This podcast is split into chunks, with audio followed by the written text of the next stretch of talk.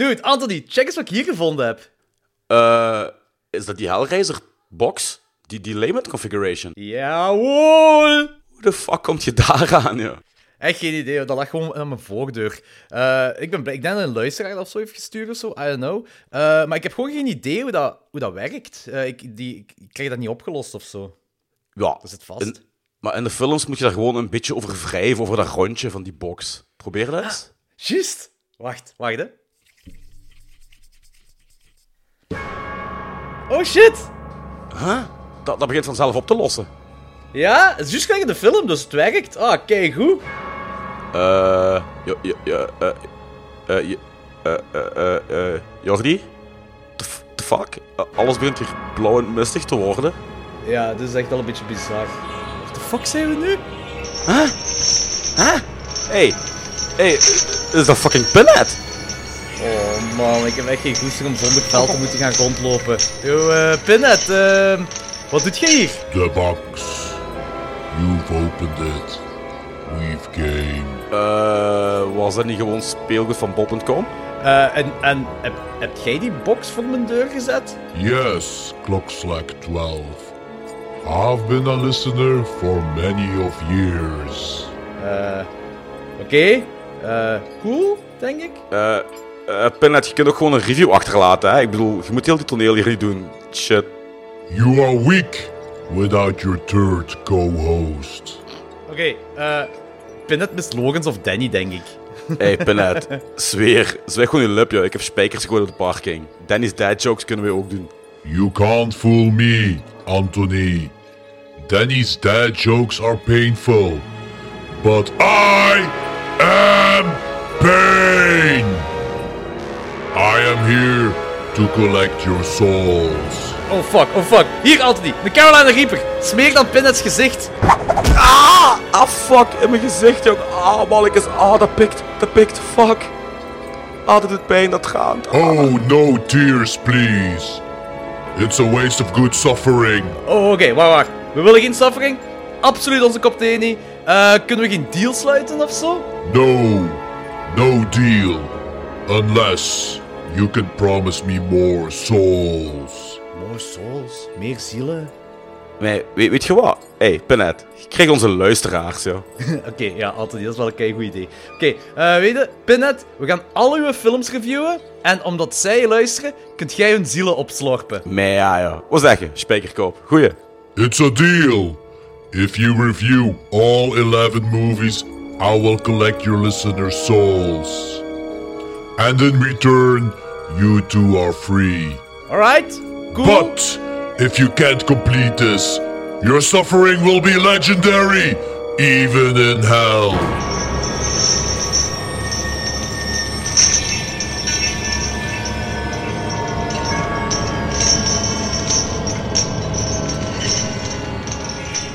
Eh, oké dan. Dan zullen we maar beginnen, hè. Zodat we uit die fucking blauwe mistige hel zijn.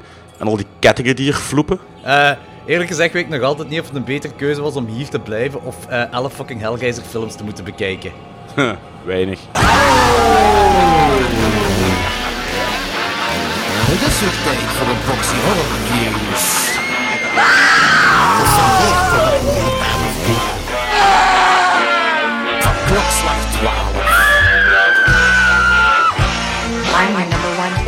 We all go a little mad sometimes. Did you know I'm utterly insane? Anthony Good, good advice from Uncle Tony. en Jordi. Er is nog een bepaalde professionaliteit bij Klokslag 12.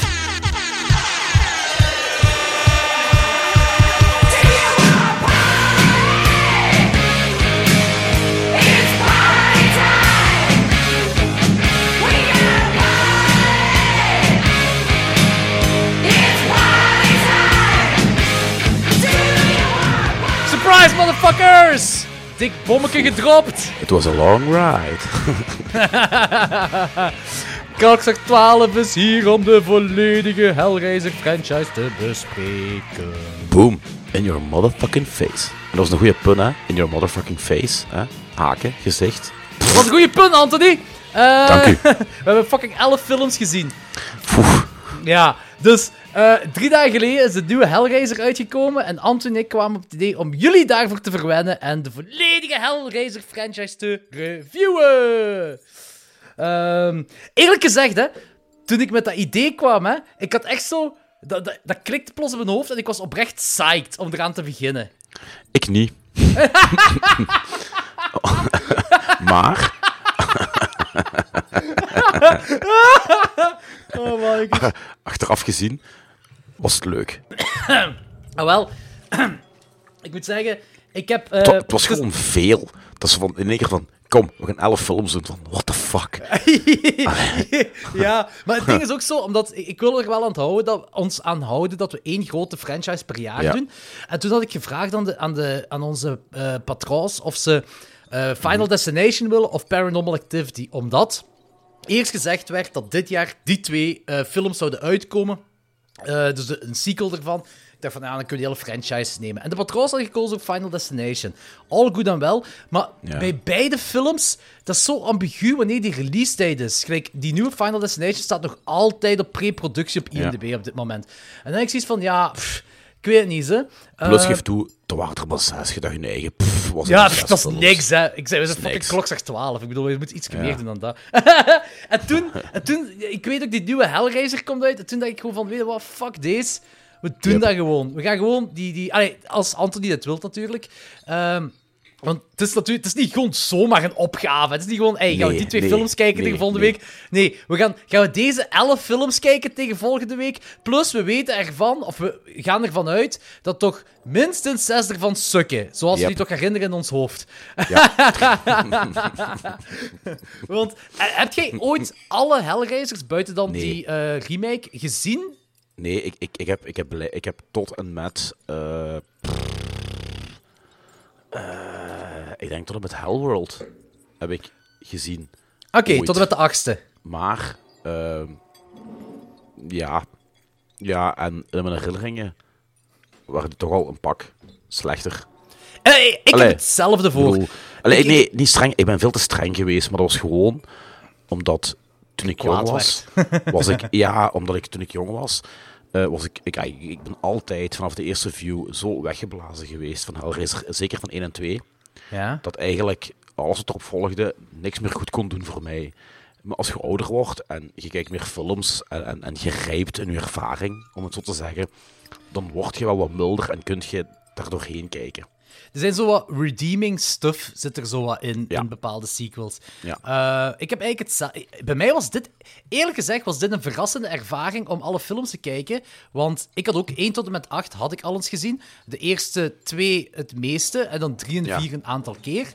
Eh, en 5 tot en met 8 was bij mij zo... Dat was zo één blur van vroeger. Ja. En gewoon, in mijn, in, mijn, in mijn hoofd was er gewoon niks meer dan eh, ja, straight-to-video films. En het voelde zo aan. Eh, nu, ik, ik ben er niet ver vanaf. Nee. maar ehm, de negende had ik nog nooit gezien. Dus dat is de eerste film Mhm. dat Doc Bradley geen pinhead meer is. Yep. Eh, en die tiende, die van 2018, die eh, heb ik dan in 2018 gezien. Dus ik had eigenlijk...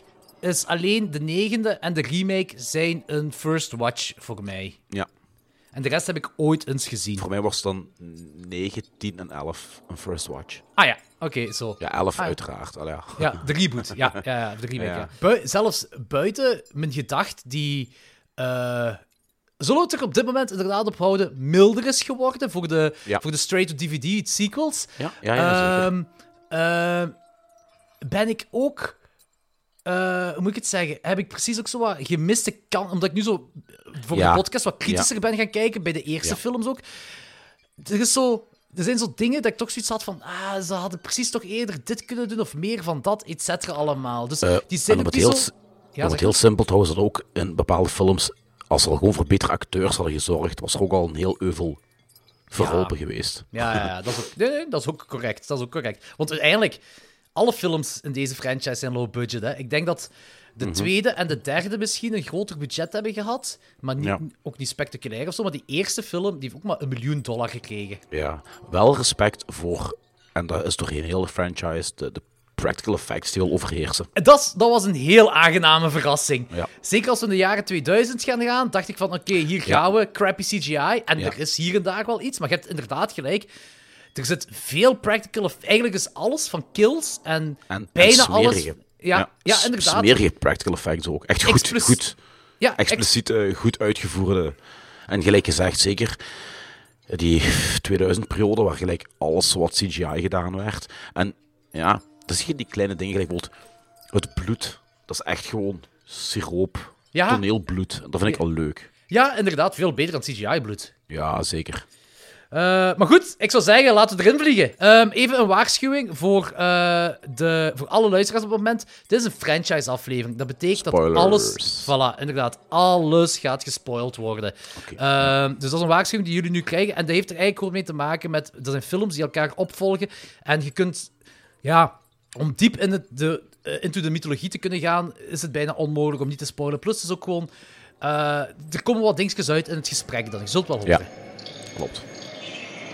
I have seen the future of horror. His name is Clive Barker.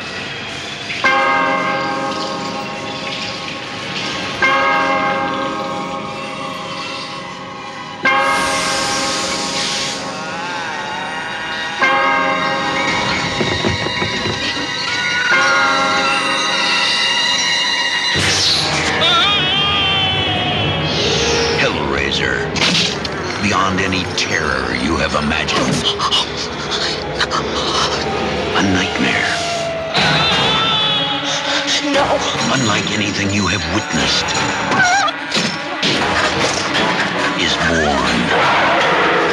Because within these walls, the unholy is unleashed.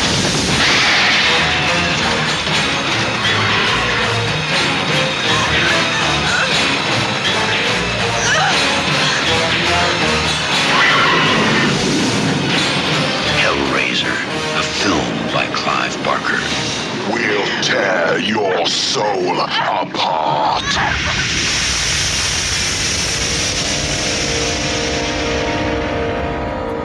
Goed, Hellraiser 1987, geregisseerd en geschreven door Clive Barker naar zijn eigen boek The Hellbound Heart, die hij ook geschreven heeft eh, om deze film te kunnen maken. Eh, in de cast, Andrew Robinson speelt Larry, Claire Higgins speelt Julia, Ashley Lawrence speelt Kirsty, Sean Chapman speelt Frank, Oliver Smith speelt Skinless Frank, Ehm, en Andrew eh, Robinson, die Larry speelt, kennen van Child's Play 3, Transers, 2, eh, Transers 3 sorry, en Pumpkinhead 2.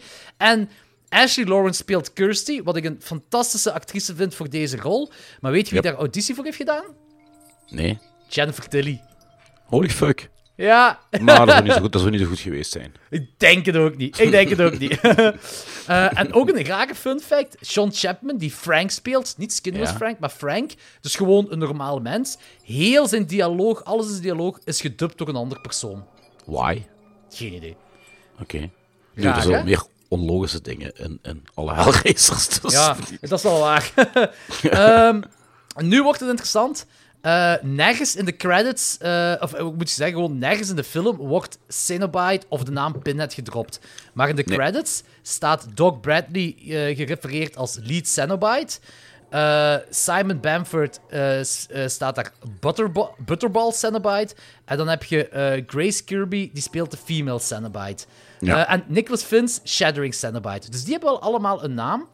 Maar Doc Bradley is lead Cenobite. Eh, en hij heeft de naam Pinhead gekregen op de set door de crew. Dat was eigenlijk zo'n beetje een mopje. Dat is, eh, daar, ko- daar komt de naam vandaan, Pinhead. Cool. Heb jij het boek eigenlijk gelezen? Nee. Nee, bij mij, eh, ik ben er... Het ding is ook gewoon... ik, heb, ik heb het boek niet gelezen, maar ik... ik, Ik, ik, ik lees Barker niet zo graag. Ik weet niet waarom. ah. Oké, ik heb, dat ben een paar keer begonnen in boeken. Nu, maar ik lees doorgaans geen typische horrorboeken gelijk. Allee, ik heb zo een deel Kings gelezen, Mhm. maar niet overdreven veel. Eh Barker geprobeerd. Een, een paar dingen van Poe en, en, en, en dingen wel natuurlijk. Ehm allee, zeg het. Poe en die andere van die tijd. Of iets later. Ja, Ah, Poe. Poe. eh, ja, Edgar Allan Edgar, Allan Poe. Ik dacht je Pol zei. Ik zei, welke Nee. Polleke? Maar ja, ik lees orgaans niet zoveel van Lovecraft bedoelt je dat misschien? genre. Ook, ja, ja, correct. Ik heb er wel dingen van gelezen, maar niet zo... Niet alles, zeker niet alles. Nee. Ehm, ja, ik, het ding is gewoon... Er, er valt veel over deze eerste film te zeggen. En we gaan ook doorheen de film gaan. Maar ik wil wel zeggen dat ik het gevoel heb dat er... Ik heb het gevoel dat een groot deel uit het boek is gelaten. Ofwel... ehm, dat er gewoon te weinig verteld is. Ik, vooral conceptueel. Oké, je hebt de puzzelbox, eh, de Le Mans Configuration, wat ik ook heel zot vind, want ik heb op die Arrow eh, DVD of Blu-ray box Ja. heb je Leviathan, de eh, documentaire over Hellraiser 1 en 2. En daar zeggen ze allemaal Lament, eh, Lament Configuration. En dan komen we in Hellraiser 4, een, eh, is dat bij Bloodline, dat de eerste keer die puzzelbox een naam krijgt, denk ik. En dan is dat Le Marchand, hè. Le Marchand inderdaad, en dat is La Mans Configuration. Maar dat heeft misschien te maken omdat het zich in Parijs afspeelt. I don't know. Ja, nu... Hoe moet ik dat uitleggen? Ja, ik heb ook wel dat gevoel, want... Bijna geen enk, eigenlijk geen el- enkele Hellraiser is scenarioel logisch. Dat probleem, ah, het probleem tussen aanhalingstekens, heb ik ook ondervonden. Ik heb problemen bij elk scenario van Ja. elke film. Ja. Oké, je hebt hier zo de puzzelbox opent de poort naar een andere wereld. Uitgaande van deze film, als je het boek niet gelezen hebt, de naam is Hellraiser en je ziet die andere wereld, ehm, je kunt zeggen van, oké, dat is hel. Het zou ook gewoon een andere dimensie kunnen zijn, want je ziet niet veel, we krijgen niet veel Nee. te zien. Ehm, ik weet ook niet hoe dat in het boek beschreven wordt. Dat weet ik, ja, wel, in het boek staat er dat dat eh, gewoon een ander soort dimensie is. Maar Ja. Er wordt denk ik weinig uitleg aan gegeven. En hier krijgen we een glimp ervan. Eh, en we kunnen zeggen dat fantasie de vrije loop kan gaan met heel die wereld, hoe dat in elkaar zit, want meer weten we niet. Tuurlijk, in de tweede komen we in die wereld terecht, wat tof is. Ehm, Maar hoe dat juist in zijn werk gaat, en dat is zo, ik was deze film aan het kijken en dat miste ik precies zo. Ik zeg niet dat dat mij voorgekoud moet worden, en ik wil gerust zelf de gaten opvullen, dat ik zelf denk wat leuk is, maar het is zo nog te weinig, vind ik, Ja. dat je hier krijgt in de en eerste. in, in, in, in de eerste pak vier films toch me dan minder hard als in de rest. Eh, hoe bedoel je? Omdat die eerste vier films nog een hele goede, smerige vibe hebben. Ja, oké. waardoor waardoor Ja. je dat een klein beetje kunt vergeven. En, en het, het lijkt ook alsof doorgaans, ik zeg niet dat ze er altijd in geslaagd zijn, maar dat ze zo verschillende gaten proberen op te vullen in de sequel. Dus in de tweede Ja, komt je al meer ja. te weten, in de derde komt je meer te weten over die tweede, et cetera, allemaal. Mhm, Dus je, je komt wel doorgaans meer te weten en je hebt inderdaad die sleazy vibe wat erin helpt. Ja. Eh, ook tof is om te weten, Doc Bradley heeft in een interview gezegd dat de andere wereld effectief de hel is en dat de hel een gevangenis is. Eh, en de Cenobites zijn de bewakers, de guards Ja, ja van de gevangenis. Dat ik ook gelezen. En Pinhead is de gevangenis, eh, de warden, de directeur. Ja. En de puzzelbox is dan de, de Lamont Configuration, is de sleutel tot die gevangenis. En de Mhm. demonen zijn eh, de ontsnapte gevangenen. Ja. En ik vind dat een heel leuke theorie eigenlijk. ook. Nu over Doc Bradley gesproken, die doet dat fantastisch, hè? Oh, Want we, we zullen het daar later nog wel over hebben straks. Maar er is een bepaald moment dat Doc Bradley niet meer meedoet. Ja. En eh oh boy, die, die, ik moest lachen toen ik die naar onderen zag. Dat was totaal niet scary en shit, weet je? Allee, Het is... die heeft zo'n heel... Om, om een kleine spoiler te doen, het is een miscast. Oh ja, oh ja. Dat, dat zag er zo in uit die je zo... Ja, begint uit... Kent je dat als je zo'n zo'n exhibitionist zo tegenkomt met een klein pietje en je zo die uitlachen? Dat zou je ook hebben met die andere acteurs. Zo, weet je, van, zit jij pinhead en je bent gewoon uit te lachen, want yeah, you're totally not scary, dude. Ja, dat is echt. Eh, maar hier eh, ook Hellraiser zelf is een horrorfilm, zou een horrorfilm moeten zijn, die overladen is door seksualiteit. Maar dat is ook wel, hè, door geen elke film, hè. Er, zit, er, zijn, er zijn titelen in elke film en er is Ja, hier en maar- daar seks. Maar ik vind niet dat deze film meer, meer seksualiteit heeft dan andere doorsnee horrorfilms Ik in vind de jaren wel. 80. Ja? Ik ja, want eigenlijk is, is de lijn doorheen elke film seksualiteit. Het gaat over het genot van pijn. Ah, op een seksuele ja, manier. klopt. Dus Nee, de nee. seks is niet expliciet in beeld gebracht. Nee. Maar seks Dat- is wel een rode draad in elke film. Dat klopt inderdaad. Seks is een rode draad in elke film. En eh het ding is ook zo dat ehm, eh, dat, dat, dat, de Cenobites de, eh, de grens tussen pijn en, en plezier eh, niet echt weet of ver- dat vervaagt bij hun. En daarmee dat ze bij extreme bondage komen. En dat basically Ja. komt erop neer dat, dat mensen haken en hun shit allemaal krijgen. Maar toch vind ik dat ze daar te weinig... Daar vind ik dat ze te weinig nadruk op leggen op dat concept. Ik Dat vind dat zo- niet. In de eerste, in de eerste wordt er nik, bijna niks van gezegd. Maar dat je is- weet... dat dat is toch- toch... Allee, we je- door... Weet, het, je weet het omwille van dat dat een gegeven is. Maar het wordt niet... Dus ik, ik, ik heb er nu... eh, Ben ik daar meer kritisch naar gaan kijken. En we- we zijn er altijd van uitgegaan. En we weten het wel. Maar... Ik weet... Dus ik herinner mij ook niet meer wanneer ik de eerste twee films gezien heb. Of de eerste toch in ieder geval. Dat weet ik effectief niet meer. Maar zo het concept van dat... eh, wat die puzzelbox juist is voor mensen... Dus zeker voor Frank in dit geval... Is dat... ehm, dat ze na- naar die wereld kunnen gaan voor wat zij denken ehm, dat hun, ja, hoe moet ik het zeggen, dat dat Ultieme Ehm, genot is. het, het ultieme genot. En in het boek wordt dat beschreven als. Allee, niet per se het ultieme genot, maar een gevoel is zo intens dat een, eh, een stofje op een oogbal, dat gevoel maal een miljoen. Zo wordt dat in het boek beschreven. Maar daar had ik. Zo fel had ik het niet door, puur afgaand op die eerste film. Ik had dat wel. Zonder dat je kennis had van de, van de volgende films. Ja. Ik vond dat erotiek echt van het scherm afdroop. Ah, ik vond dat dat echt Zonder dat die kon. expliciet in beeld kwam. Maar ja, ik ben er ook een apart gevallen, Jordi. Eh, nee, oké, maar super voor u dan natuurlijk. Ehm, ik, had, ja, ik, ik heb die versmelting van pijn en plezier daar in die extreme bondage dat het daar uitvoert. Maar ik vond gewoon, mijn probleem lag daar zo. En bij Frank dan ook, want we zien. eh, dus ik vond dat een heel goede premisse. Gewoon, het begin al, gewoon de opzet van de film. Vond die insteek vind ik echt. Dat heel goed voor een horrorfilm. Je hebt die Frank Cotton, die koopt daar eh, op een, een of andere Arabische markt bij een mysterieuze Oosterse dude, koopt hij daar een, ja, zo'n kubus, de, de, de, de Le Monde Configuration. En dat heeft al iets, zoiets, zo, iets exotisch, zo, precies zo Monkey Ja. Paw-achtig. Zo. Ja, gelijk de Zoiets- aflevering van The Simpsons moest ik aan denken. Ja, voilà, Die Halloween inderdaad. special. Klopt, ja. Frank heeft wel fucking vuile nagels. Is ook Ja, F- Frank is gewoon een fucking vuile kerel en die heeft inderdaad veel nagels. Nu, als, ja. als jij er al ik weet niet lang in het stof in de woestijn zit, eh, waar water waarschijnlijk schaars is, ja, ja, maar dat is wel waar, dat is wel waar. En deze puzzel belooft voor degene die op een juiste manier oplost, eh, ja, zo eh, hemelsgenot, hè, zo ongekend hemelsgenot. En als Frank zich aan die puzzel zet, wordt hierdoor een portaal naar de buitenwereld, de, de, de mensen gecreëerd, whatever, en verdwijnt volledig van de aardbodem. En eh, zijn lichaam hangt dan verscheurd en verdeeld aan dat middeleeuws, ja, moet je dat zeggen, kettingentuig, whatever. Ja. Dat is Eh, het eerste kwartier nog maar. Hè. Ja, misschien zelfs de eerste tien minuten of zo. Ja. Eh, Hoe dat vlees ook aan die haken hangt, is echt vuil, joh. Oh, dat is zalig, hè? Dat is, echt, zo vuil, maar alles Echt- in die film is vuil. En, je ziet ook die Cenobites die zijn gezicht in elkaar puzzelen, zo. Ja, ja, ja, ja. Love it. Echt, Maar love it. Van het viscerale aspect is gewoon ook heel die vibe vuil. Die belichting is vuil. Die omgeving is vuil. Alles is vuil. En ook zo, en ook zo gelijk, ja, letterlijk en figuurlijk. Hè? Dus gelijk ik zeg figuurlijk vuil, maar ook letterlijk zelfs los van het viscerale. Ook zo die, die kakkerlakken in de huis, die schimmel in de huis. Gewoon heel die film baat letterlijk en figuurlijk in een vuil. Ja, En dat Ja. vind ik heel cool. dat werkt. Dat werkt voor deze film. Ja, dat werkt keigoed. Dat werkt heel goed.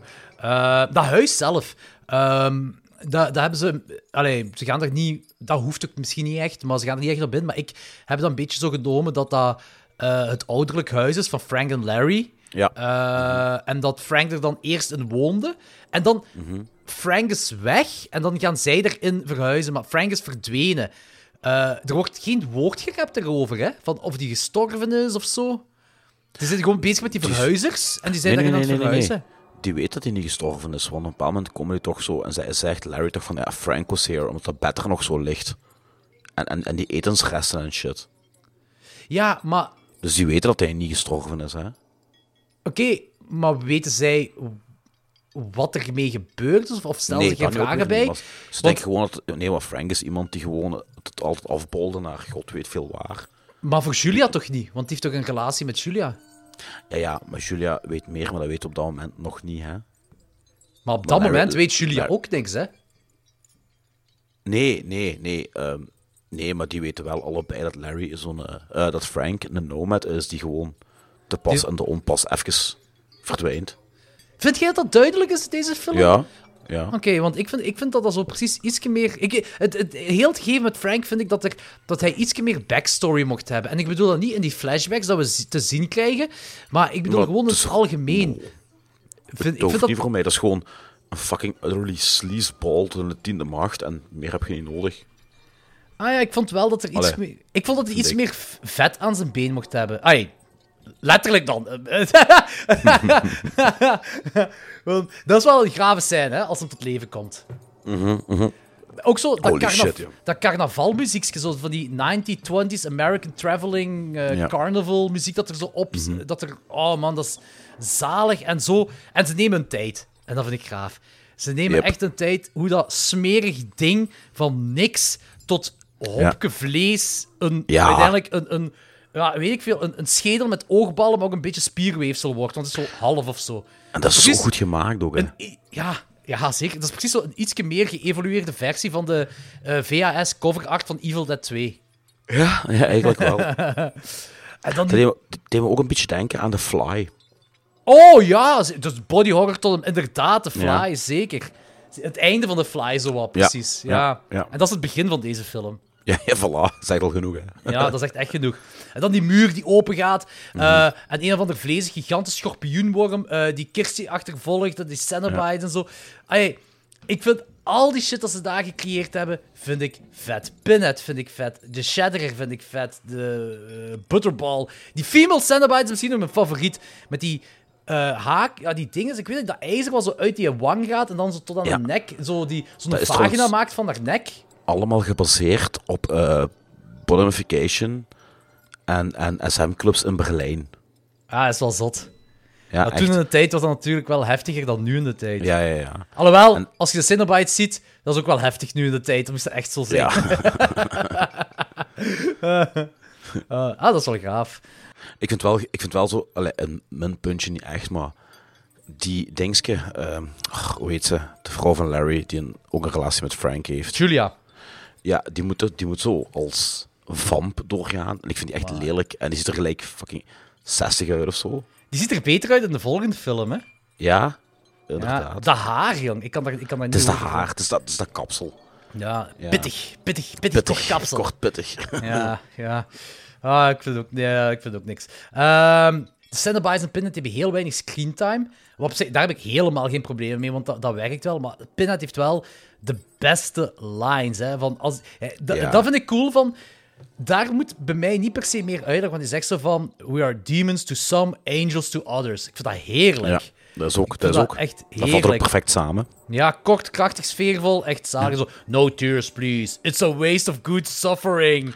Dat Hoe ik- fucking goed is die lijn? Die heb ik gebruikt als opening bij onze demo van Bloed Marteling. Echt? Ja. Zalig. Oh, don't you cry. Those tears is a good waste of suffering. Of ja, dingen. eh, Ja, No Tears Please is the way. Heel goed. En Heel goed. tear your soul apart. We Zo, apart. maar ook zo, uw ziel. Het gaat niet over uw Ja, lichaam, nee. We gaan uw ziel uit elkaar Ja, scheuren. tien keer erger. Ja, echt Ik vind, wat ik ook wel een hele goede one-liner vond, is op het einde die Jesus wept. Jesus wept, ja, amai. Dat is ook een heel Want zalige. oorspronkelijk ging dat iets anders zijn. Echt? Ja, wat moet ik eens even opzoeken, hè. Ja, is goed. En, en, en, en dit is veel beter. Ah, normaal moest er zijn, fuck you. ja, echt. Ah, maar wacht, dus Clive Barker had dan fuck you en iemand nee, anders... Ja, hier. Andrew Robinson convinced Clive Barker to replace the scripted line fuck you with the line actually shot Jesus wept. Dat is echt veel beter. Ja, dat is honderd keer beter, joh. Fucking hell. Die, die komt zo veel harder aan. Ja, oh ja, zeker. Jesus wept, zeker. Ehm, ik hou er ook van dat Kirsty samen heeft gespannen met de Cenobites om Frank terug eh, Ja, te, ja, te ja. krijgen. Ik vind dat heel Ja. goed, eh, een heel goed verhaallijntje er, een heel goed dingetje erin. Spoiler, Eh, gaat ze later nog eens doen in een bepaalde film. ja, dat is waar. Eh, en het coole hieraan vind ik dat wij als publiek weten dat ook pas als Frank dat weet. Dus er is eigenlijk wel een kleine Ja. twist erin. Ik vind het wel heel jammer dat, ze weinig, dat er weinig met Kirsty te maken... Het gebeurt in de film. Die komt eigenlijk Ja. pas halverwege de film of zo echt als key personage erin. En dat is een heel likable persoon, een heel goed geschreven personage. Eh, dat is een heel, ik vind dat een goede actrice. Ze doet wat ze moet doen. En ik vind dat een goed gecaste eh, actrice voor deze rol. Dus ik vond dat zo jammer dat, eh dat hij zo weinig screentime heeft. Dat is, zo, Ja, dat is eigenlijk ook- een beetje de Nancy uit A Nightmare on Elm Street, is Kirsty. Ja. Want die pakt ook goed op het scherm. Allee, Ja. En ik vind dat precies een gemiste kans eh, hiervoor. Dat vind ik een beetje jammer. Ja. Nu langs de andere kant zou de film misschien ook weer sowieso langer maken. En nu had hij wel de perfecte runtime. Hè? Ik, die, had, die mocht van mij iets langer zijn. Voor iets meer... eh, de, de film... De, de kritiek die ik heb op de film is dat bij bepaalde dingen... dat er iets meer eh, ambiguïteit mocht weggehaald worden. Niet superveel, ik zeg het moet niet voorkoud worden. En dat bepaalde personages iets meer diepgang en iets meer vet rond het been mocht hebben. Waaronder Kirsty, maar ook Frank vind ik ook. Dat klopt wel. Frank wordt nu zo'n beetje. We, we gaan ervan uit dat dat zo de, de is, dat met iedereen poept en zo en dit en dat. Maar wat zien we in de film? Dat hij een box koopt bij Dingske, bij die Oosterse dude, in Ja. een, een, een Arabische markt. En dan poept met de vrouw van zijn broer. En that's it. Want ik denk, als, dat iets meer, als die iets meer vet rond het been had, en dat je dan echt meer nadruk kon leggen van, kijk, dat is, eh, die zoekt het ultieme genot echt op, omdat die het hoogste heeft bereikt voor hemzelf in de film. Wat, je- wat, je zegt, hè- wat je zegt, dat klopt. Ja. Maar ik denk dat louter te maken heeft met eh, budgettaire Budget? redenen. Ja, Ja. Nee, dat is waar. Nee, klopt. Daar, daar ga ik ook wel van uit. Ik vind dat gewoon een beetje jammer. Want ik had eigenlijk, hè, we krijgen veel flashbacks van Frank en Julia, eh, maar veel draait om hetzelfde. Dat is elkaar poepen. En dan denk ik van, misschien als ze beter een flashback of twee eruit hadden gelaten, ofwel een ander soort flashback hadden laten zien. Dat ze zo iets meer rond Frank konden doen en, en dan ook iets meer rond Kirsty konden doen. Of zo. Ja, ik weet het niet. Eh, ik, ik vind het gewoon een beetje een gemiste kans, maar ik snap het wel rond budgettaire, ja, budgettaire redenen. Eh, dus ik had gewoon zo iets meer diepgang willen hebben. Dat, dat is alles zo wat. Ja, dat snap Eh, ik wel. Eh, maar dus wat hetgene wat we nu krijgen is... Frank lost de puzzel op en er komt, eh, in een B- hij komt in een BDSM-hel terecht en sterft. Larry, broer van Frank, snijdt zich aan een uitstekende nagel en bloed op houten vloer doet... eh, ja, Frank komt terug tot leven, waarop hij gestorven is. Kirsty lost per ongeluk de puzzelbox op, waardoor dan uiteindelijk die Cenobites in de echte wereld terechtkomen. Ehm, is het voorbestemd voor Frank? Hoe bedoel je? Helemaal op het begin zegt die Oosterse kerel: You were always meant to have this. Ja, maar dat, dat zeggen ze in elke film. Dat is ook een van die dingen die heel ambigu zijn hè, in elke film. Want in elke film is een ander personage wat zo gezegd voor bestemd is om dat te hebben. Dus Ja, dat is waar. Ik, weet niet wat ik daarvan moet denken eigenlijk. Ik weet het ook niet, want Ik ik, denk dat had dat zo... gewoon als- een, een, een ding is. Een, ehm, allee, hoe heet die term? Zo, de easy way out. Allee, zeg het even een term. Ah, ehm, Een, een cop-out. eh, ja, ja, misschien. Maar ik vind, dat vind ik een beetje jammer, want als het echt... Als, hij het, eh, als dat meant to be was, vond ik het graver als er echt zo van die... Ja, toch meer bovennatuurlijke sturingen waren. Zoals, zoals bijvoorbeeld bij Hereditary. Dat, zo, Ja. dat wordt niet voorgekoud, maar als je de film opnieuw en opnieuw kijkt, merk je wel bepaalde dingen van... Ah, oké, maar Ja. dat is oorzaak-gevolg de hele tijd. ja, dat was, dat pre- niet. pre- dat was predestineerd in, in een Hereditary. Dat heb je hier niet. Nee. Maar nogmaals, ik denk dat het echt met budget ge- te maken heeft. Dus- Nu, en, en, en, en deze specifieke film van de Hellraiser franchise stoort Ja. me dat ook niet. Eh, nee. Maar dat kan ook misschien een, een deel met nostalgie te maken hebben. Maar ik was... ah, Ik heb die film al pff, eh, tien keer gezien of zo. En eh, ik was nu nog altijd blown away. Oh, eh, ik- eh, ja. T- Ik bedoel, het, het niet alleen was er gedaan met budget, maar ook het concept. Dat is zo fucking origineel. Ja. En zo brutaal. Allee, ik bedoel, die is uitgebracht in de tijd dat de slashers zo wat dood aan het gaan waren, maar nog altijd Ja, waren. dood. Ja, ja, ja. Maar ze proberen dan zo hele brutale kills en bla bla. En dit is veel brutaler als eender welke slasherfilm ooit, joh. Eh, Allee, dat qua, ja, qua sfeer en, en zelfs qua visceraal geweld ook. Allee, dat is zo het beste van, van, van twee werelden. het is ook gewoon... Ja, zeg, En, sorry. eh, sorry. Eh, je hebt gemaakt nu zo even de, de stap naar Hereditary. En allee, ik dat je me begrijpt, maar voor die tijd was die film, ondanks het ontbreken van een aantal. eh, ja, on- ondanks dat er een aantal plotholes zijn, ondanks dat er een aantal wordt weggelaten, niet wordt verklaard, was die film wel een klein beetje elevated om die kutterm te gebruiken. Ja, ik weet wat je bedoelt. Er Allee, zit daar, een zit, daar, kleine... daar zit iets Er zit- meer achter als bij een doorsnee horrorfilm van die tijd. Ja, dat is ook waar. Dat is ook waar. Ja, ja. Dat, dat, dat klopt ook wel. En hij voelt op een laag pitje een klein beetje arthouse aan. Ja, Met momenten. En, en is ook onderdeel geworden van popculture, hè? Ja, ah, wel, dat, dat is het ding. Dus Pinhead hoort bij de top 5 eh, villains. Hè? Dus je hebt Ja. Letterface, Michael Myers, Freddy, eh, Jason en dan Pinhead. Dat zijn, Ja. dat zijn de, de grote vijf. En het is ook pas vanaf de derde dat hij echt de villain is geworden, denk ik. Hè? Ja. Eh, ah, en dat ze echt zo die kant zijn opgaan. Dat studios Mhm. dat ook zo hebben gepusht om die kant op te gaan. Want in deze film, hij was wel. Als ik, ik heb gelezen dat hij wel fan-favorite was, sowieso. Eh, tuurlijk, dat is, dat is een dude met allemaal nagels in zijn kop. Dat is. ai, dat is, ai, dat, dat is eh, heel dat Cenobite-gedoe, zelfs tot op de dag van vandaag, origineel. Moest Hellraiser niet bestaan Ja, hebben, zou ja. dan nu nog altijd heel origineel zijn. Dat is een feit. Ehm, en dat is inderdaad een deel van popculture geworden, Pinhead. Wat ik heel gaaf vind. Echt oprecht heel vet Ja. vind. Ik heb gewoon zo... Het ding wat... Ik, ik zeg, het ding wat ik heb is zo van...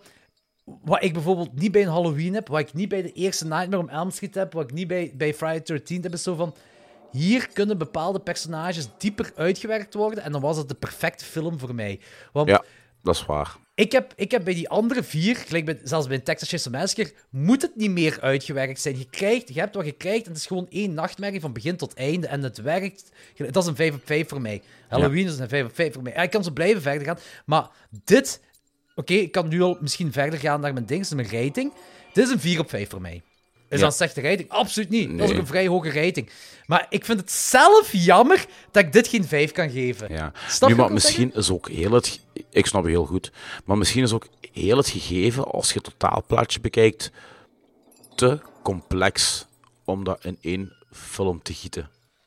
En daarom... Want, want als, je, als je A moet uitleggen, moet je B uitleggen, maar dan moet je C uitleggen, moet je D uitleggen. En... Ja, dat is waar. Nee, Ja. Ik, daar ga, ja, dat, dat vind ik een heel goede opmerking en daar ga ik eigenlijk mee akkoord. Ehm, het ding, want, want hetgeen wat jij nu zegt, gebeurt ook.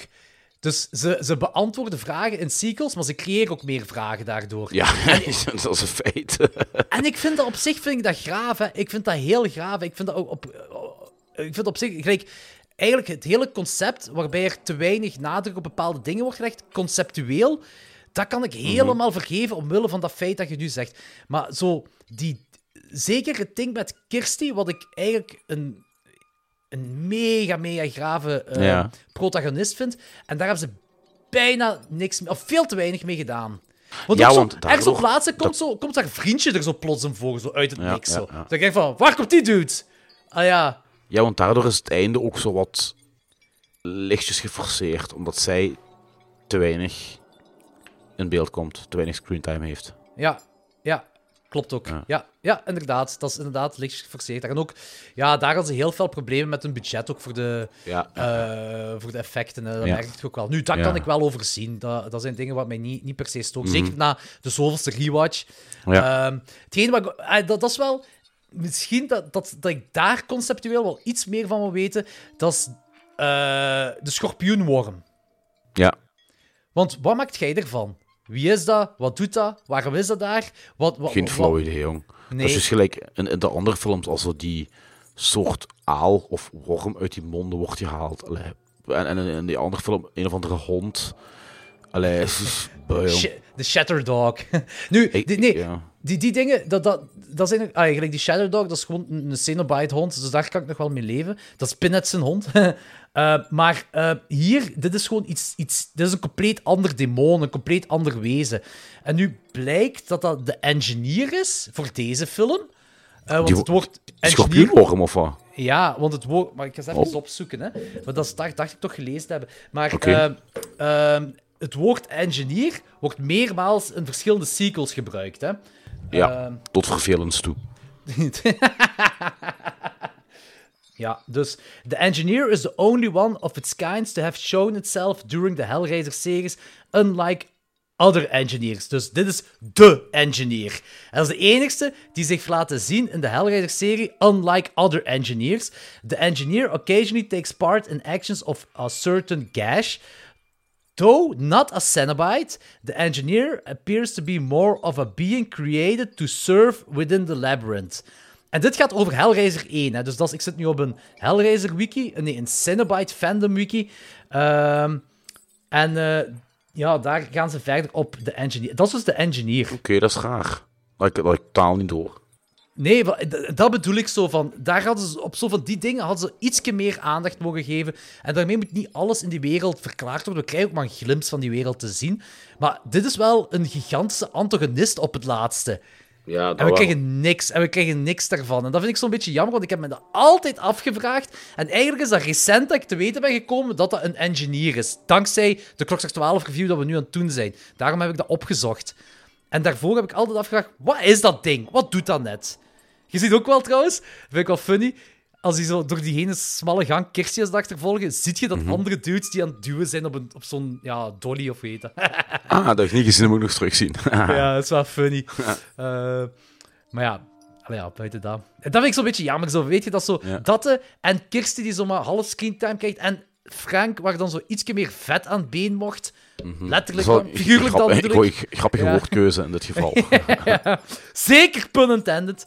Eh, daarom heeft het een 4 op 5 voor mij. Maar het is ook wel zo wat jij zei van die sfeer is topnotch, die soundtrack is magnifiek. Eh, zowel dat carnavalmuziekje eh, tijdens het tot leven wekken van Frank als doorheen heel de film. En die sfeer is zo otherworldly sleazy en bruut. En ik weet niet wat dat is. Is dat misschien makkelijk om te doen? Want ah, elke film heeft dat, als dat één keer die kettingen met haken doorheen dat huid Ja. gaat, heeft dat zo een brute kracht. Ja. Zelfs bij die cheap-ass eh, sequels. Je voelt dat gewoon. Ja, het werkt. En is dat, hebben zij een, eh, eh, de makers van Hellraiser iets ontdekt in de low-budget film maken dat makkelijk te doen is en toch krachtig is? I don't know. Het werkt. 4 op Ja. 5. Ja, voor mij is dat een 4,5. Oké, cool. Ook, eh, Ook om, omwille van bijna alle redenen van nu. En bij mij speelt er nog eens een nostalgische factor mee, want ik was veel te jong toen ik die film voor de eerste keer zag. Ik denk ik tien, zalig. 10 of 11 jaar was. En, en weet je, en, en mensen zeggen van, ik heb die gezien toen ik 7, 8 was. Nee, nee, bullshit. I call bullshit. Want dan kijk je die film niet uit, hoe stoer en cool je ook zijt. Ik bedoel, no fucking way dat je op 8 jaar, op acht jaar geleden fucking Hellraiser uitkijkt. Ik bedoel, En je snapt hem ook niet, hè? Nee, het is dat, want ik, ik snapte hem toen ik 10, 11 jaar was ook niet echt. Maar ja, eh, beelden van kettingen, demonen, weet je, je zit vertrokken. Hè, allee. En, en toch Tuurlijk. ik toen al een, een type, want ik, kijk, ik kan me zelfs herinneren dat ik er echt nachtmerries van gehad heb, jong. Oh, maar dat geloof ik wel, dat geloof ik wel. Maar ik, ik, ik, weet, ik weet dat ik Pinhead eerder kende ik de film had gezien. En dat ik zo in mijn tienerjaren, dus Ja, ik, omdat ik moet ergens popculture 13, is, hè. 14 jaar... Ja, ja, zeker. Ja, ja, klopt, klopt. Ik moet denk ik 13, 14, 15 jaar zijn geweest daar ergens, denk ik, toen ik de eerste keer... Dus dat- ik was al in het, in het jaar 2000. Ergens in de jaren Ja. 2000 voor mij. Ja, ik heb die Eh, voor de eerste keer op tv gezien. Nu ben ik aan het twijfelen of dat op RTL Plus was of zelfs op BRT. Ah, oké, dat wel Ja, want- Nee, ik heb ja, die echt wel gehuurd. Oh. Ik heb die echt Ja, wel nee, ik niet. Want de BRT die zond, heb ik eens ooit verteld ik. BRT zond vroeger op zaterdag nacht, allee, nacht, 12 uur, 1 uur s'nachts. Zonden die af en toe wel eens een horrorfilm uit, gelijk Prince of Darkness, Ja, dat Army of zalig. Darkness, eh, Devil Rides Out. Die hebben ja, toch een deel horrorfilms uitgezonden toen. Dat is wel heel kijk, zalig, ja. Ja, ik zeg, ik, ik weet niet, ik, ik kan echt de juiste leeftijd kan ik er niet op plakken wanneer ik gezien heb, maar ik weet wel dat ik in mijn tienerjaren was. Want ik kende Pinhead al en dan heb ik Hellraiser gehuurd. Maar ja, tegen dat ik de eerste Hellraiser gezien heb, waren die shitty sequels ook al uit, hè? Ja, nee, ik, ik, heb, ik, heb, ik heb effectief nog geweten dat deel 3 in de videotheken uitkwam. Oh, jong. Echt, echt, dat ik zo, dat, ik, dat, dat ik naar de videotheek ging en er lag, hang- lag dan zo een gratis magazine en dat heette Video News. Dat bracht, werd zo één keer per maand uitgebracht. Ja, dat is. En dan kon je dat meepakken. En daar stond toen op een bepaald moment, daar herinner ik me echt nog in, ja, de nieuwste Hellraiser komt uit, Hellraiser 3. Dat is al zot. Ja, dat is dan 1903 eh, 1992 is die film uitgekomen. Ja, Dus ja, het was toen ergens. ja. Zalig. The vision is renewed. The power is reawakened. The fear is reborn. Because they have returned. Time to play. Hellbound. Hellraiser 2. Hellbound, Hellraiser 2 uit 1988. Ehm, ik heb die film nu in Ierland gezien. eh allee, in Noord-Ierland, in Belfast. eh, op tv. En dat is gewoon op een, dat is een... Die hebben daar een horrorkanaal. Gelijk wij VTM hebben, of VT4, hebben die een horrorkanaal. Dus ik heb, niet zalig. ik heb het dan niet over Shudder of zo. Ik heb echt zoiets gelijk een, een standaard zender. Dat is bij hun een horrorkanaal. En daar En die heb ik gelijk alles uit. Ook zo jaren 60, 70, 80. eh. Ja, ik, ik heb, ik heb, hetgeen wat ik gezien heb is Hellraiser 2. Eh, daar, eh, daarna, want je kunt dan zien wat erna komt, was een, eh, ik weet wel niet meer welke, een jaren 70 eh, Ierse horrorfilm, maar ik weet niet meer welke. En dat is het enige dat ik gezien heb eigenlijk daar op tv. Dat ik nice. gezien heb. Dat is wel cool, hè? Dat Kijk, cool. Ik zou, dat, ik zou ook willen hebben hier. Hè. Ja, echt. allee, het is Hoe zo- fijn is dat? ik, ik kijk eigenlijk geen... Jij kijkt nog wel lineaire tv, zeker, hè? Ja, maar niet veel. Nee. Heel Ja. weinig. Ik al helemaal niet meer, mag dat wel nog. Maar ik denk zo, dat is zo. Weet je wat dat is? Dat is zo. Misschien is dat wel goed om in te laten zeker voor horrorfans. Gewoon zo voor die. ehm, eh, ik weet niet wat ik wil kijken. Avonden zo. Ja. Er is te veel content om, om Ja. ergens iets te doen en ik weet niet wat. En dan zet je gewoon dat kanaal op en eh, wat daar op staat. Je weet toch, als een klassieker is, blijf je kijken. Ja, voilà, misschien ontdek je nog wel eens iets. Dat kan ook zijn, ja. Ehm, Hellraiser 2, 1998, eh 88, sorry. Hellbound, Hellraiser 2. Hier begint het script al een beetje nog meer on the loose te gaan. Ja, we, dus hier inderdaad, Eh. ik vind dat heel cool. We krijgen meer uitleg, we krijgen meer te zien van die wereld en we krijgen ook meer vragen. ik, wil, je- ik wil juist zeggen, die film, om die samen te vatten in één zin, mega coole wereld, mega meer vragen. Ehm, de film is geregisseerd door Tony Randall, die ook, en hier gaat Turbo Snor, de turbo. Heel blij om zijn, want hij is ook de regisseur van Amityville 1992, It's About Time. Is waar, Ehm, geschreven door Peter Atkins, die ook de derde en de vierde heeft geschreven. Eh, Kenneth Cranham speelt Dr. Channard. Claire Higgins speelt Julia, allee, returns as Julia. Ashley Lawrence komt ook terug als Kirsty. En eh, Imogen Boorman speelt Tiffany. En Doc Bradley speelt terug. Ehm dinges, ehm, Pinhead. Nicholas Vince speelt Shadowger terug. Deze keer met ogen. Heb je dat gezien?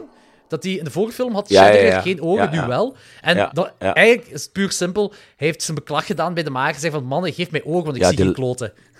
Die lens zit ook, en, en ja, dat deed pijn ook. Ah ja, voilà. Eh, en Simon Bamford speelt terug Butterball. Eh, en we hebben nog een terugkerende acteur. Ehm, die, eh, die mentaal patiënt die zichzelf helemaal opensnijdt, wat hij denkt dat hij bugs over zich heeft. Ja, hè, op ja. het gras. Weet je wie dat is? Nee. Dat is Oliver Smith, die Skinless Frank in de vorige speelt. Ah, nice. Ja, en hij speelt hier ook die skinless... eh allee, eigenlijk is dat een... eh, moet je zeggen? Een, een trap. die skinless vader van Kirsty, wat eigenlijk Ja. dan ook Frank is, speelt hij ook in deze film. Oké. die- Hier begint ook zoal... Bepaalde acteurs beginnen hier al zowat qua prestaties te declinen. Vind, Vind ik. je, ja? Ja, en ook zo... eh, nu weet ik niet of dat de bedoeling is, maar zo de, de inrichting van dat psychiatrisch centrum ziet er echt zo gelijk 1940 uit. Zeggen? dat, dat, dat ben ik vrij zeker van dat dat de bedoeling is. Ah, oké. dat kan. Ik denk dat... ja, je bedoelt ook gewoon van dat... Basically is Dr. Shanner Hitler en zijn mentaal patiënten eh, de, ja, de Ja. mensen in de holocaust. Ja, ja. Hè? Zo, zo, zo, bedoelt je toch echt zo Ja. horrorfilm, men- eh, psychiatrie, zo uh, met, Echt met, zo met die mega cliché. dictator. Met zo, ja, en, de vuile tegels, geen comfort whatsoever. Ja, ja, ja, ja. Nu, moet ik denken wel... ai, het zal misschien niet zo zijn, maar ik weet wel, van Wesley weet ik bijvoorbeeld ook zo dat psychiatrie, dat die evolutie, dat dat lang geduurd heeft voor een fatsoenlijke evolutie kwam. Dat Ah, zelfs, zelfs in de jaren negentig in België wer- werden er nog bepaalde afdelingen in de psychiatrie voor mensen die homo zijn. Ja, ah ja, dat is juist, dat is juist. Dus ehm, ik wil het ergens nog zijn credit geven, maar het zal wel Ja, een dikke overdrijving zijn in deze film. Oké, nog, nog een fun fact. Je kent eh, de filmcriticus Roger Ebert. Ja, Die ja. mega bekende filmcriticus. Deze film is included on the film critic Roger Ebert's most hated list. Jongen, jongen, jongen, jongen, jongen, jongen. Allee, Terwijl ik je een- dat? Ja, dat staat op trivia. Terwijl ik, ik kan er nu al zeggen, dat ik dit een van de beste sequels vind ooit gemaakt, eh, los van het horrorgenre. Ik vind het echt een hele goede sequel. Ja, ja, ik ook. Dit is ook, ook, ook spoiler alert, dat is mijn favoriet uit de, uit de franchise. Ah, bij mij mijn, mijn, mijn, mijn, tweede. Ah, oh, oké. Oké, dat is verstaan. Ehm kleine we beginnen met een kleine recap van de eerste film. Dat begint titeling en dan gebeurt die schools. Transformatie van een Britse militair naar Pinhead. Vanaf dat hij de puzzelbox, de Lamont Configuration, opent. Echt vet. Dus blijkbaar ook Clive Barker, die had verschillende backstories geschreven voor alle Cenobites in de eerste film. Dat is er allemaal niet aan bod gekomen. Eh, maar hij wou er zeker van zijn dat in deze film duidelijk werd gemaakt dat Cenobites ooit mensen, Mensen waren. waren, ja. En dat die naar, door hun eigen zonde eh, of whatever en nieuwsgierigheid een Cenobite zijn geworden. Eh, en voor Hellraiser 2 was er dus een volledige subplot, subplot voor die origin story van Pinhead. Die werd dan ook volledig geschrapt, maar ze zijn dan wel in de derde erop teruggekomen. Maar dat vind ik wel een heel goede introductie voor deze. Want je moet denken, die film komt uit in de cinema, 1987, Hellraiser. Iedereen omvergeblazen. De tweede komt, iedereen mega psyched. En dan zit je fucking Pinhead, de origin story. Ook al is het maar een beetje dat je ziet, je ziet, die is mens. Die is van mens naar Cenobite gegaan. Dat is niet Ja. gewoon een demon of een duivel of Nee. whatever. Die was eerst mens. En dat vind ik al een Ja. heel gaaf ding om mee te beginnen. Ik vind ook heel gaaf dat de film letterlijk verder gaat op de vorige film. Dat Ja, ja, ja. Ja Kirsten is- in die psychiatrie zit, die PTSD heeft, angstaanvallen, et cetera, allemaal. Eh, en dan eh, zegt ze ook, dan vertelt ze tegen Dr. Chandler wat er allemaal gebeurd is in die, in, eh, die volgende, de vorige film. En dan zegt ze letterlijk, and that's when the Cenobites came. En dat vind ik Ja. een beetje jammer, want dit is de eerste keer dat, Dat in een film het woord wordt. gebruikt wordt. Ja. Hoe kent zij dat woord? ja. Dat is iets of die kleine je zegt van, ah, er had zoiets meer mogen zijn. Plus ook, deze film die is heel, hoe moet ik het zeggen, gemakkelijk. Ja. Als in van, het is heel toevallig dat de persoon die juist heeft moeten eh, vechten tegen Cenobites terechtkomt in de psychiatrie, waarvan de, de baas van de psychiatrie geobsedeerd is door heel de wereld van Hellraiser. ja, maar dat is ook zo een minpuntje in gelijk elke film. Dat Zijn is dan allemaal andere ook te veel toevallig. Ja, Ah, allemaal in het algemeen, ja. Ja, Ja. dat is wel waar, maar di- dit toevalligheid is echt zo de rode draad van de film. Ja. Zo, dat vind ik zo, zo van, dat is zo van, ja, oké, ja, weet je, oké, just go with it, hè. Ehm, ik vind ook wel heel graaf dat Kirsty droomt over... Ik weet, dit is zo hetgeen wat jij ook zegt, van, je krijgt meer te zien, maar er zijn ook meer vragen. Kirsty droomt dan over wat ze denkt dat haar vader is, van, I'm in hell, help me, dat daar een bloed geschreven is. Ja, Wat op ja. zich graaf is, maar hoe werkt dat dan? Hoe kan, wat we weten dat dan Frank dat is, hoe kan Frank communiceren dat Kirsty? Hoe werkt dat? Die doos is dicht, de hel is gesloten. Hoe kan die Ja, maar, communiceren? ja, maar, dat, dat- ja, maar dat, dat is gelijk al eerder zei en wat nog wel eens aangehaald. Dat gebeurt in al die andere films ook. En dat is een van de minpunten in heel die franchise. Ja, dat is, dat is Maar ik jammer denk, dat ze zo... ja, maar ik denk dat je er gewoon voor moet openstaan dat er... Het is bovennatuurlijk, het ja, kan. voilà. Ja, inderdaad. Voilà, het kan. Ja. Daar stopt het mee. Ja. Ah, hoe geraakt Dr. Shanner dan al die, al die spullen? Geen idee. Die heeft dat gewoon zo. Wat, again, in andere films ook gaat voorkomen. Gelijk in, in, in Hell World, bijvoorbeeld. Ja, ja. Het is hetzelfde. Allee, die heeft ja, er ook in een keer alles. En, en ja, dat gebeurt ook- in bijna elke film. En die mag precies ook alles. Die mag gewoon crime scene bewijzen. Die matras, die Ja, matras, ja, mag ja, hij gewoon Geen hebben. probleem mag die hebben, Ja. ja. Ja. Maar ik denk, ja... Mocht er al niet bij nadenken, denk ik. Ge geen, geen jordicus doen in de hel. Oh man, ik heb, het bij elke, ik heb het bij elke film gedaan. Ik heb alleen maar jordicus gedaan. Heb je niet gelijk elke keer drie dozen Xanax moeten pakken? Denk dat je brein gewoon ontploft.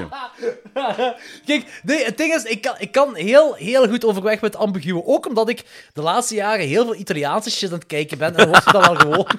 Ha, Dit is- welkom, welkom in mijn wereld, joh. Als je voeltje kijkt, niks Ja, klopt. dus voilà. je- Nee, inderdaad. Ik, inderdaad. en je gaat er wel aan mee. En ik, ga, ik, ik zeg het langs de ene kant ook wel lachwekkend, maar langs de andere kant vind ik dat hier bij deze soort films, zeker bij die eerste twee, jammer. Omdat dat fucking goede films zijn. En Ja. dan heb ik zoiets van, ah, zou zo net dat iets, ietsje extra gegeven hebben als het scenario beter zou kloppen. Als er iets meer logica in zou zitten in de, in de, in de wereld dat zij gecreëerd hebben. Ja, dat snap Zo, ik. dat, dat is gewoon zo hetgeen waar ik zo'n beetje mee struggle. Zo. Eh, wat ik ook wel heel grappig vind, is dat wanneer die flikken daar de crime scene zijn aan het onderzoeken en zo, zo die lijken vinden, et cetera, allemaal aan de bebloede matras, valt er daar die eh, lijk uit de kast, letterlijk.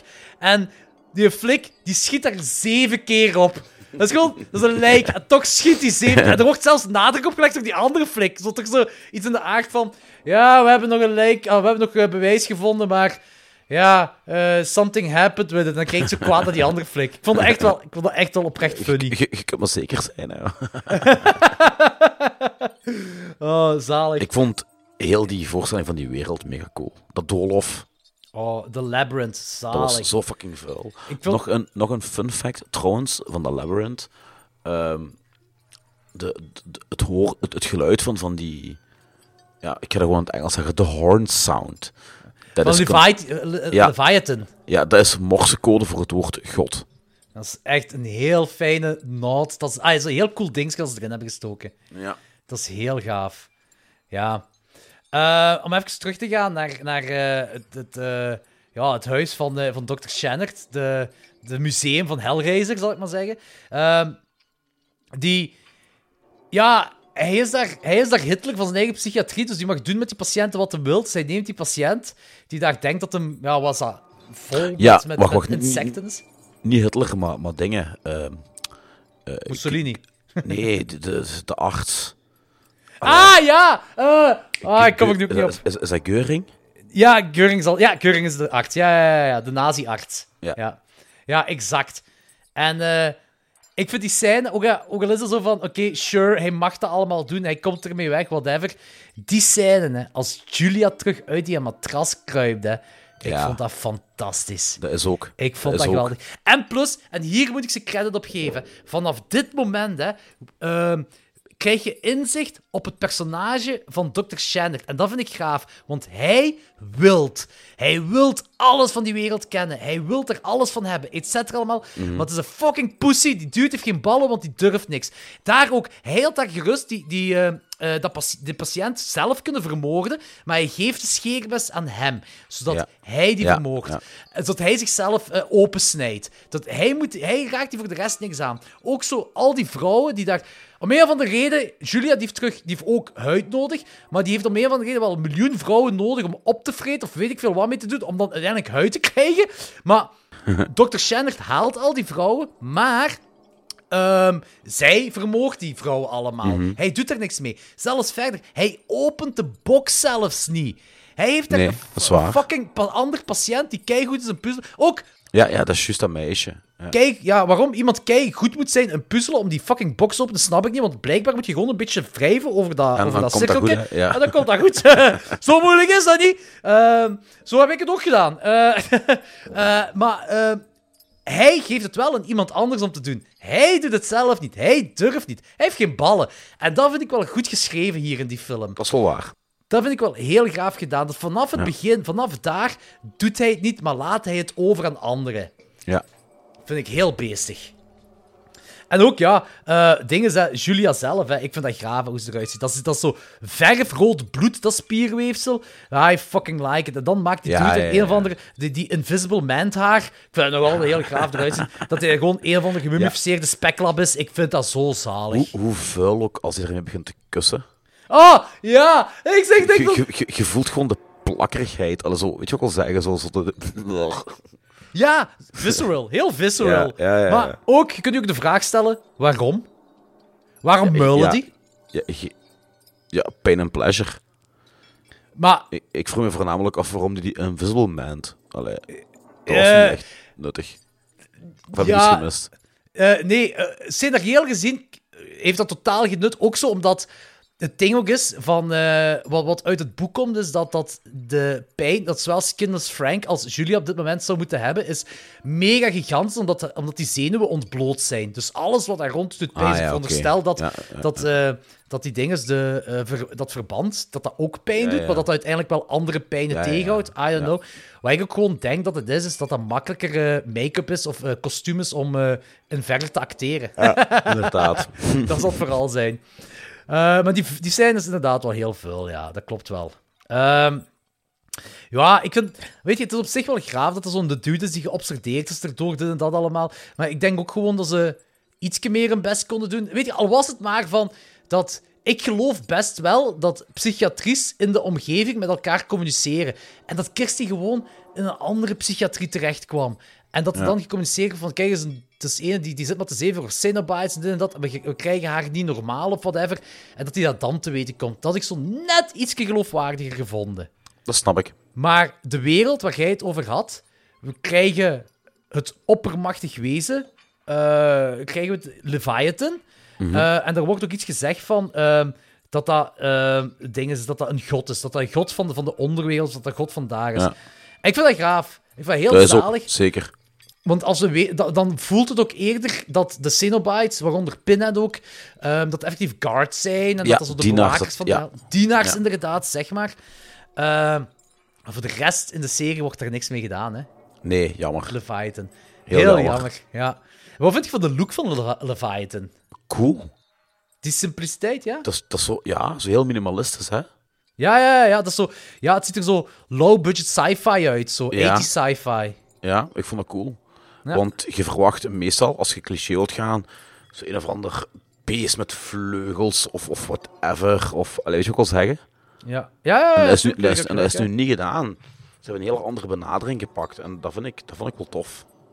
Een Ja, niet-cliché benadering. Allee, jij?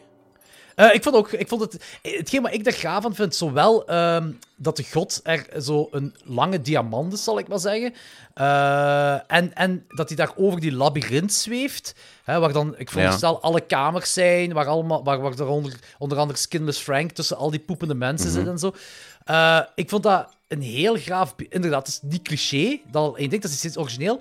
Het heeft iets, het heeft iets heel otherworldly, en ook zo dat... dat er komt echt zo een sci-fi gegeven aan te pas, zo dat goed mixt met dit alles, vind ik. Ja, ik denk... Hè, ik zoek het misschien te ver, hè.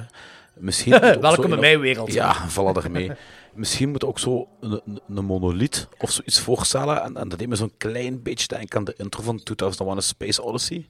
Ah, dat is inderdaad te ver gezocht, maar ik snap het wel. ik snap het echt wel. Ja, ik wil mee maar wil zeggen. Hetgeen wat ik wel... Ik denk ook wel zo dat ze een beetje... They are pushing it, zo met, met verschillende dingen. Gelijk, plots... ehm, als Tiffany dan eh, samen met Kirsty daar in, in de hel dan zit, zo, plots die puzzelbox verandert dan effectief in eh, de vorm van Leviathan. En waarom? Dat herinner ik me al niet meer zelfs. Die krijgt, ja, die krijgt, eff- jawel, die krijgt effectief die, die, die eh, diamantvormige... ja, dat wordt een diamantvormige voorwerp en die sleuren ze dan ook mee. Eh, en ik vind dat heel raar. Ik zei, waarom moet dat die vorm hebben? Dat snapte ik precies niet. Dat vind ik ook Ja, heel nee. raar. Ehm, ik... Wacht, ik ben aan het denken, hè, want Tiffany lost het wel terug op dat die vorm, die diamantvorm, terug gepuzzeld Ja. wordt in, de, in die box. Misschien heeft dat daarmee te maken. Ze moesten misschien een andere dimensie geven eh, om die puzzelbox moeilijker te maken of zo. Misschien heeft dat daarmee te maken. Want ze hebben echt wel nadruk gelegd dat Tiffany dat moet openen, want eh, dat is de grote puzzeloplosser, et cetera allemaal. Eh, wat ik trouwens ook heel cool vind, is dat eh, wanneer Tiffany dat opent, dat Shat Shatterer en Butterball en die, die Cinnabite Tree en Pinhead, heel de gang komt Tiffany halen, omdat zij die puzzel heeft opgelost. En Pinhead zegt dan, no, it's not hands that called us, it's dat vond ik- desire. ja, dat vond ik ook heel cool. Ja. Mega grave lijn, hè. Weet je wat de studio wou? Nee, It's Dr. Channert that called us. goed dat de studio geen... Oh, crap, man. Dat is toch erg, hè? Ja, ja, dat, dat, dat, is- dat, is- echt nog maar eens hoe, hoeveel, hoeveel die fucking afweten van films, hè. Of van film parcours. Ja, deze film, de- deze films, die, eh, je komt ermee weg om meer poëtisch te gaan. In deze, Ja. En doe dat dan Ja, ook zo. Van, dus dan ja, ja. Nu, als dat één keer open zagen, die we, dus die weer, die labyrint is heel cool, maar zelfs het begin ervan, als Tiffany dat begint Mhm. te exploren, dat er zo een fucked up nightmarish carnival met zo wat fucked up clowns is. Ik vind, Dat vind ik ook al ja, heel ja, ja, gaaf. zeker. zeker. En zo- Dat was heel... Zo visueel, zo wat psychedelisch. Ja, ja, exact, exact. Mega beestig. Dat, dat, pff. Ja, ja, hij, hij kan het niet omschrijven, maar... Nee, maar Ja. ik, vind, ik, vind, ik vind dat gewoon heel cool dat zo Tiffany, die gaat daar doorheen. Kirsty Mhm. komt dan in een ouderlijk huis terecht in de hel. Eh, Frank, die zit daar ook in een andere kamer. En dan krijgen we die overview dat dat eigenlijk een labyrint is. En dat Leviathan dat daar zo allemaal zo wat beheert of controleert. Of I don't know. Ik weet, dat, dat, dat is ambigu Ja, gelaten. een, een, een metafoor zijn voor each his own personal hell. Ja, de, de volgende sequels, zeker de shitty sequels, die gaan er wel op verder op de persoonlijke hel. Ja, Eh, en ik, ja. ik, ik ben er ook wel in meegegaan, want Kirsty die, die komt er in haar ouderlijk huis. En Frank zit er ook. Bij Frank is dat letterlijk zo. Je ziet er, dat wordt niet expliciet gezegd, maar ik ga er wel van uit. En ik denk ook dat ze dat bedoelen.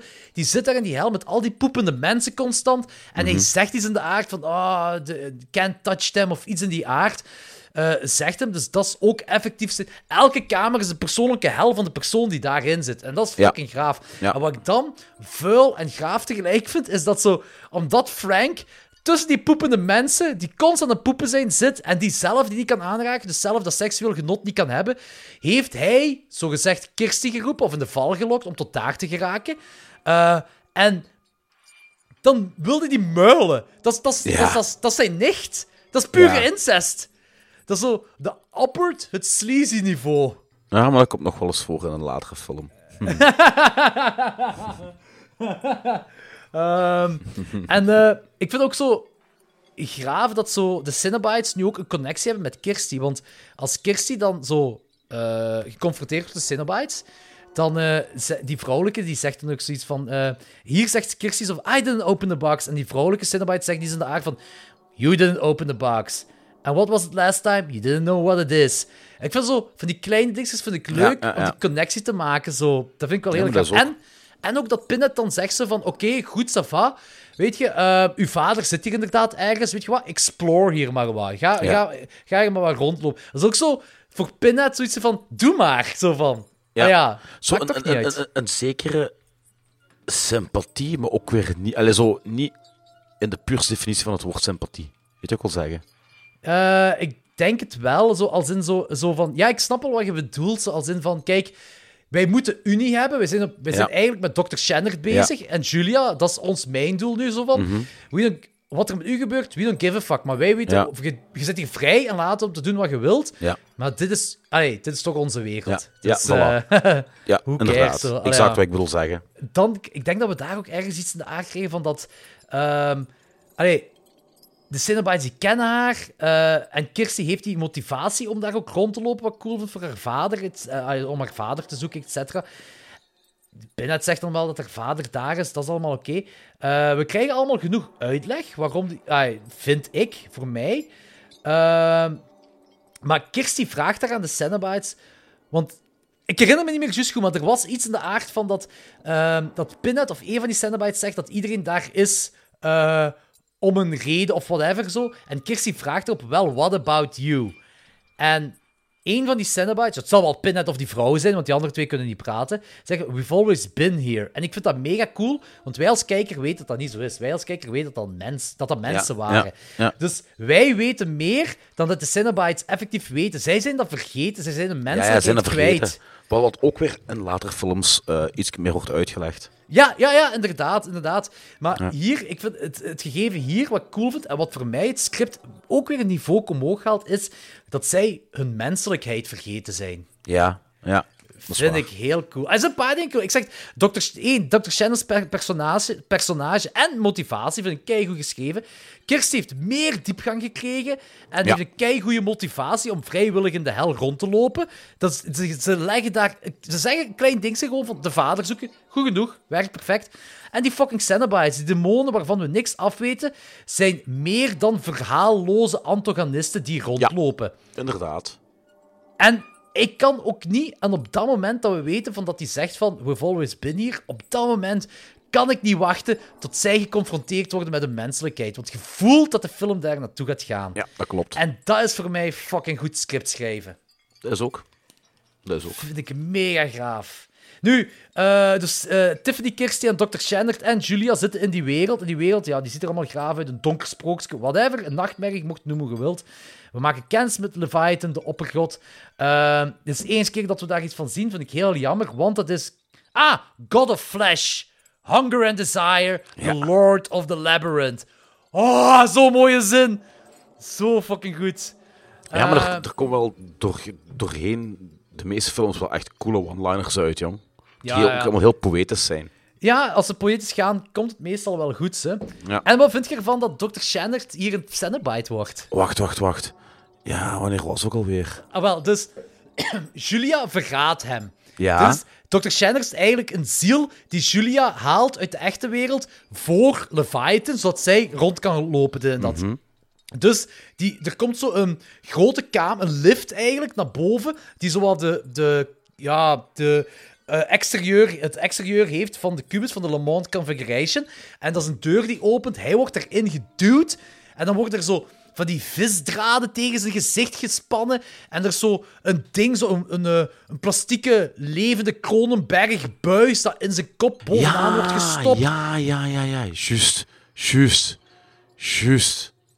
En hij wordt dan zo eigenlijk de zotste Cenobite van ze allemaal. Ja, dat is juist. Het komt terug. Het komt helemaal terug. Ja. Ook, ook de, de meest, de, de, de, de krachtigste, die heeft zo van die slangen die schieten uit zijn armen en Ja, zo. ja, ja, ja, ja, ja, ja.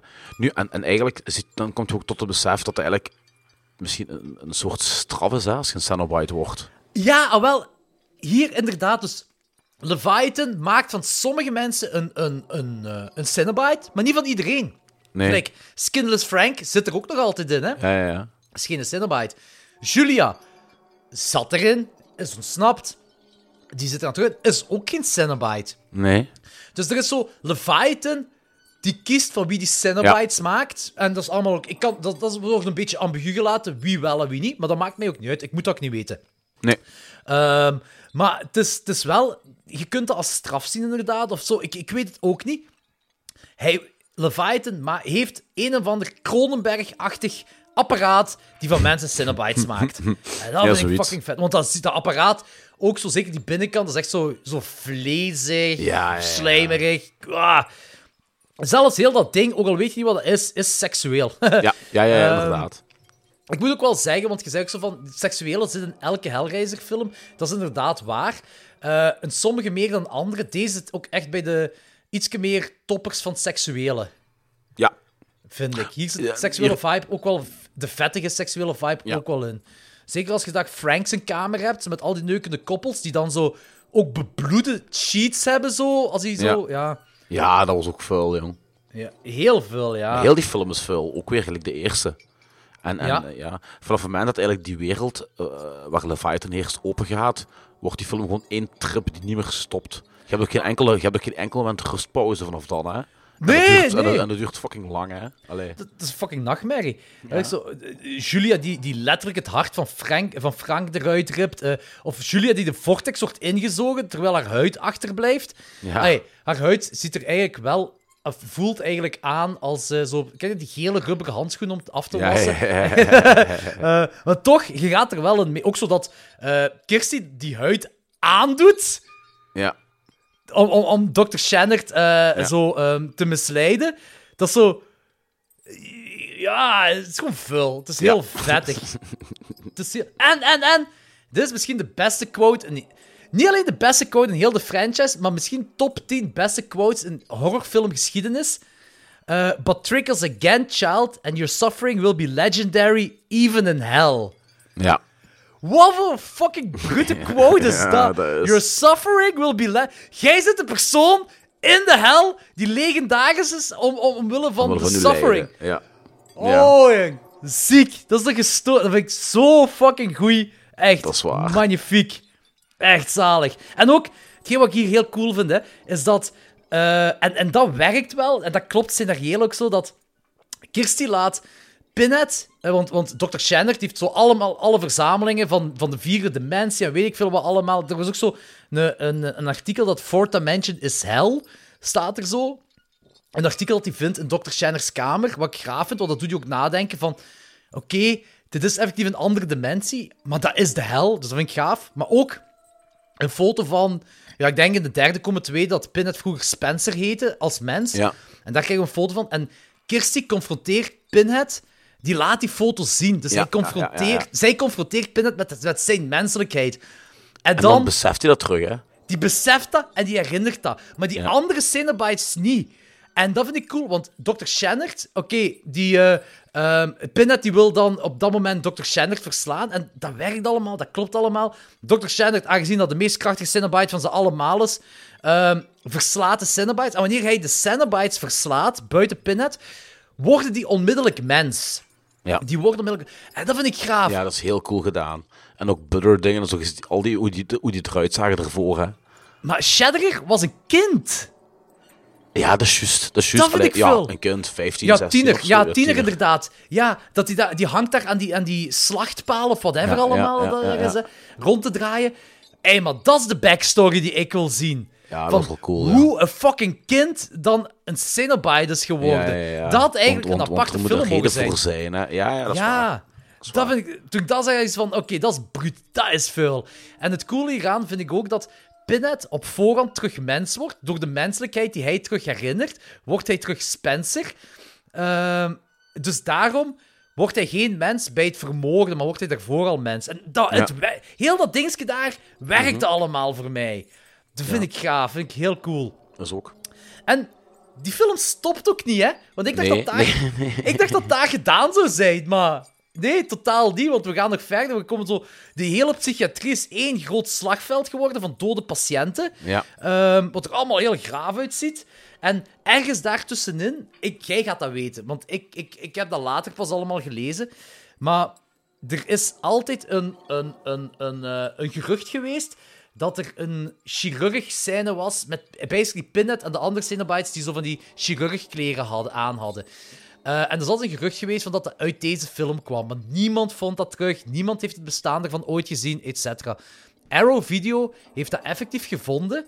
En Oh. die, ja, die, die filmpjes vind je ongemonteerd bij de extras eh, in die box eh, terug. Oh, damn. Zullen ook, op YouTube staan? Het staat er op YouTube. Je kunt Ah, het nou, ook is allemaal niet gezien. En het is, ja, het is op zich niet veel, maar het is gewoon een graaf imagery. Je ziet eh Kirsty en Tiffany weglopen en je ziet dat dan zo Pinhead en zo die andere Cenobites, die hebben zo van die chirurgkleren aan. Dat is wel graaf imagery. Ja, dat is wel heel cool. Oké, nice. Eh, ja, voor de rest ook zo daar. Ik vind het wel cool als Dr. Shanner dan zo de psychiatrie in komt als, eh als Cenobite. Dat hem echt zo zegt: The doctor is here! Dat is ook eh, een intro van een Steven Aborted. The doctor is in. Of de doctor is in, dat kan zijn Ja. dat dat was. Zalig. Heel cool.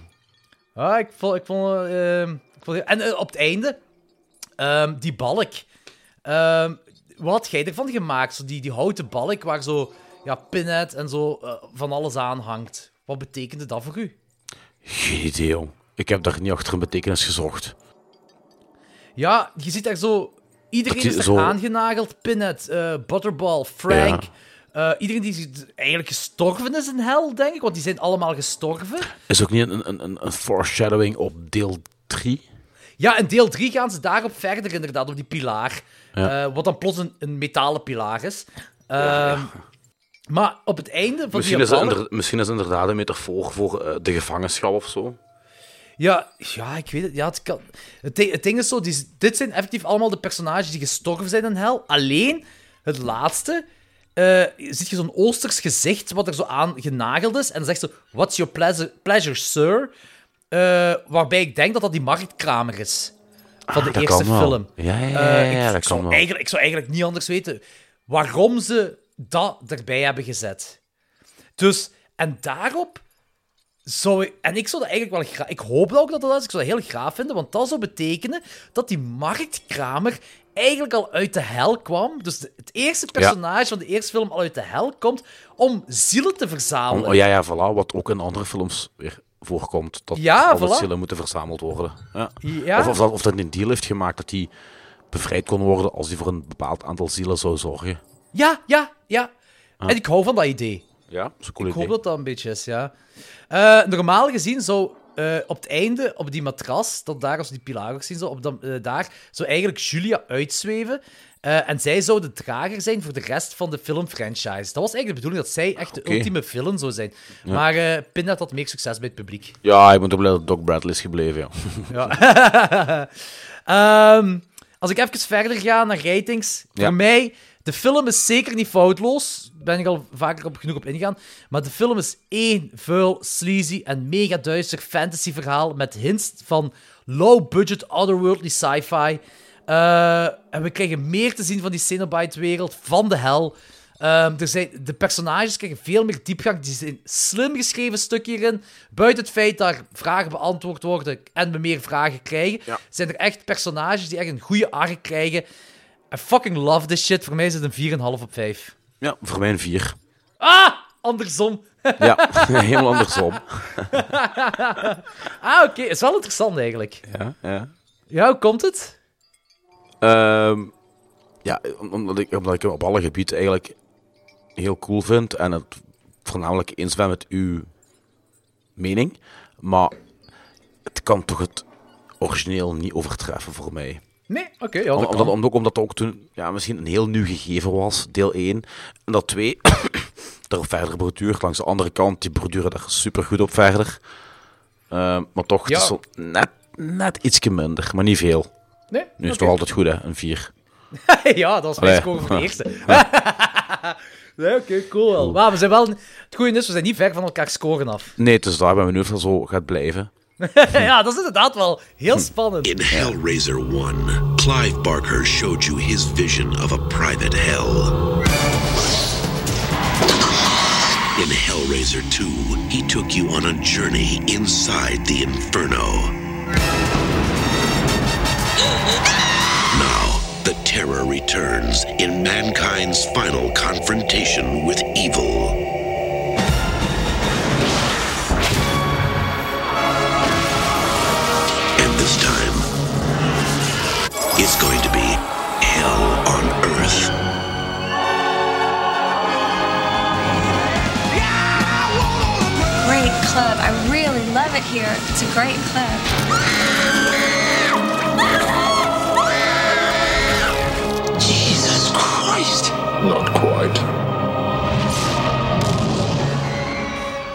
Hellraiser 3, Hell on Earth. Goeie bijtitel. Yes. uit 1992. Geregisseerd door Anthony Hickox, die twee Waxworks films heeft gemaakt. Warlock Armageddon uh, en de Hellraiser videoclip van Motorhead. Ah, echt? Uh, ja. En uh, wederom geschreven door Peter Atkins. En Tony Randall, de regisseur van de vorige, heeft ook hier aan meegeschreven aan deze. En ja. Peter Atkins speelt de barman hierin, die daarna Barbie de Cenobite wordt. Die zo vuur ah, kan okay. Ja, ja, dat is hij ook. Um, Terry Farrell speelt Joey Summerskill. Doc Bradley keert terug als Pinhead. En Kevin Bernhardt speelt JP Monroe. Um, Hellraiser 3. Uh, eerst was Tony Randall, uh, dus die Hellraiser 2 heeft geregisseerd, gevraagd voor de regie van deze. Uh, maar studiobazen vonden zijn visie te bleek. dan is Peter Jackson gevraagd, maar hij heeft geweigerd. Want hij zegt dat hij hij zou er altijd iets luchtig van maken. En hij vond uiteindelijk... Hij zei zo van... Uh, nadat Hellraiser 3 gemaakt was, zei hij van... Ja, ik vind dat een heel grave film. Maar uh, hij zegt van... Moest ik dat regisseren? Dan had ik waarschijnlijk cartoonesk pinnen tegen een muur laten lopen. En dan werden al die pinnen plat tegen zijn gezicht gedrukt. Ja, waarschijnlijk wel. Peter Jackson kennende, inderdaad. ja. Um, maar we beginnen dan met... De, dat vind ik ook weer cool. Het, het gaat weer verder op de tweede. Dus die pilaar komt terug. Nu wel in het inox. Ik weet niet mhm. waarom. Misschien is dat makkelijker om te verkopen als artefact dan in de tweedehandsverkoop. En die sketchy dingen waar die mensen in zitten. I don't know. Um, maar um, die wordt daar uh, ja, ge gekocht door JP Monroe. Een dude die, die ook even sleaze is als Frank in de eerste en de dokter in de tweede. Exact. Alleen wordt er hier meer nadruk op gelegd, vind ik. Ja, ja, ja, ja, ja, ja. ja. Ja. Die wordt misschien te veel zelfs, kun je zeggen. Ja, ja, ja. het is echt zo in, in, your face van kijk wat een lul ik ben. Ja, inderdaad. Ja. Ook zo, weet je, gewoon het feit al dat hij 22 jaar is en waarschijnlijk de duurste club owned, die, uh, waar metalbands in optreden, wat zo het feestje van elke avond zal daar waarschijnlijk het feestje van het jaar zijn. Plus, hij woont erboven, wat ook nog lijkt dat dat geluidsdicht is. Dus fucking duur geïsoleerd ook nog. Als ik er even bij nadenkt, dat is waar. die dude woont in een kasteel waarschijnlijk of zo. Maar wel, wat een fucking coole club is dat. Zo word ik ook in een Genk gewild, joh. Oh man, ongelooflijk. Echt zalig. Ik, vind, ik, ik vind het ook altijd grappig als ze in van die uh, clubs zo standaard dansen op metalmuziek. Ja, ja, dat is zo weer zo een Hollywood-dingetje, hè? Ja. ja. Dat is weer een Hollywood-dingetje. Dat heb je gewoon niet in de echte wereld. Nee, nee, totaal niet. Dat is altijd als ik dat zo zag in films en dan ging je zo zelf je eigen uitgangsleven zo. Ja, dat kwam je niet tegen ze. Zo, Nee, nee, totaal niet. Het dichtste, wa- het dichtste was zo. Giro 5 waar ze Brougham draaien zo. Dat is zo. het dichtste of, of White Stripes of zo. Ehm, het cool, hetgene wat ik wel leuk vind hier, een scenario wat ze gedaan hebben, is dat... Oké, we hebben Pinhead die vast zit in die pilaar, maar eigenlijk is het de Spinhead die vast erin zit, maar zijn menselijke kant, die Captain Elliot Spencer, die zit ergens in een oorlog limbo vast. Ja, hoe cool is dat, joh? Ja, ik vind het ook heel cool. Ik vind het ook heel cool. En hier, er wordt misschien te weinig uitleg over gedaan, want waarom kan Joey Somerskill, also die reporter, waarom droomt hij erover en heeft hij visioenen ervan en ook van, van dingen? En ik heb ergens de link gelegd, nu dat is een zware stretch al, maar ik vind niks anders. De reden waarom hij dan eigenlijk eh, die, die dromen van, van eh, Elliot Spencer heeft, dat Elliot Spencer haar helpt en zo, heeft denk ik te maken omdat de vader van Joey Somerskill ook een oorlogsveteraan is. Mm, dat kan. Maar hoe dat werkt, dat weet ik niet. Het is een stretch, maar ik vond eigenlijk geen andere logische verklaring daarover. Ik vind het gewoon, ik vind het gewoon vet dat, dat, dat we verder gaan met dat, dat we Captain Elliot Spencer hier hebben. We, we bouwen verder op de Hellraiser-mythologie. Ehm, het is niet gewoon de eerste film opnieuw. Deze Nee, helemaal films. niet. Wat, wat En- nogal eens vaak gebeurt in een horror-franchise. Ja, voilà, inderdaad. Maar Dan zo, meestal is dat inderdaad gewoon de nieuwe film opnieuw, maar dan met andere protagonisten. Nu, we komen nog wel in sequels terecht waarbij... eh, ja. eh, waarbij... ik- kleine spoiler alert, 5 tot en met 8 is een beetje, is een beetje gewoon... Een beetje van hetzelfde. Yep. Ehm, maar hier worden de demonen hun verhaallijn wordt verlengd en er wordt op verder gebouwd. En I fucking love it. Ja. Ehm, en die film is ook weer fucking sleazy. Eh, JP Monroe, die die een pilaar heeft gekocht, die Pillar of Souls, wat ook een grave naam is voor die pilaar, die zet ook in zijn slaapkamer. Yep. Ook wel, ook wel lachen. Eh, hij is de eigenaar ervan en, en die gaat er, ja, die zijn, hij heeft uitgemaakt met zijn vriendin, dus die zijn vriendin die, moet dan, die gaat bij de reporter slapen. Dat is ook zo'n ding. Zo, ik dacht op een paar moment dat een pornofilm ging worden. Zo van, Zij belt echt zo van, ja, mijn, mijn vriend, zo van, ja, er is inderdaad meer aan de hand wat daar in het ziekenhuis is gebeurd. Zeg, eh, maar mijn vriendje heeft het uitgemaakt met mij en ik zoek onderdak. Ik zeg, Ja, oké, we gaan ja, hier inderdaad. fucking lesbische porno terechtkomen. Zo, maar als dan JP daar zit te poepen met die andere griet op die slaapkamer en die andere en die Pillar of Souls, ehm, want die Pinhead komt tot leven omdat eh, ze hebben die, die, die kubus, de Lamont Configuration, hebben ze uit die Pillar of Souls gehaald en hij heeft zijn arm erin gestoken en een rat heeft hem gebeten en door zijn bloed op die Pillar of Souls komt eh Pinhead tot leven. Dat, dat is toch zo, hè? Ja, klopt. Ja, een Spinnet is dan eigenlijk vast in die pilaar. Die vreet die een griet op. Eh wat is echt, vind ik heel vet trouwens. Dat die echt opzwelgt, Ja. die griet. Dat is echt zo van, oké, Pinnet had honger, duidelijk. Ehm, maar ik vind dat wel heel graaf allemaal, hoe, het, hoe, het ai, hoe ze dat visueel in kaart hebben gebracht. En als die opgesloggerd is, die One Night Stand is opgesloggerd, dat JP daar zegt zo... Jesus Christ! Pinnet, not quite. Ja, ja, ja. ja. Not ja, quite. Zo'n geniale one-liner. Ja, echt zalig. reply, man. Ja. Ja, ja, ja, maar echt heel goed. En ook zo, hetgeen wat ik cool vind, is dat Pinnet daar... Hier is... Oké, ik weet, Pinnet zit hier voor grotendeels vast in de pilaar, maar hij is wel een rockster in deze film. Omdat zo... ehm, hij manipuleert constant. Eerst manipuleert hem JP, want hij, hij maakt echt de parallel van... van eh, kijk, ik heb die griet opgegeten, maar eigenlijk zijn we hetzelfde van... van wat Ja, dit, ja, die, you die, die gewoon geconsumeerd op een andere manier. Voilà, inderdaad. En, en Pinhead vertelt ook, en ik vind dat graaf, ik vind dat, Mhm. die parallellen te maken vind ik heel zalig. Want eerst manipuleert hij hem, en dan daarna manipuleert hij ehm Dingske, de, de Griet, de vriendin, de ex-vriendin van JP, voor dan JP op te offeren. Ai, dat vind ik zalig, dat hij zo die manipulatie goed kan doen. Dat is echt... Ja, dat is waar. Ja, ik vind dat goed gedaan. Ja. Ehm, Ook zo dat JP is onmiddellijk mee. Onmiddellijk. Zo weet je wat voor een sleazeball dat is. Van... ehm, hij is Frank tot een kwadraat eigenlijk hier. Ja. Niet? Ja, dat is waar. Dat heb ik zo wat hier. Ja. Ik vind ook goed dat we niet te veel van hem zien. Nee, want dat draait niet echt rond hem. Het draait weer om de backstory story van de, van de Van Spencer, hè? van Spencer, Spencer, inderdaad. Maar, maar ook van dingen, hè. Summerskill ook, hè. Ja. Summerskill haar verhaal ook, hè. Ai, zo, Summerskill, dat is, dat is een reporter dus. En eh, die krijgt dan uiteindelijk eh, haar... ze, zij kan... Ja, reporters gera- in Hollywood geraken reporters aan allerlei shit. Dus hier ook geraakt zij aan dingen, aan, aan zo videotapes vanuit de psychiatrie van, van Dr. Shannard. Ja. ja. Ehm, ik vind het wel cool, want dat, dat- zij leert daar dus... dus Frank in de eerste, Tiffany in de tweede, een film met dat box openen. En die dude hier, ehm, Terry heet die griet, hè, eh, die bij Terry was.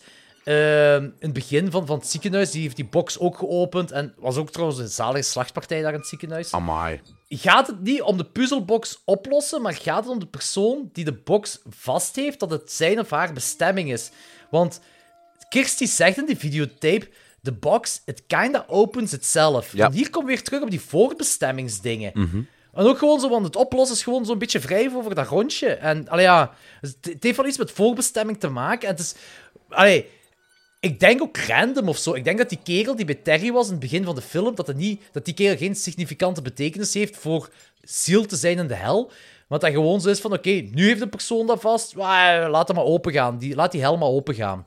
Ja. In plaats van echt op te lossen.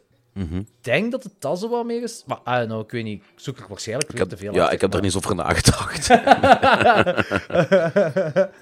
Ehm, het helpt voor mij dat we Pinhead als Officer Spencer leren kennen. We gaan dieper in het verhaal van Spencer en hoe hij Pinhead is geworden. Eh, het is een simpel verhaal gewoon van een soldaat die PTSD heeft en dan eh, ook weer zoekt achter de Forbidden Pleasures. Maar Ja. Het is heel simpel, maar het werkt maar het wel werkt wel. Ja, voilà, Ja. het is effectief. Het moet, er moet geen, geen, ik weet niet wat voor achtergrond met zeven lagen achter zitten. Hè. Allee. Nee, inderdaad. En ook zo. En je kunt dan ook zo. Dat is een heel simpel dingetje. En je weet, Spencer is een goede mens. Hij heeft PTSD van die, wereld, van, eh, van die Vietnamoorlog. Eh al zijn medesoldaten die dat, overle- die het al overleefd hebben, hebben zelfmoord gepleegd. Je begrijpt het. Je begrijpt dat een mens met een goede ziel eigenlijk ook verder wilt gaan. Ja, dat klopt. Eigenlijk krijg je zo bijna een beetje sympathie. Ja, oh ja, zeker. zeker. Ik had eigenlijk een beetje het engel en de duivel gevoel. Zo, Ja, ja, ja. eh, simplistisch gezegd, eh, Spencer is de engel en Pinhead is de duivel. ja. Ehm, klopt. En het, ja, ik weet, het zijn ook twee entiteiten die gespleten zijn en op een bepaald moment ook samenkomen. Mhm. Ja. Ehm, maar eh, Spencer, de engel dan eigenlijk, helpt Summerskill om Pinhead te vernietigen, of wil Summerskill helpen Ja, ja, om. Pinhead te vernietigen. Ja, ja, ja, ja, als hij terugkomt in die droom, hè. Ja, en Pinhead is er maar voor één ding, voor chaos en verderf. En, en, en je merkt ook als Pinhead één keer de wereld in, als hij los is van die pilaar. Fucking hell breekt los daar in die nachtclub, hè? Holy shit, wat een coole slachtpartij is dat, joh. Slachtpartij, dat is het woord inderdaad, ja. Dat, is echt fucking hell, joh. Dat is fucking hell. Dat Dat is is inderdaad letterlijk fucking ja. En weinig, weinig gezien in films. Mhm. Japanners doen dat vaak, maar op een cartooneske manier. Terwijl dat Ah, ja. echt smerig en, en, en vuil is. Ja, hier, en dat duurt ook even, hè. Dat duurt echt een paar minuten. Dat blijft nog doorgaan ja, dat ja, daar echt een slagpartij in die nachtclub bezig is.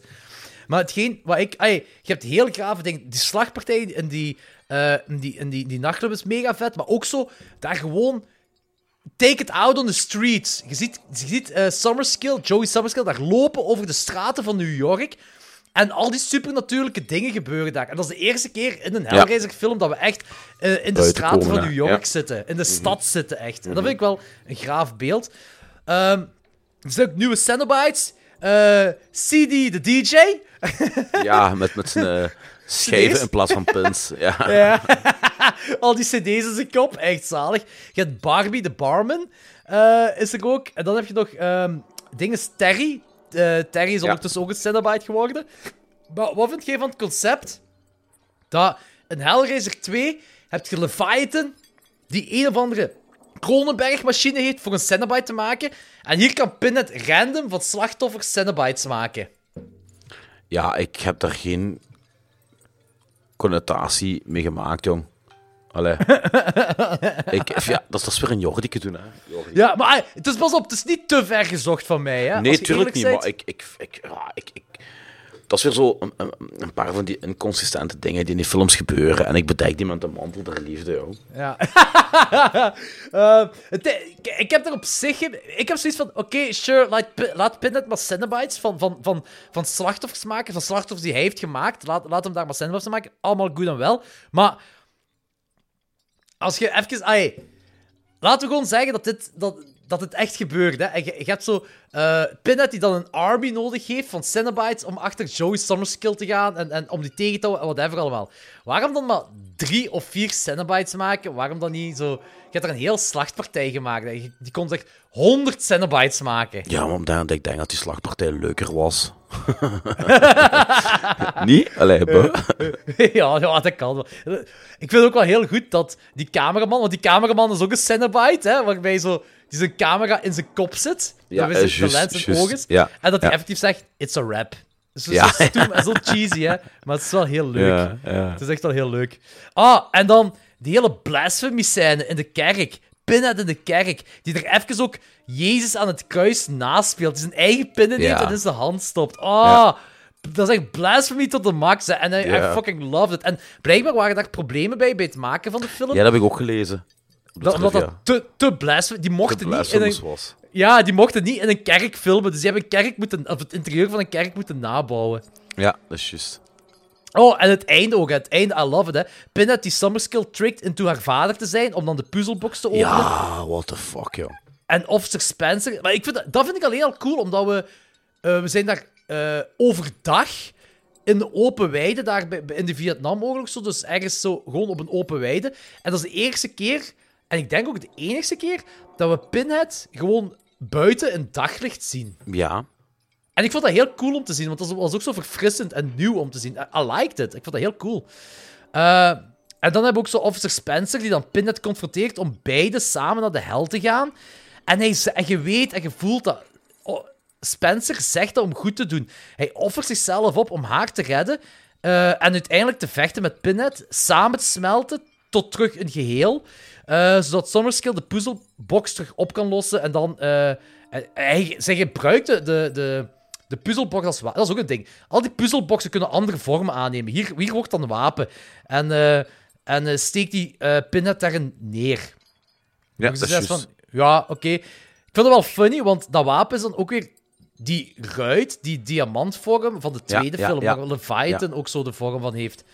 Ehm, ik heb er eigenlijk niet te ver op nagedacht, want ik denk mijn kop zou ontploffen. Ja, ik wil goed juist zeggen, het wordt alleen maar erger. ja. Allee, ja, Su- Summerskill die de puzzelbox oplost tot ruit en dan als wapen gebruikt, terwijl in de tweede film denk ik, Ah, whatever. I just go with it. Eh, ik heb zo van, oké, Pinhead wordt teruggestuurd in de hel. All good. voor mij, ik ga ook eerlijk zijn, hè, deze drie films hè, is voor mij de perfecte trilogie, zonder dat elke Ja. film afzonderlijk een perfecte film is. Dat is ook. Dat, dat, dat is exact, exact de juiste woording. Wat wat was je rating voor die film? Ik, ik, Ik geef, ben echt benieuwd. ja, ik geef echt nog wel een belachelijk hoge score, omdat ik me kapot heb geamuseerd. Ja, ik, ik een 3,5. Ik een 4. Dat Ah, mij een 4 of nice. 5. nice. Dat valt toch goed mee, dat is niet belachelijk. Ja, het is, ah, het is gewoon zo. ehm, in theorie rijd ik dit dezelfde rating als de eerste film. Ja. Eh, en ik vind die op. Ik vind die beide amusant, maar op een andere manier. Hier Ja, maar ik snap iets- u. Ja. Hier zit zo. Hier zit zo ietsje meer cheese in, maar die cheese... Het is geen cheesy film, het is geen luchtige film of zo. Het is eigenlijk een heel zware film. Ja, maar dat is toch zo een, een, een iets lichter randje aan als deel 1. Ja, ja zeker, zeker, zeker. Zeker ook zo de cameraman Cenobite die zegt it's a rap en zo van die dingen Ja, allemaal ja, dat je ja. erin hebt. Dat, dat, dat heeft een paar, een paar meer luchtige momenten die zo Mhm. iets meer cheesy zijn. Ook zo CD, de DJ Cenobite. Zo, ah ja, weet je, daar schiet je in de lach. Dat is niet angstaanjagend, ja, terwijl nee, nee, de het Cenobites in de eerste film waren alleen maar angstaanjagend. Maar het is zo... Er zijn brute dingen in, eh, er zijn dramatische dingen in, er, zijn zo, er is ook zo meer... eh, er zit meer... Ja, passie is het foute woord, maar er zit zo eh, meer emotie in bepaalde personages. Gelijk Spencer, dat er zo die, die emotie in zit. Ah, ik weet niet, het werkt allemaal. Ja, dat klopt. Ehm, nu, eh, het einde, het kantoorgebouw, of whatever dat ook is, dat gebouwd is op de grond waar de puzzelbox in begraven is.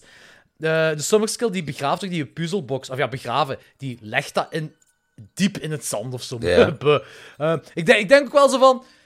jij weet dat dat de poort naar de hel is, jij wilt dat eigenlijk verwijderen.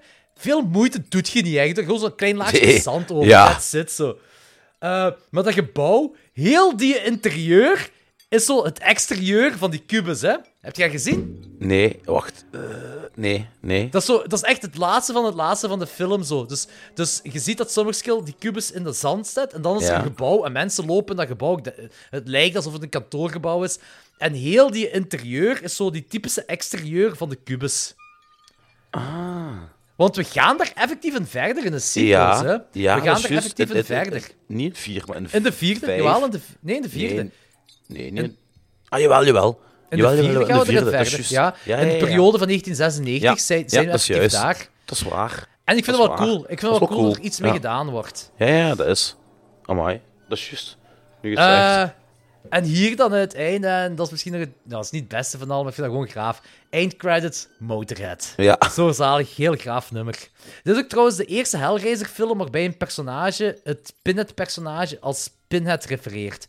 Also, Ja, dat is juist. Niet- niet- niet per se dat dat zijn echte naam is, maar ik denk dat Summerskill dat gewoon terloops refereert. Van, eh and there's Ja. that Pinhead dude of iets in die Ja, aard. ja, ja, ja, toch die expliciet verhaal, maar zo met een halve omweg. Ja, ja inderdaad, ja. Nee, voor mij 4 op Kijk. 5. Perfecte trilogie. Voor mij 3,5, dus... eh, Nice. Centuries ago, a toy maker set out to build the perfect puzzle box. A gift that would bring enchantment to all who possessed it. He never dreamed that this simple toy was the key to the gates of hell.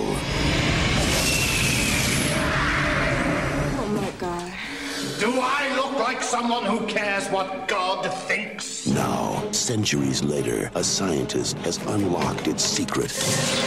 And the battle for the future of mankind is about to be fought across the boundaries of time.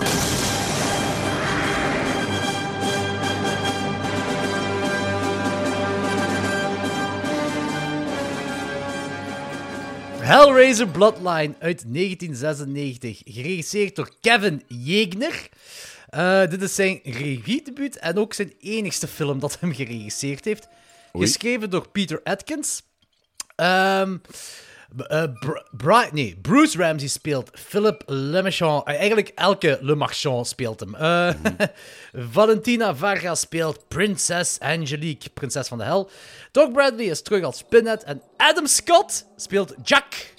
Eh, de meeste mensen Jack. kennen Adam Scott wel uit Step Brothers of Die Vader uit Krampus, Parks and Recreation enzovoort. ah, dat is juist. Ja, dat is een van zijn eerste rollen. Ah. Laten, we, laten we beginnen met, met te zeggen dat ik eh, waarschijnlijk heel wazig moet geweest zijn toen ik die film als tiener gezien heb en hoe ik me die herinnerde.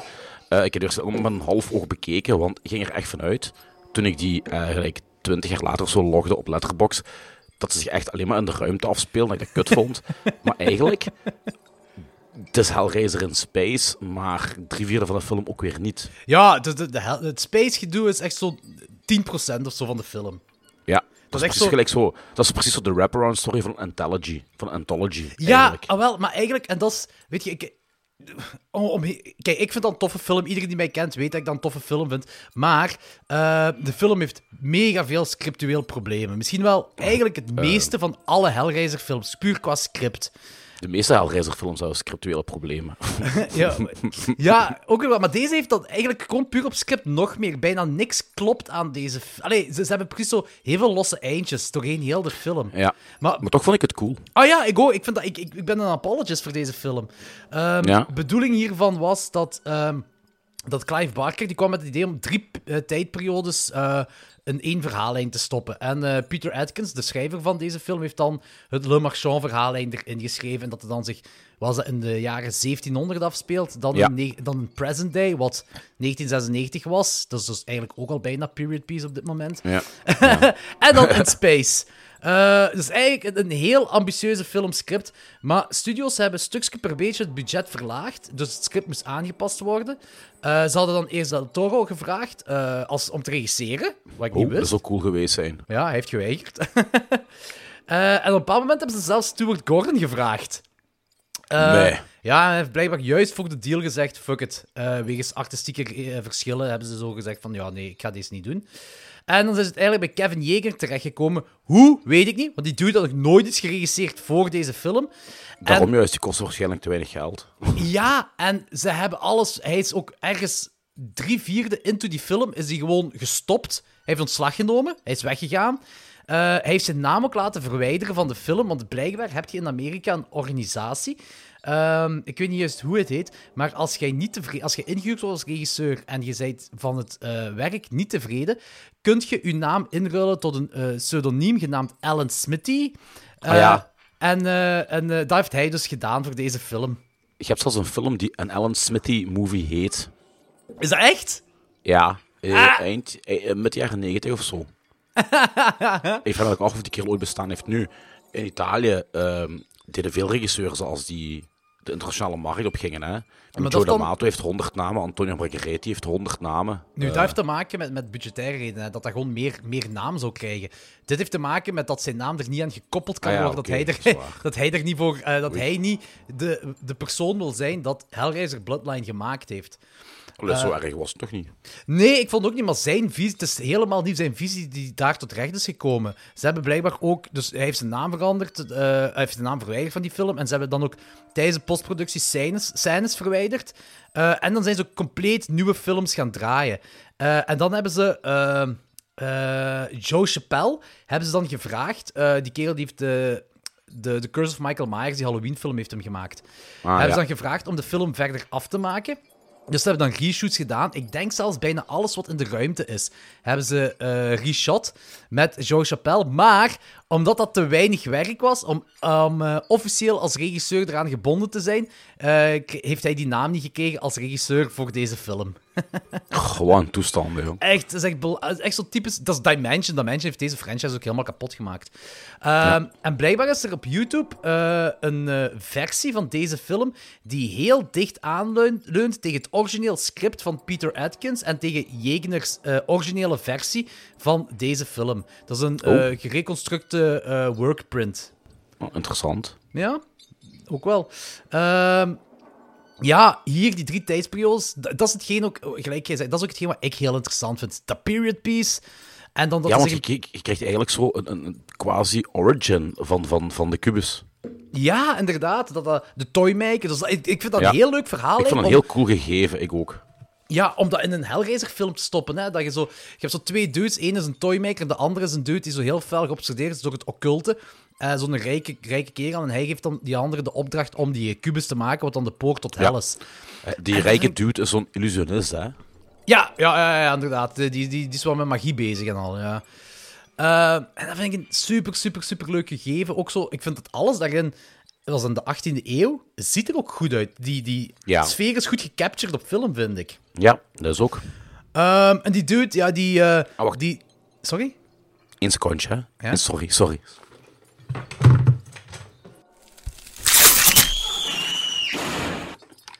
Ik moest mijn zoon een slaapwelkusje geven. Ah, voilà. Dat mag erin gelaten worden, dat is eh, horen bij de charme van de podcast. Dat hoort zeker bij de charme van de podcast. Zeker omdat je je zoontje ook even levend gevuld hebt. Dat past bij het thema van.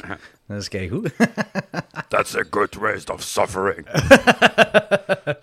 Ehm, ik vind, ik vind- die occultist, die vermoordt daar een Grieks Ja. kind daar, hangt daar vel op aan kettingen en haken en roept daar wel Latijnse spreuken.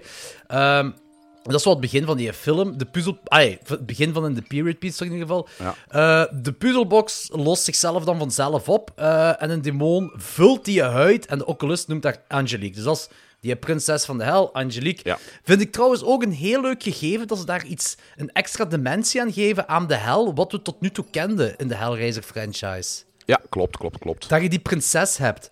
En dus Ja. we hebben inderdaad, gelijk gezegd, je hebt die origin story. ehm Allee, je kunt nog verder teruggaan natuurlijk. Like, hoe weten occultisten allemaal van dat je die dingen allemaal... Maar dat hoeft allemaal niet voor mij. Ja, je mocht geen Jordicus doen in de Hellraiser franchise. dat, is, dat is onmogelijk. Eh, maar, pas op, de- ik vind het, het is zo... Je hebt een origin story, eh, maar hier, dat is zo... Ook zo wel en niet een lijn. Dat is zo gelijk... Als je echt technisch wilt gaan, die puzzelbox die lost zichzelf uit, terwijl je wel aan het eind te spreuken... ge- ai, je kunt daar ver in gaan. Ehm, maar ge- hetgeen wat ik ik, ik heb heel veel problemen scriptueel met deze film. Zoals, oké, die bloedlijn is de sleutel. Ik, ik, ik begrijp dat wel. Dus je hebt een hele bloedlijn van Le Marchands, die, eh, eh, dus waarop ouder op kind, eh, weet ik veel, nachtmerries worden doorgegeven. En die dan altijd op zoek blijven gaan naar de anti-Lamont configuration. Hè, Ja. om die, die voor eens en voor altijd de poort te sluiten. Ik wel heel cool vind uitgevoerd op het einde, om het even... ja, dat is waar. En ik vind het ook cool dat... Want dat gebouw dat we zien, dat is het einde van het gebouw van, eh van Hellraiser 3. Wat jij... Ja, ja, ja, ja, dat is juist dat je vorige keer gezegd en dat is waar, dan krijgen we dat terug. Ja, ah, wel, Ja. Dat, is, dat, en dat vind ik wel cool. Ik heb geen idee hoe dat Angelique daar in dat gebouw die Lamont Configuration uit de grond heeft gehaald. Want in de, op het einde van de derde wordt die in de eh, fundering gestopt en plots... Ja, ik weet het niet. Die heeft dat eruit gehaald, Angelique. Geen idee hoe die dat gedaan heeft. Zonder de vloer open te breken. Eh, eh, maar hetgeen wat mij heel hard stoort, en echt ongelooflijk hard stoort, is die eerste ontmoeting tussen Pinhead en Angelique. Die kennen elkaar. En hoe de fuck kennen die elkaar? Niks klopt daaraan. En ik, ik stoor me daar heel hard aan. Angelique, die zit al 200 jaar daar op aarde waar rond te lopen, daar in Parijs. Dan zit hij plots in een Ja. magazine van... Oh, Le Marchand, oh, die bloedlijn bestaat. Oh, ik ben naar Parijs gaan. blah. En die gaat naar, eh, die gaat naar fucking Amerika.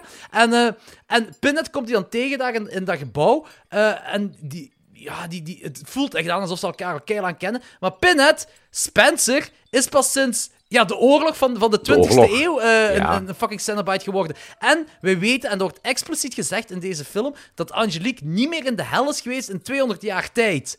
Maar Hoe de fuck kennen die elkaar? Misschien is Pinhead, eh, als Pinhead wordt, een, een alwetend wezen of zo. En andersom dan ook. Angelique weet dat dan ook, eh, heeft het bestaan van Pinhead weet hij ook af. Ja, dat kan niet, hè. Nee. Dus ik stoor, ik stoor me daar keihard aan. Dat is echt, zo, dat is echt zoiets wat, dat is echt een plothol in mijn ogen, hè. Want- Ja, maar ik, ja, ik, ik, ik, ik, kijk, ik, ik stel me daar nooit vragen bij. bij, bij om, als je vragen moet stellen, nogmaals, bij de Hellraiser franchise, dan eh eh, Nee, ik weet je het. beter niks kijken. Nee, goh, nee ik, ik weet het niet, want er zijn, dingen die, er zijn dingen die op de voorgaande films worden ingevuld, en dan vind ik dat allemaal wel oké, maar dit is echt gewoon een, een, een open stuk in het script dat niet is ingevuld. En daar, ik, ik kan me daar heel hard aan storen, hè. Eh, zelfs na al die keren dat ik deze film gezien heb. Want eh, eigenlijk, ik, ik denk echt wel dat dit, van alle Hellraiser-films, zelfs die shitty sequels, dat dit scriptueel eh, met meeste haken en ogen aan elkaar zit. Ha, nee, nee, En het had ook wel, en het het had ook wel het potentieel om, om een van de beste delen uit de reeks te kunnen worden. Denk jij ook dat als het space-gedoe verwijderd was, dat dat dan een veel betere film was en dat ze dan iets dieper op personages en, en story konden gaan in, eh, in het verleden en eh, de present day? Misschien wel, ja. Maar dan had je de film niet kunnen laten eindigen gelijk hem nu eindigt. En het einde vind ik eigenlijk wel heel cool gedaan. True, ja. Dat is, een, dat is inderdaad wel leuk. Maar als je weet dat ze toch zo verder de, gaan. De, Nee. de, de, de, de, de, de nieuwe, allee, het is niet de nieuwe kubus, maar zo de nieuwe configuratie, waardoor eigenlijk Pinhead wordt verslagen. Ja, ja, Dus dat is, ja, ja, dat is waar. Dat kun je niet doen zonder space, denk ik. Of moeilijk. Moeilijk inderdaad, ja. Nee, dat is, het is inderdaad een heel leuke van, moest het effectief de laatste Hellraiser... Dan had ik het eigenlijk nog Eigenlijk liever gehad. had er moeten zijn. Dat gewoon de laatste Hellraiser moeten zijn. Eigenlijk, als ik, er, als ik daarop nog verder zou kunnen gaan, zouden dit drie, drie fatsoenlijk uitgewerkte films kunnen zijn. Eén, een period Ja. piece, twee, present day en drie in space. Ja.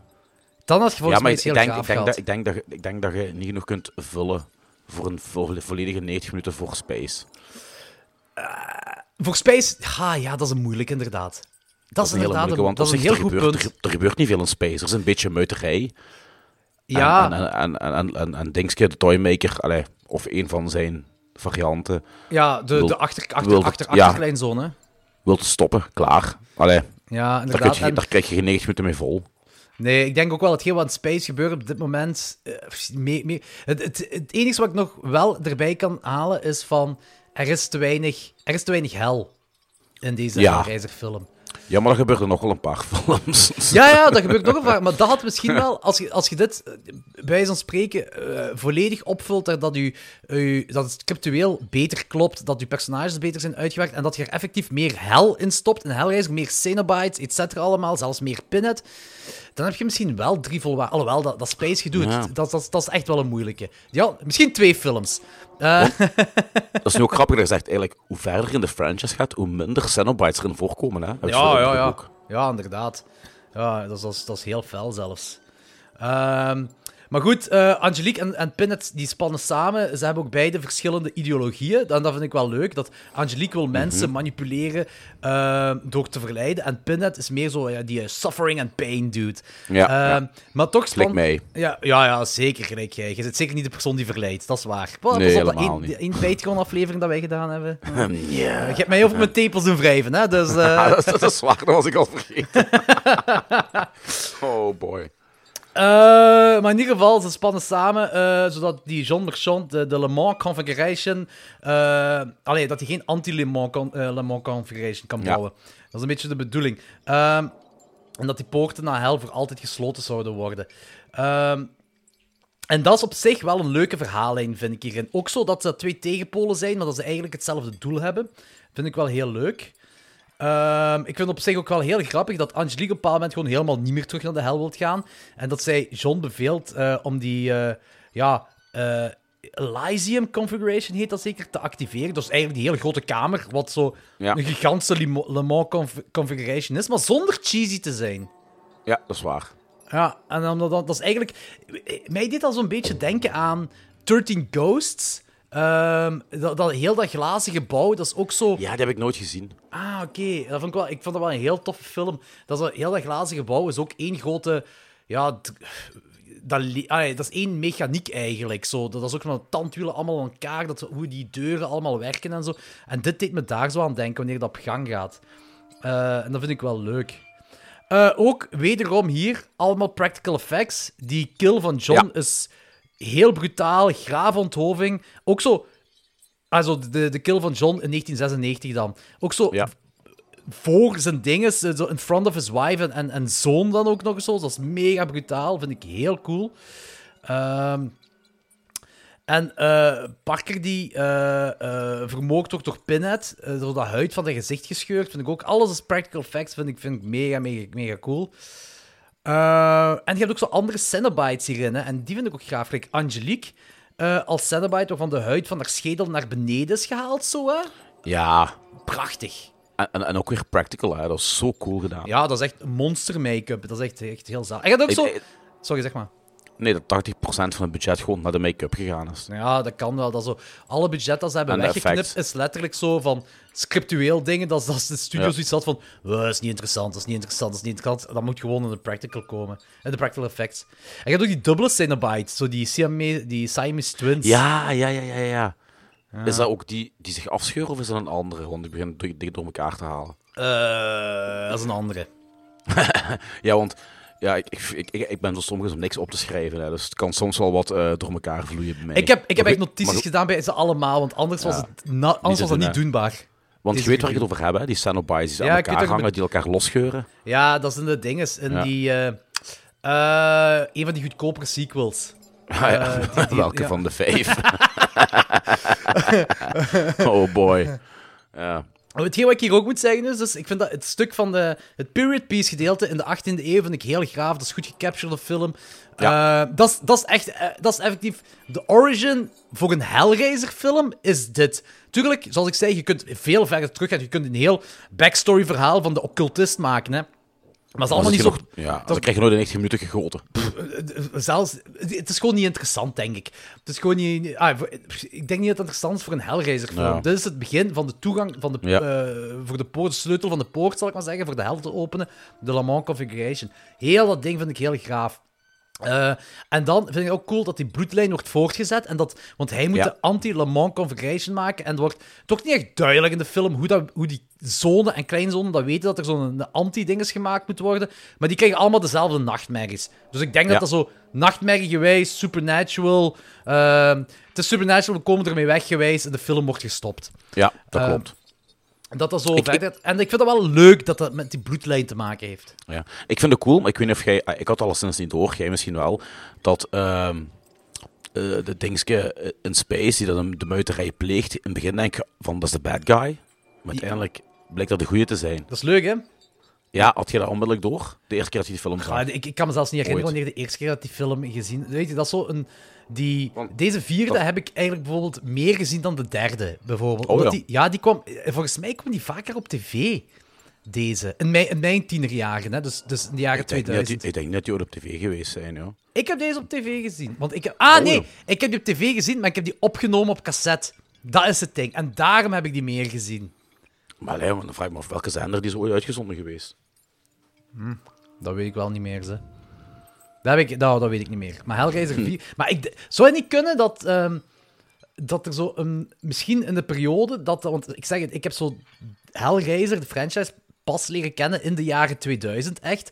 En in de jaren 2000 kwamen al die shitty sequels uit. Dat er een beetje bus was rond zo'n sequel. En dat ze dan daarop gesprongen zijn en dan zo een hoop Hellraiser-films hebben laten zien. Weet je, ik, ik kan me eigenlijk eh, van de jaren 90 en van de jaren 2000 vrij veel herinneren wat er op eh, VT4 en kanaal 2 kwam. Want eh, de BR, BRT 1, hoe heet dat nu? 1 zeker. Het tweede kanaal daarvan, wat nu Canvas is, die zond vroeger wel horrorfilms uit, maar dat was meer zo de standaard jaren 80 Amerikaanse, soms Italiaanse. En. Holland? Nee, in Holland zond eh, ook horror uit, maar zelfs eh, ook films van Margretti, gelijk eh, de Vietnamfilms en zo. Ehm, kanaal VT4 zond meer exploitation uit, gelijk de Exterminator en zo. En kanaal 2 had horror, maar ik kan Ja. me niet herinneren dat, dat, dat ik ooit een Hellraiser... Ik denk Hellraiser 1 heeft ooit op BRT2 op Canvas gespeeld, in de tijd. Ja. Ik heb Hellraiser 1, en, en voor de rest herinner ik me geen enkele Hellraiser op tv. En de Hellraiser-films heb ik, eh, de eerste, de eerste Hellraiser-films heb ik in de videotheek gehuurd. Eh, en dan daarna eh, ook gekocht op DVD. En die Hellraiser 4 die had ik effectief op een gekopieerd, ah, zo'n videocassette wat ik kopieer van, ja. van, van tv. Zot. Maar ik weet niet welke post, dat weet ik niet. Maar deze heb ik dus vrij vaak gezien. Maar dus nogmaals, ehm, ik denk niet dat ik, eh, zeker niet op die leeftijd, eh, al door had dat dat de, de good guy was. Alhoewel, Le Marchand een vrij charmante kerel is. Dat wel, maar ik, had, ik denk niet dat ik dat doe, want het, was, het gaat effectief over muiterij. Je ziet al op het begin al die mensen daar binnen gaan en hij is zo'n Terminator-achtige robot eh, Ja. een, een, een Configuration aan, aan het laten openen, wat heel slim is trouwens, om te doen als je weet, de backstory van heel dat ding weet, van, eh, dat, dat je dan de hellen gezogen wordt en zo. Dus dat, daar heb ik geen idee, maar ik denk niet dat ik dat door had. daar kan ik wel van uitgaan. Ehm, maar dat vind ik ook heel het ding aan het space gedoe. Als je zegt, ja, Pinhead in space, gelijk Leprechaun in space, Jason Voorhees in space. Allemaal vrij cheesy films. Maar deze gedeelte in space, ik vind dat dat niet cheesy overkomt. Nee, nee. Ik vind dat vrij het ook serieus is. Ja, dat, dat, dat, dat verraste mij eigenlijk. Ja, want dat is het ding. En eh, ik, ik, zeg, ik zeg het ook altijd een beetje lachwekkend als mensen over Bloodline praten. Ik zeg, oh ja, Pinhead in space, dat is keigoed en dit en dat. Ja, veel Pinhead in space is er niet, hè. Nee. Veel Pinhead... Maar, en en, het is- en dat, is, dat is ook wel een verrassend elementje eigenlijk, want je verwacht dat niet. En ik vind het wel cool. Ja, en die Cenobites die dan op, een, op dat ruimteschip op een killing spree gaan, die nemen echt hun tijd om spanning op te bouwen. Ik denk dat dat een beetje, ehm, dat Alien daarvan een beetje een in- invloed was, omdat ze echt hun tijd nemen, vooraleer er echt zo zot gekild wordt. En dat vind ik heel graaf. Dus daarmee dat ik zeg van het is niet cheesy. En ook, het is een heel vuile sfeer als ze daar die, die, eh, op die killing spree gaan. Ja, zeker. Of zelfs alleen maar- al die Angelique haar lach, dat is echt precies een heks. Ja. Maar dat is wel iets wat je bij elke Hellraiser hebt, hoe slecht ze ook zijn. Elke film is vuil. Ja, ja, ja, ja, dat is waar, dat is waar, dat is waar. En het ding is, die, eh, de Shadower Beast, de hond van Pinhead, wat ook zo heel cheesy klinkt, maar die, die hond is gemaakt van mensenvel. En dat is echt wel, dat is ook weer vuil. Ja, dat herinner ik me alweer niet meer. Oeps. Nee, maar dat, als je- weet je, uiteindelijk, ehm, ik besef dat deze film eh, zijn problemen heeft. En vaak zeggen mensen, het zijn drie films eh, dat niet goed aan elkaar hangt. En ik begrijp dat ook. En dat dat een beetje gerust is om elk verhaal te vertellen. Eh, maar ik vind toch dat dat mooi samenkomt. Allee, ik bedoel, op het einde in Space, dat die andere twee verhalen daar ook mooi samenkomen. Het blijft Eh, hoogst amusant, sowieso. Blijft inderdaad amusant. En plus ook dat uiteindelijk die Space Station de geperfectioneerde Elysium configuration is. Zo die anti-Lamont configuration. Want Ja. dat had ik... Ay, dat is eigenlijk een beetje een twist op, of misschien reveal op heel het verhaal van... Het klopt ergens wel zo. Vanaf in de period piece, we zitten vanaf de 18e eeuw, is hem al op zoek naar, naar de anti-Lamont configuration. Dan in 1996 is dat eigenlijk dat gebouw wat het, het einde is van Hellraiser 3. En hij krijgt de perfecte, was dat, continuous licht. Krijgt hij niet nagemaakt of gebouwd of zo, whatever. En dan daar in space is eigenlijk heel dat ding is dan een gigantische kubus. Ah, dat vormt zich in een gigantische kubus. Wat ook zijn motivatie verklaart om die poort te openen. Dat je effectief zo eh Pinhead hebt die dan de Space Station opkomt. Yep. Ik vind dat fantastisch. Ik vind, Ik vind het ook heel cool. Ik vond het heel cool. Ja, en dat dan alle poorten voorgoed zijn gesloten en Pinhead basically wegsmelt. Dat is gelijk je zegt, hè, dat is een heel mooi einde. Een heel mooi einde, ja. Want in theorie kan die... Ja, je kunt altijd terugkomen. Het is een fucking film. In theorie was echt een perfecte afsluiter geweest van... Het is, gedaan. Allee. In, de, in eh, het universum van Hellraiser dat ze gecreëerd hebben in deze vier films, eh, is het inderdaad gedaan. Tuurlijk, ze zouden inderdaad kunnen verder gaan. Hè? Want dit, de, het space-gedeelte speelt zich af in 2127. Ze kunnen in principe nog 100 jaar verder gaan en eh, whatever allemaal. En dan van, ah ja, maar wegens dit. Dus je kunt erop blijven Ja. voorbouwen. Maar Eh, toch. toch heel mooi om dat zo te kunnen eindigen. Eh, en dan hebben we ook nog zeven films erna die er komen. Ja, oh boy. Maar, anyway, eh Hellraiser Bloodline. Wat vind je er zelf van? Ratings. Ja, ratings. Ik, ik vond het een hoogst amusante film. Ondanks de tekortkomingen die je ook aangeeft, vond ik het heel fijn dat je de origin te zien krijgt. Ehm, ik vond het einde heel leuk. Ik vond de effecten heel leuk. Eh, ik heb die pff, 3,5. Ah, ik niet. ik ook. Zalig. Ik was wel in mijn hoofd... bij- bijna alles. Ja. Ik was al in mijn hoofd, was ik al zo de hele tijd zeggen... Hoe ga ik hier verklaren tegen Anthony dat ik deze film toch nog een 3,5 op 5 geef? Want scriptueel Ja. steekt die film absoluut niet goed in elkaar. Maar Nee, maar die is amusant. die is super amusant, inderdaad. Ja. En als je ook hoort ik- van waar die problemen vandaan komen, dat de studio fucked up en zo, dat ze toch nog dit Ja. ervan hebben kunnen maken... En blijkbaar was ik voor een eikel, want ik heb die op Letterboxd een halve ster gegeven. Dus ik herinner me die film echt compleet fout. Een halve ster! Holy fuck! Maar nu, nu is hij dus naar 3,5 gegaan. Hè? Ja, ja, dat is nice. Ja, jij hebt dat soms als je een film 20 jaar niet meer gezien hebt.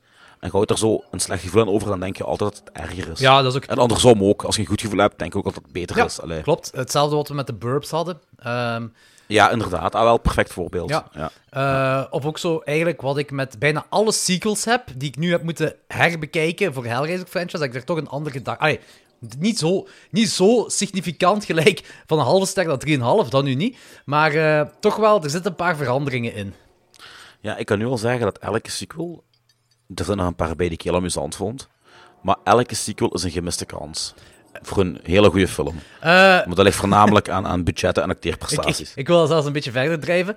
Elke film in de Hellraiser franchise is een gemiste kans. Ja, eigenlijk ik wel. denk, ik denk, ze konden altijd ergens zo... zo zelfs die, die eerste twee, wat ik het hoogst heb gescoord, spoiler alert, er gaat geen enkele film hoger hebben dan dat. Ik vind, ik vind ze allemaal ergens wel een gemiste kans om eh, zelfs die eerste twee tot een perfecte Maar film te komen. Ik denk dat dat al dat bijna elke film komt te maken heeft met budgettaire redenen. Ja, ja, ja, ja, heel vaak wel. Want heel vaak... Ja, en ook zo het, het gedoe van... Ja, dit is origineel geen Hellraiser-script, maar we moeten er een Hellraiser-script van maken. Ja, dat valt ook op, ook in sommige, ja, nogmaals, de sommige van de sequels, dat je echt merkt van, ja, gelijk gezegd, allee, we gaan er nu een paar Cenobites in doen en hebben we een Hellraiser film. Ja, exact dat, ja. Want, want, want Hell, be, onbestaande in een paar films, maar ja, dat is ook trek wel op. ja, wel, voilà. Dat zullen, wel, we zullen er nu op verder ingaan. Want Ja. 2127, ja, het is gedaan met Pinhead, het is gedaan met Hellraiser, maar tussen 1996 en 2127 zijn nog vele jaren, Ja. dus veel potentieel voor sequels. Ja, potentieel, quote, quote. All hell is about to break loose again.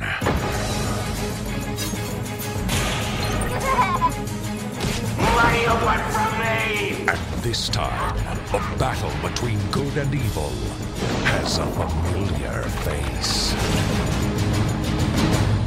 Welcome to hell. Wow, moving on to the next one. Hellraiser Inferno. Uitgebracht in 2000. Geregisseerd en geschreven door Scott Derrickson. Dit is zijn regiedebuut. En hij heeft daarna de twee Sinister films gemaakt. Eh, The Exorcism of Emily Rose. Deliver Us from Evil. De allereerste Doctor Strange film. Allee, de allereerste in de Marvel Universe van nu op dit moment. En eh The Black Phone, die dit jaar is uitgekomen. Ik heb er niks van gezien, maar als ik dan zo de, als de reacties hoor van mensen, dan vraag ik me af, hoe, de hoe slecht waard je dan nu? Die heeft een hele goede evolutie gemaakt dan. Qua Die, regie. Die heeft een hele goede evolutie gemaakt. Eh, nu, dit is zo een van die films Nu- dat ik nu bij, bij een rewatch zoiets heb van... het is een gemiste kans door budgettaire Weet je, wat, weet je wat het grootste probleem bij deze film is? De acteurs. Ja. Oh Want, ja. Fucking hell. Ik, ik ik vond het, ik had zo een leuk film noir element erin. Ja, met die eh, voice-over en al. Ja, en met de detectieve, eh, die ook zo zijn, zijn eh, tekortkomingen heeft, eigenlijk zo de, de anti-hero. Maar die Ja. speelt op zo'n slechte en antipathieke manier dat je totaal niet kunt, eh, dat je totaal niet kunt meeleven met die kerel. Dat is mijn al, al dat, is, dat, dat, dat is mijn ergste, of ja, mijn zwaarste kritiek aan die film. Het is heel moeilijk om eh, zo'n antisympathieke kerel te moeten volgen als lead. Ja. En dan doet hij ook van die cut moves. En dan wilt je normaal gezien gaan supporteren voor ehm, de protagonist, zijn, zijn, zijn collega. Maar die acteert ook... Ah, Tony. Ja, maar die, Eigenlijk maar die eh, acteert- bijna. Ja, maar die acteert ook slecht, waardoor je daar ook geen sympathie voor hebt. En ja... Want holy Nee, shit, joh, want er zitten coole stukken in, hè. Ja, dat is ook. ah, Maar, maar dit is trouwens ook de eerste direct-to-video Hellraiser film. De eerste van zoveel die nog gaan volgen. Ja. Ehm, en dit is lang, ik heb heel lang gedacht, en blijkbaar was ook het ding dat mensen dachten dat dit ook de eerste Hellraiser film is dat initieel geen Hellraiser film zou zijn. En ik dacht dat ook, want makes sense, want deze film, al ja, het is, eh, het is een flikkenfilm, het is een jaren 2000 Ja. flikkenfilm, dus Ja. het lijkt wel alsof ze die, die, die dingen, dat de studio daar een beetje verplicht heeft om daar een, wat Cenobites in te gooien. Maar blijkbaar, Scott Derrickson heeft... Er is een podcast dat ik volg, en die kerel van die podcast, dat is een Amerikaanse podcast, heeft op Twitter effectief aan Scott Derrickson gevraagd hoe zit het met deze film? En zei, nee, nee, nee, dit was... Deze film dat je ziet, is de originele pitch dat ik, dus dat is Scott Derrickson, dat ik en eh, Paul Harris Boardman, dat is de tweede schrijver van deze film, hebben gepit- gepitcht aan de Weinstein-broertjes. Die zegt van, het enigste waar ik achteraf spijt van heb, is dat we daar te weinig... Als ik dat nu opnieuw zou kunnen maken, zou ik er meer hel in stoppen, meer Hellraiser, meer Nu. en, eh, Pinhead en Cenobites in stoppen. Weinstein zal gedacht hebben, hé, hey, er zitten tetten in, breng maar uit, jong. Zo was hem wel, hè. Zo was het wel, ja. Ehm, ja, en die eh, Joseph Thorne, dat, is- dat is dat personage dat we volgen. Het ding is dat hij... Dat is inderdaad dat is een corrupte flik die getrouwd is, die een kind heeft, maar toch naar de En hoeren gaat. dat was wel een cool gedeelte. De de eerste vijf minuten heb je dat niet door. Dat hij corrupt en klootzakker is. Nee, maar de volgende maar- vijf maar minuten volgende wel. wel, ja, ja. Ehm, en, ja, de- en, en ook zo... Ze leggen heel veel nadruk dat die, dat die kerel een briljante eh, puzzeloplosser is. En dat hij gefascineerd is door puzzels. Ja. Ehm, maar ook zo, die gaat naar die hoeren en die neemt dan zo, ja, eigenlijk crime evidence. Want die, ze hebben die puzzelbox gevonden op zo. Het is, het is zo'n beetje de Seven van, eh, van, eh, Ja. van de Aldi, zo. Hè? Ja, dus, ja, eh, inderdaad. zo- Zo'n crime scene en ze nemen dan die, die. Hij neemt die puzzelbox mee, want dat is crime scene evidence, toch neemt hij dat mee. Ehm, en eh, hij neemt dat mee naar de hoer. Dan de hoer dat hij gaat neuken, neemt hij dat ook mee. Die heeft ermee gepoept. En dan gaat hij even daar op het toilet gaat hij dan die puzzel oplossen. ja, wat heel logisch is. Ja, tuurlijk. Eh, ik, ik doe niks anders als ik van de hoeren kom. Ik ga altijd, als ik bij een hoer zit, daarna Ja. op wc om zo'n puzzelbox op te lossen. Even, even lekker scheiden en de hel openen. Ja, heel Ja, casual. voilà. Daarom zijn we hier in deze Hellreiserwereld, Anthony. Ja, ik weet het. Ja, ju- ju- juist nog een ketting kunnen ontwijken die langs mijn wang afschoot. Ja, fucking hell, ja. Eh, in ieder geval, en een straight, eh, straight to video of niet, die eerste twee Cenobites, die grieten, die eh, Joseph tegenkomt, zien er effectief Ja. wel smerig uit. Yep. En als die twee Cenobites hem verleiden en betasten en bezig met Ja. hun handen letterlijk in zijn borstkas, allee, zo in zijn Ja, vel gaan die- voelen. Ja, zo, Zo- op- d- dat lijkt me ook wel het ultieme genot. Eh, Ik snap dat. Ik begrijp het ook. Ik, ik weet Want wat je bedoelt. Als je zo pijn en, en, en, en seks zo eh, laat samensmelten, lijkt me dat wel... Het Een van die dingen. Ja, maar dat is zo goed gedaan. En dat is ook practical, hè? Ja, en ik, maar ik vond het ook slim gedaan om dat te gebruiken. Om zo ehm, eh, van, van, van genot naar pijn over te gaan en dan die mix erin vinden. Maar die zit zo letterlijk, ja, zijn huid en zijn vlees, eigenlijk een, soort van borstzakje zo, hè. Ja. Waar die zo ingaat. En dat is, ja, dat, dat, voor die, het seksuele pijnplezier zo te, moet je, eh, extremer te maken. Je voelt is dat dat echt als wel- kijker. Ja, ja, inderdaad. En ik, weet, ik wist ook op dat moment dat ik niet of ik ge- ge- ja, gedegoûteerd moest zijn of mezelf moest aftrekken. Ik snap het, ik snap het. Volledig, vo- volledig in dubio. En dan, hier hebben we die halve Cenobite die de trap oploopt. Die, eh, die heeft blijkbaar ook een naam, dat is Torso. Eh en ja, ik vind dat een leuke Cenobite. Dat is een halve Cenobite, ik vind dat heel graaf. Ehm, Begin mij vaak En, voor iets te zeggen, ja.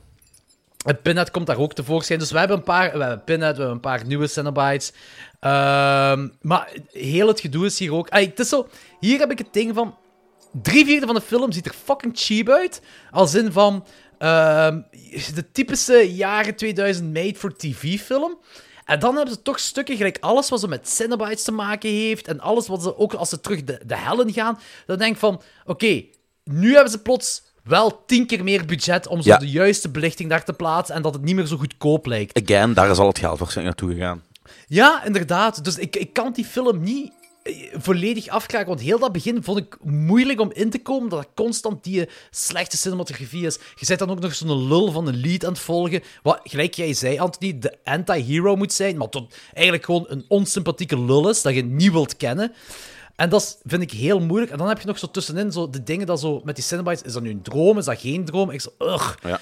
Maar hoe meer dat die film gaat, verder gaat, ehm, hoe meer ik het begon te begrijpen. Ehm, ook die gaat zo naar die, naar die psychiater toe. Dan is de Pinhead die psychiater en zo van die dingen. Ja, ik dat, dat, zag, dat zag op voorhand al aankomen, hè.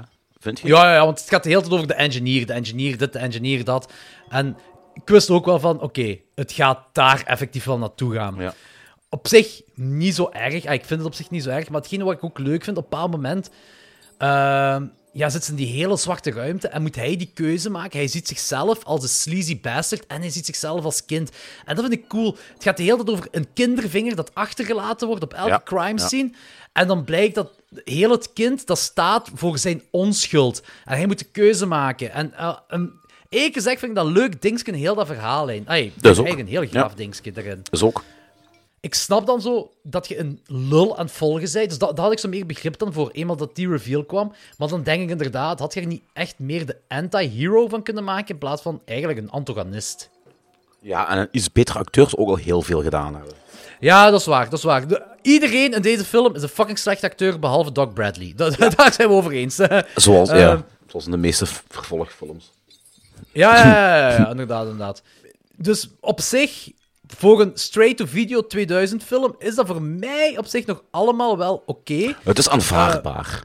want er is ja, in die tijd alleen het- straight to video ja. een veel grotere brol uitgebracht. Dat is een feit. Ja, ja, klopt inderdaad. Dus mij- ik, ik kan zelfs doorheen die slechte ehm, straight-to-video of Ja. straight-to-tv Ja, jaren want- 2000 want- cinematografie kijken. Want het is ook weer Eh, dus- amusant op een of andere manier, die film. Klopt, inder- ja, klopt inderdaad. Het, eh, want het, is, het is het idee van een seriemoordenaar die een kindervinger achterlaat op iedere crime scene en een flik die met zijn partner dit moet oplossen. En ik vind dat nog een leuk idee. Gooi er nog wat demonen, eh een hallucinaties in, whatever. Allemaal practical en het is graaf. Dit is Ja. wat ze gedaan hebben. Ja. Ehm, ik heb wel geen idee waar op een bepaald moment fucking cowboys in moeten zitten. Daar heb ik geen idee. Plots waren er cowboys. Ik- zo, eh, oké, why not? Denk ik.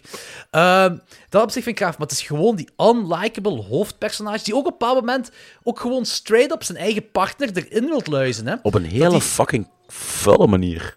Ja, En- op de antagonist manier. En oké, je kunt een egoïst zijn. Dat hebben we door, dat hij een egoïst is. Waarom op die manier? Er zijn eigenlijk duizend andere manieren om, om je eigen zekerheid te geven, weet je? Ja, tuurlijk, inderdaad. Allee. Maar echt zo, uw partner die zelfs Dat- nog dat- zo u wilt beschermen voor de shit dat jij toegeeft Ja. dat je gedaan hebt aan hem.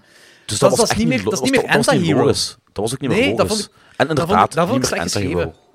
Ja, Waardoor ja, je zo zegt klopt. van, oh fuck it, kerel, ga kapot. Allee, het boeit niet. Ja, en, ja. exact, exact, ja, exact dat. Ik denk zelfs dat dat en- de grootste dick move is uit heel de franchise. ja, echt. Dit is nog erger dan eh Kirsty die Dr. Channert in Hellraiser 2 erin luistert om een Cen- Cenobite te worden. Ja, ja, exact. Eh, ik vind die backstory van de psychiater zelf vind ik wel nog oké. Weet je, dat hij een patiënt had die flik was en in contact kwam Ja, met de ja, ja. engineer en de puzzlebox. Weet je, je snapt wel waarom daar ingestoken wordt, Mhm, et cetera. Ehm, eh, wat wel raar is dat de psychiater ook een fucking priester was. Dat vind ik raar dat ze dat zo... Ik, ik snap Heeft het te maken omdat hij dan zoals zo gezegd dingen van het occulte kent of zo? Ja, ik snap dat wel, omdat, omdat hemel en hel wel dicht bij elkaar liggen.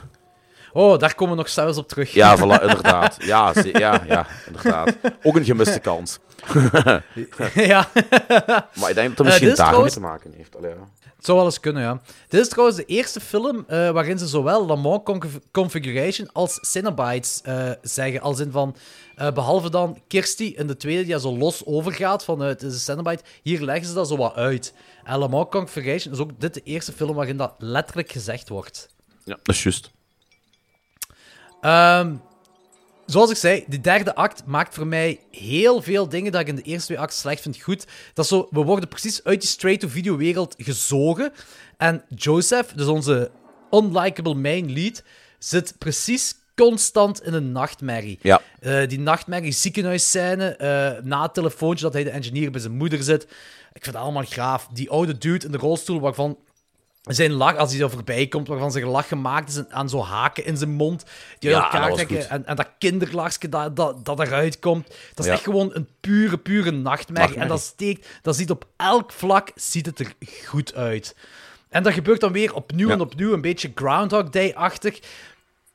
Ik vind die dingen graaf. Ik val voor van die dingen. Zoals ze, zo, als ze in, in de hel gaan, of eh, hoe heet het, het vagevuur heb je soms ook in films, dat ze in het vagevuur zitten. Dat Ja. je ook zo'n loop zit en zo. Dat vind ik allemaal heel graaf gedaan. Ook wanneer hij die kamer binnengaat en zijn vrouw en kind daar vastgebonden ziet, dat ze dan zo bevroren zijn. Ja. Ik vind dat En oprecht, ja, als, oprecht als dan ook die arm afbreekt. Ja, jong, dat is be- Van heb dat ik kind. goed gedaan. Goed gedaan. Ja, dat is echt zo. Dat is heel. dat is- alles wat er met eh, kinderen rond dood en rond eh, ehm, ja, mishandeling of, of zo dingen, ledematen afbreken en zo gebeurt in horrorfilms, kan je alleen maar toejuichen. Want dat is, dat is een taboe. En ik vind dat graaf als dat gedaan wordt. Ehm, fictief, hè? Ja, Graaf ja als dat tuurlijk. fictief gedaan Maar wacht maar tot je kinderen hebt, dan eh, raak je daar echt wel gevoelig aan. en, maar, Ah, maar- dan werkt dat nog mag, beter zelfs. Het mag, hè, maar dan, dan pak je dat harder. Ja, dat is keigoed. Ehm veel bloed en veel gore voor een straight-to-video film. Ook waar, ook Vind waar. ik heel gaaf. Eh, weinig Cenobite-scènes eigenlijk.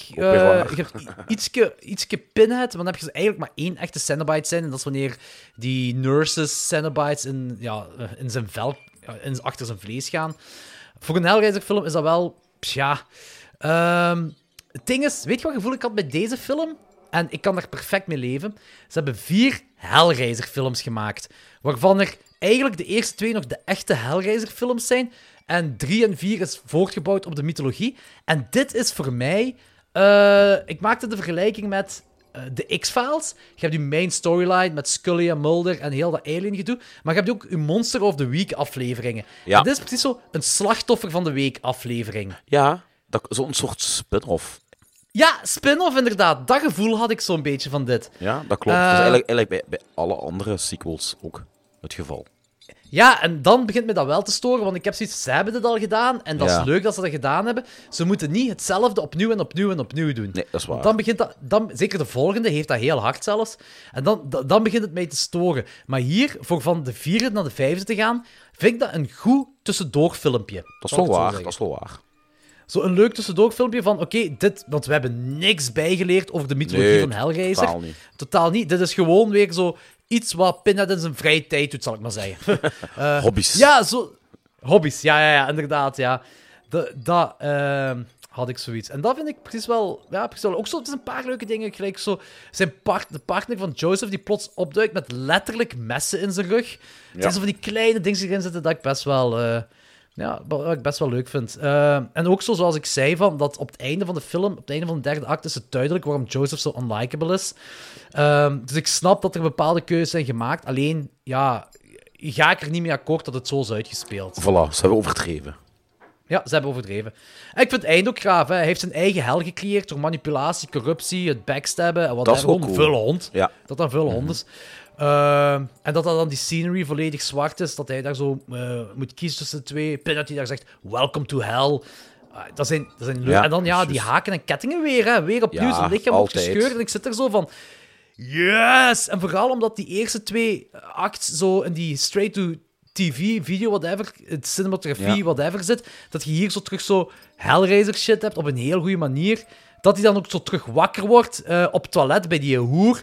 Dus zo gezegd om zijn leven te verbeteren, maar terugtelefoon krijgt van die hoer, dat ze vermoord wordt, et cetera. Allee, die, die ja, hele dat, loop. dat, dat is gewoon, ja, dat is dat, dat, is dat vagevuur wat gegeven wordt gezegd. Het is gewoon een eindeloze Vagevuur herhaling hel, van, van één- miserie. van die twee. Ja, ja, inderdaad, herhaling van miserie.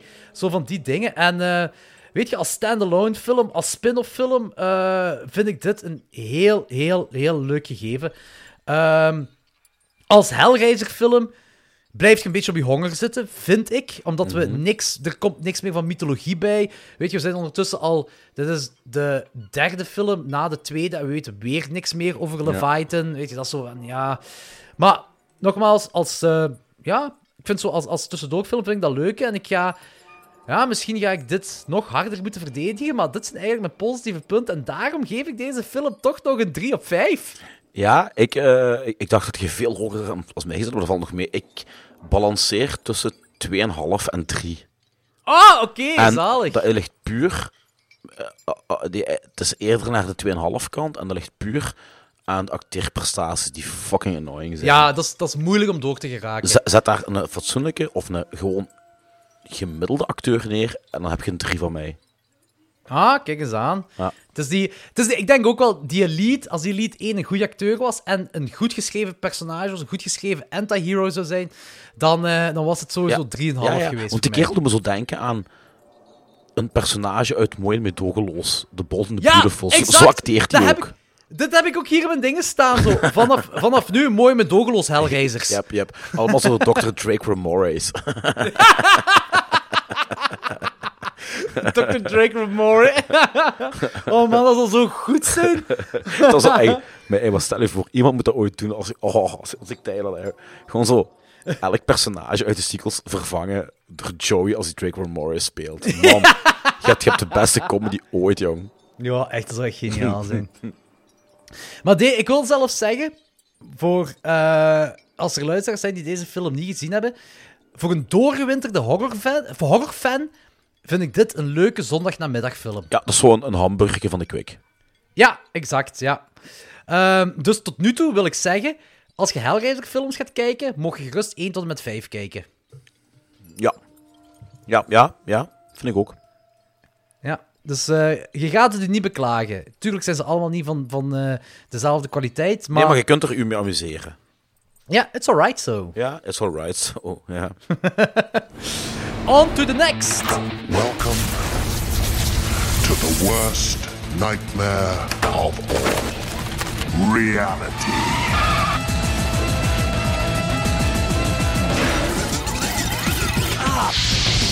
Which do you find more exhilarating? It's Getting hot in here. The pleasure. It's perfect. I prefer pain. Hellraiser 6 Hellseeker uit 2002. Geregisseerd door Rick Bota. Dit is ook een regiedebuut. Eh, en hij heeft ook de volgende drie Hellraiser films geregisseerd. Allee, Boe. hij heeft de volgende twee ook gemaakt. Dus, eh dus is eigenlijk... We gaan nu into de Rick Bota-trilogie met Hellseeker, Deader en Hellworld. Ehm, dit zijn ook... En dat is ook weer zo bizar, hè. Dit zijn de eerste drie langspeelfilms van die kerel, hè. Dus stel je voor dat je, je hebt nog nooit een langspeelfilm gemaakt in je leven en plots de eerste drie dat je maakt zijn officieel, officiële Hellraiser-films. Ja. Ja, ehm, ik weet niet of Dimension daar een goede keuze mee heeft gemaakt. Jawel, ik weet het wel, het is geen goede keuze. Eh, ehm, deze film is geschreven door Carl Dupré en hij heeft ook Hellworld geschreven. En Tim Day. En Tim Day heeft ook Deader geschreven. Dus Hellraiser Deader. En hij heeft ook eh, de Hellraiser, Hellraiser Prophecy. En Hellraiser Prophecy, dat is een, en hou je vast, dat is een crossover kortfilm met The Prophecy. Ken je die films? The Ja, met Christopher? Walken. Ja, dus de Prophecy films en Hellraiser ehm, ja, door elkaar gemengd. What the fuck. Ja, ja, ik moet ja. zeggen dat dit wel de, veruit de meest amusante en beste van de drie is. Van de trilogie van hem, vind ik. Oeh, daar ga ik niet, niet 100% mee akkoord. Als je Deader beter vindt, dan stoppen we nu met de, met de podcast.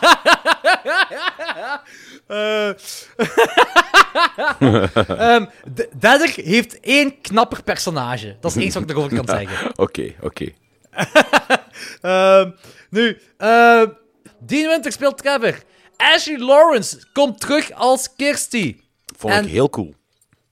Blijkbaar, Dimension Films, die deed er alles aan om dat geheim te bewaren totdat de film uitkwam. Dat weet je, als het verrassing kwam.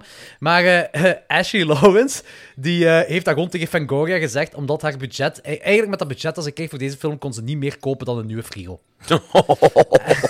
Wat ik eigenlijk zo heel denigrerend vind, want dit is echt een super low-budget film. En de frigo kan makkelijk tot 2000 euro kosten. Voor die, wat, twee seconden screentime dat ze heeft. Ja, eigenlijk Ai, wel, Ik weet het niet, hè. ja. Ehm, en Doc Bradley speelt uiteraard terug Pinhead. Ehm, dit is dus eigenlijk de, ja, dus een, eh, weer een nieuwe straight-to-video. Eh, maar dit is de eerste keer dat ze een script hebben gehad waarvan ze wat Cenobites hebben ingegooid om dan daar een Hellraiser-film te kunnen ma- van maken om de rechten te kunnen behouden.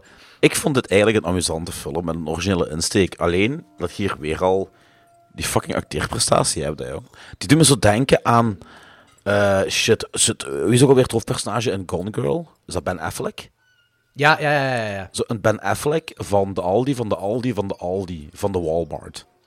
ja. Zo gelijk zes gradaties onder de Aldi. Ja, ik snap wat je bedoelt. Plus ook als je deze film, als deze film begint, die voelt initieel minder straight-to-video aan dan de vorige Ja, film. ja. Ehm, weet je, Kirsty is terug ehm, eh, en je, je hebt dat koppel dan, dus hij en dan de, ja, zei je juist, Ben Affleck van de Aldi, van de Aldi, van dat, dat, dat dingetje? Ja. Die twee zitten daar in die auto. En die crash met de auto van de, cool eh, die van de brug gaat, dat dat is- ja, dat is oprecht cool Dat gedaan. is practical, hè? Dat is allemaal practical. Zij sterft, tussen aanhalingstekens. Ja. En eh, Trevor zit dan in het ziekenhuis en die dromen van, eh, van hem, waarbij de dokter een stuk uit zijn schedel zagen en zijn hersenen porren met naalden, waarbij ze alles heel expliciet laten Oh zien. ja. Echt bijna Oh ja. Saw. Ehm, dan denk ik, alright, cool, mega goed begin van de film. Ze zijn eigenlijk die, die, eh, niveau nou omhoog gegaan tegenover de vorige film. Maar daar stopt het dan. Ehm, vanaf dan zijn er flarden van tv-film-vibe die maar... Ja, die goed genoeg in die film komen waaien. Ja, En maar ik ik, vond dat- heel het gegeven wel goed, want die spelen eigenlijk met het hoofdpersonage als zijnde, is dat nu de antagonist of de protago- protagonist? Want je weet het niet, hè? Nee, en dat vind ik effectief ook... Daar geef ik u gelijk in, want ik vind dat goed gedaan. Dat is heel ambigu, hebben- om het met het klokslag 12 woordje te zeggen. Eh, ah ja, hebben wij daar eh, copyright op, dat woordje? Maar ja, jong, vroeger met Lorenz, echt elke aflevering zes keer het woord ambigu. Ik heb het al een paar keer verteld, ja. ja, ik weet het, maar ik wist niet dat wij daar copyright op hadden. Ja, ja, tuurlijk. Dit is echt het klokslag 12 woordje, ambigu. We hebben het ook uitgevonden, Mhm, ambigu. Eh, ambiguous. Nee, ah, wel, daar geef ik je 100% gelijk in. Als in van... bij de vorige film, hetgene wat het moeilijkste was om door te geraken, is dat die hoofdpersonage een gigantische lul is. En hier blijkt dat achteraf ook te zijn, maar die kerel heeft geheugenverlies. En die komt als de meest likable kerel ever over. Echt, dat hè? die in zijn vorig leven een lul was. Dat, wij volgen die lul niet. Wij komen gewoon te weten dat deze mega charmante, coole kerel een lul vroeger was. En dat is veel makkelijker om te volgen. Dat is, ai, dat, dat, dat, dat is, Maar ik vond dat het is minder cool. zwaar om te volgen. Ik vind het ook een heel cool gegeven. En dat vind ik ook, want ik snap het wel dat zo bij eh, al die Hellraiser, zal ik eens zeggen, spin-offs, terwijl het geen spin-offs zijn, dat zo uw hoofdpersonage, dat moet een lul zijn, want er moet een reden zijn waarom hij met de Le Mans Configuration bezig is en bla bla bla. Heel het skinless Frankie doe eigenlijk. Eh, dus ik snap dat wel, dat dat, dat, dat, dat erin zou kunnen zijn of zou moeten zijn, whatever. Maar hier hebben ze dat heel goed eh, omzeild. Ja. En daar geef ik u effectief wel gelijk in. Eh, het ding wat ik hier wel bij heb, ik vind het hele Kirsty-gedeelte, ik vind dat ze er heel onrespectvol mee zijn omgegaan. Want Hoezo, hoezo? uw iconisch hoofdpersonage komt terug en het enige wat we zien in flashbacks is ehm, dat ze te weten komt dat de Trevor, dat hij dan de Le Mans Configuration heeft gebruikt. Want het zijn zo in snippets, in flashbacks, dat we dat te weten komen. Dus heel het ding, heel haar nachtmerrie van de eerste drie films, komt zo maar in snippets terug in deze film. Zo. Terwijl dat eigenlijk zo... Ik had dat graver gevonden. Nu, pas op, I know, budgettaire redenen, et cetera allemaal, die hadden waarschijnlijk ook maar een halve draaidag voor Kirsty. I get it, hè. Maar, ehm, dus, dus om daar de grootste gemiste kans van de film eh, te zeggen, zal ik maar zeggen, ik had het graver gevonden als dat effectief, ja, eh, eh, dat dat een koppel was. En dat wij zien dat dat een gelukkig koppel is. En dat we te weten komen, net gelijk Kirsty, op het moment dat Kirsty ook te weten komt, dat die het dude met de Le Mans Configuration bezig is. En dat we echt, dat we Kirsty echt als hoofdpersonage Ja, ja, oké. Oké. Dat had ik veel toffer gevonden. Nogmaals, I get it, hè. Budgettaire redenen. Weet je, die 2000 euro per halve dag dat die betaald moet worden om een frigo te kunnen kopen. Ai, dat is niet voor iedereen. Ik snap het, hè. Maar, eh, en plus ook, heel veel die flarde tv-film-vibe. Alles wat een flashback is met Kirsty, is die straight-to-video vibe. Ja, dat is waar. Ja. En ook zo die, die eh, verzadiging van kleuren dat dan is gebeurd. Dat, dat, vind ik... ah. ja, dat is, dat is eigenlijk een soapserie.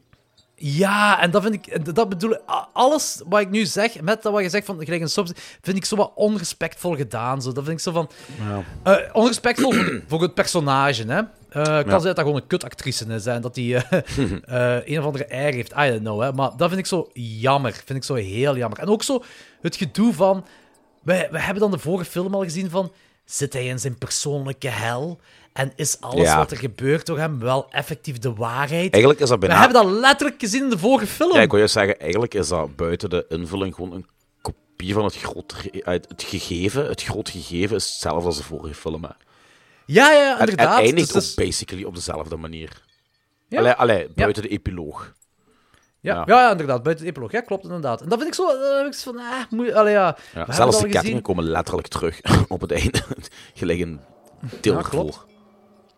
dat was trouwens, daar heb ik echt daar heb ik trouwens even tussendoor oprecht moeten lachen. Hè. Als hij zo de kettingen krijgt op het einde, hoe die schreeuwt. Echt zo... Ah. Dat echt zo... Come on, jong. What the fuck, jong. De, allee, ja. Nee, I get it, I get it. Ja, ja. Het, is, het is echt... Ja, het is... eh, het is niet alleen slecht geacteerd, het is ook slechte re, eh, ac- eh, regie, acte, acte- of acteersregie.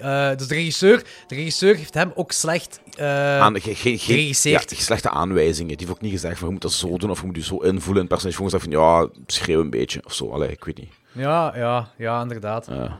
Waar ik wel, waar ik wel op een bepaald moment, allee, een bepaald moment helemaal in het begin had. Die kerel heeft blijkbaar, voordat hij geheugenverlies had, iedere giet ter wereld geneukt. En Ja. iedere giet ter wereld valt voor hem ook. Ja. Zijn baas, eh, weet je, el- elke fucking knappe giet ook. En ik denk van, jezus fucking Christus, hoeveel fucking mega knappe gieten... Die kleden hunzelf ook onmiddellijk uit. Dat, is echt, dat is bijna een cartoon van. Die kerel die komt een kamer binnen en giet gewoon instant panty drop. Nu, ik snap dat wel van- gelijk. Die ene griet die bij hem daar in eh, het appartementcomplex woont. Als je gewoon een lelijke, dikke vent die had, dan zou je ook wel vlugger uit de kleren gaan. eh, Mr. Ben Affleck Aldi. Ja, ja. Goed punt, goed punt, goed punt. Wat ik ook zo heel banaal en vaag vond, is helemaal op het einde van de film, als die, een van die flikken zo aan het babbelen is tegen dat lijk. En zegt van, waarom doet je dat? Ja, die is dood. Je zou toch ook willen dat er nog iemand iets zegt tegen u? Is Van, hè? Allee, Ja, dat was Wow. echt fucking onnozel. Dat was, echt dat was van- zo cringy. Allee, ik dacht zo, wat? Ja, dat, dat was echt, dat was echt cringe. Cringe is het goede woord daarvoor, ja. Dat vond ik ook maar niks. Dat vond ik ook maar niks, Nee. ja. Eh, ik vond ook heel raar dat ze de Lamont configuration, dat die op een bepaald moment rond is, een bal, en dat die dan verandert naar een vierkant. Dat is echt een keuze dat gemaakt is in deze film, Ja, en ik snap niet waarom. Ja. Ja, en eh, de reveal van dat hij eh, en zijn vriend, dus de- die is een maat, dat dat eigenlijk een setup is dat ze gedaan hebben om Kirsty te vermoorden voor het geld. Dat zag je toch Ehm, aan. Allee, op een bepaald moment zag je dat aankomen. Allee, dat, er iets, dat er iets was. Niet, niet 100% dat, maar je wist van, die twee hebben iets bedisseld. Allee. Ik vond dat ze niet eens moeite hebben gedaan om het een, zelfs een beetje verrassend te houden. Nee, dat is waar. Ik vond... eh, en ook... En dat, heb ik, dat had de vorige film zelfs niet. Maar deze film is zo fucking jaren 2000 blauw. Ja, ja. Hoeveel films in zo'n mid, mid 2000, begin mid 2000 hebben zo Ja. de, zo'n specifieke, Blauwe eh, goedkope blauwe, blauwe filter, blauwe kleur. Zo die, een aantal van die Saw-sequels hebben dat ook. Ja. En ik was aan het kijken en Machteld... Die, ja, Machtel heeft een aantal van de Hellraiser sequels meegekeken. En die komt zo binnen en die, die, die zet zich neer om te kijken. En die zo... Is deze film van de jaren 2000? Ik zo, yep. Ja, Ja, ik ik- zie het aan het blauw, zegt Ja, dat is echt, dat is echt. Ja, dat is een heel specifieke kleur. Dat is. Dat is echt een ding van die tijd, zo, van, Ja. eh, zo blauw of groen, zo, maar zo een specifieke tint blauw, een specifieke tint groen, zo. Ja. Ehm, ehm, ja, dus wel, er zitten een paar leuke dingetjes in, zoals de detectieven eh, Lang en Givens, die eigenlijk één entiteit zijn met twee hoofden. Dat, is- dat was wel cringy Ja. C- CGI. Ja. Echt zo, of ja, cringy. Jaren 2000, made for TV CGI, Ja, zo, als je die, die twee koppen zo ziet. Maar is hier- hadden dat is- eigenlijk is ook ook niet moeten doen, hè? Dat is ook als die, die, die, die, die aalworm of paling uit die mond komt. Dat ziet er ook zo meer Ja, ja, ja, ja, dat is echt, uit. dat is, ja, inderdaad. Ja, dat is allemaal heel digitale uitwerking. Zo. Het idee is leuk, maar de uitwerking is Je maakt een cringy paint. digitaal. Je, ma- je maakt een paint gewoon, hè. echt waar. Ja. Ze hadden dat ook niet moeten doen, hè. Mhm. Want het idee is wel leuk dat dat dezelfde entiteit is. Ik vind dat een leuk idee, want je, die twee die zitten ook nooit in dezelfde kamer. Of als ze in dezelfde kamer zijn, dan, dan loopt er ene voorbij of zo. Eh, dus dus ik vind dat wel een leuk gegeven. Eh, maar ze konden toch ook gewoon... Moest dat zonder reveal zijn, dat die twee elkaar... Dat dat twee, een, een entiteit is met twee koppen? Ik vind van niet. Nee. Ik vind dat ze dat gewoon op een heel andere manier... Ze konden ook gewoon zelfs zeggen was een betere optie. Ja, Om het zo cringy te laten zien. dat is waar. Maar dat was, dat was wel de eerste keer in heel die franchise waarbij ik zo'n probleem heb met de CGI. Want tot nu toe... Was alles practical bijna. voor- Ofwel was alles practical, ofwel was het zo subtiel CGI gedaan en heel miniem dat het, dat het niet opvalt. En wat dus goed is. Maar ik, ik weet het niet, hè. Dus ik heb niks van CGI gezien tot nu. Dit was gewoon Jawel, er, en er eh, zijn een paar kleine dingetjes, maar die, die storen niet. Omdat die, gelijk gezegd Ah, subtiel zijn. Ja. Eh, maar zelfs de rest in deze film is wel practical. Dat was Ja. ook het enige dat dat digitaal was of CGI was. Zelfs Trevor die in de morgue terechtkomt en Pinhead die, die komt hem een bezoekje brengen en Trevor die dan gepierst wordt door die haken en die kettingen, dat is allemaal Dat practical. Oké, Kei brutaal, jong. Dat is heel brutaal. Dus Ik denk echt, hè, Anthony, ik blijf erbij. Ik denk echt dat ze iets gevonden hebben met kettingen en haken. Dat je op een goedkope manier, met, wat geluidseffecten en een klein beetje bloed, heel visceraal en, en Ah voelbaar ja, kunt want het maken. komt elke fucking film terug. Zelfs Ja. bijna op het... Zelfs bijna op hetzelfde tijdstip. Je kunt de klok daar gewoon op zetten wanneer dat komt. Zo, Zijn we er zeker van dat dat niet gewoon geknipt is uit de andere films? Dat is echt dat is altijd zo. Derde act, laatste pff, kwartier of zo. Pak tw- laatste dat- twaalfde dat- minuut of zo. Dat, dat is misschien ook het ding, gelijk eh, wat Jonas Govert zei over Duister tegen ons. Van kijk, jullie hebben geen budget. Stop alles wat je hebt van het budget in je, in uw finale, in, finale. uw laatste act. Eh, dat uw opbouw, dat dat effectief kan ingekopt worden. En dat is denk ik met die eh, ehm, mindset ook gedaan bij al deze goedkope sequels. Ja, maar ik vind dat jammer, want ik heb zoiets van... Oké, kettingen, we weten het weer al. Verzin iets origineler. Of laat dan desnoods die kettingen gewoon aan de testikels van iemand eh, uit elkaar Ah, rijden. Maar toch niet weer het ja, fucking ja, hoofd. Ja, ja, Nee, nee, nee. Oké, oké, oké. Daar geef ik u gelijk in, want het is altijd wel kettingen in, in eh, ja, weet ik veel. Ah, me- Meestal is het zo een, een close-up van stukken huid en dan zit je die wangen zo ges- uitgesperd. Zo, Ja, hè. elke film. Elke fucking Ja. film. Ja, dat is inderdaad, daar, daar heb je inderdaad wel gelijk in. Maar ik moet wel zeggen, tijdens het kijken van deze sequels stoorde me dat precies niet. Nee, terwijl, nee, nee, dat is- terwijl, moest het een slasherfilm zijn, of een slasher-franchise, zou ik me er wel aan storen dat ze niet origineler zijn gegaan. Ja, dat is waar. Dat is zo... Ja, ik weet het niet. Maar ik, snap, ik snap je, ik snap je. Ja, voor de rest... eh, ik heb eigenlijk voor de rest weinig opmerkingen over deze film. Ik denk dat ik alles gezegd heb wat ik wil zeggen. Ik vind het gewoon jammer dat... Heel jammer dat die flashbacks, wat ik heel walgelijke flashbacks vind, dat is allemaal voor een of andere greenscreen gefilmd. Dat voelt heel... Ah, je Ja. ziet dat echt. Ehm, en ik vond gewoon dat ze echt Kirsty als hoofdpersonage erin mochten stoppen. Ehm, en, en, en dat ze niet meer zo... Weet je, heel dat persoonlijke hel van Trevor, ik had het al in de vorige film gezien. En weet je, als die vorige film er niet was, was dit, als dit Hellraiser 5 was, dan was ik vergevingsgezinder uiteindelijk. Omdat Ja. dat dan, dan was dat die eh, Monster of the Week film, de, dat filmpje tussendoor. Maar dit is qua grondplan eigenlijk zo'n beetje hetzelfde, een copy-paste van de vorige film. Ja. En daar ben ik een beetje teleurgesteld door, dat ze gewoon hetzelfde hebben gedaan. Ja, Snap je? Dat ik, snap, zo- ik snap heel goed, maar ondanks dat heb ik me er wel nog altijd mee geamuseerd op een of andere manier. Hoeveel geef je de film? Ook weer tussen de 2,5 en de 3, meer door de acteerprestaties en door eh, de made-for-TV-stukken. Ik zat eh, heel lang op. Kijk, ik zat heel lang op een 2 op 5. Maar nu dat we zo doorheen de film aan het gaan zijn, en zeker omdat er zoveel stukken. Ja, met die practical. eh, Alles wat practical is, is gaaf. En ook zo dat begin, dat is heel gaaf met een visceraal in die hersenen porren en et cetera allemaal. En het idee Is- op zich. Ik vind het een gaaf idee dat Kirsty samen is met iemand die dan uiteindelijk die Lamont Configuration wil gebruiken, die dat achter haar rug gebruikt. En eh het zelf een gaaf idee, maar ik vind de uitwerking vind ik gewoon jammer. Ja. Ik kan niet se zeggen slecht, maar jammer. Misschien zitten we daar ook aan een gemiste kans. Misschien is het weer een, een, een, voor mij dan. Ik bump het wel op naar een 2,5. Mooi, zitten we weer zo op hetzelfde, op hetzelfde level. We gaan gelijk- gelijkmatig op hè, in de franchise. Ja, inderdaad. En ik moet ook wel zeggen, dit is film 6 ondertussen. Ja. Eh, er is nog geen enkele gebuist. Er is nog geen enkele nee. gebuist. Nee. En in mijn Nee. hoofd was alles... Eigenlijk, ik dacht altijd dat, eh, qua, eh, dat de, de, de fanbase alles, alles wat na 3 kwam sowieso buisde. Dat er weinig apologies zijn voor, voor Bloodline. Maar ik zelf was wel een apologist voor Bloodline. Dus ik dacht dat ik zelf ook alles na... Ik had ook initieel alles na 4 gebuist. Ja. Maar nu ondertussen zijn we van... Ja, een, een 3 hebben we ondertussen gehad. Nu weer een 2,5. Ja, maar dat gaat, twee dat, keer gaat een 2,5. veran- dat gaat veranderen, Jordi. Dat gaat veranderen. Oh, maar misschien kunnen we zo goed gesprekken houden, Anthony, dat we gewoon onszelf zo goed gezind maken rond die films, dat we zo vergevens gezind worden, dat we gaan zeggen van... Allee, nog een 4 op 5. Eh, ik, de- ik denk het niet. Eh, nee, we kunnen het proberen.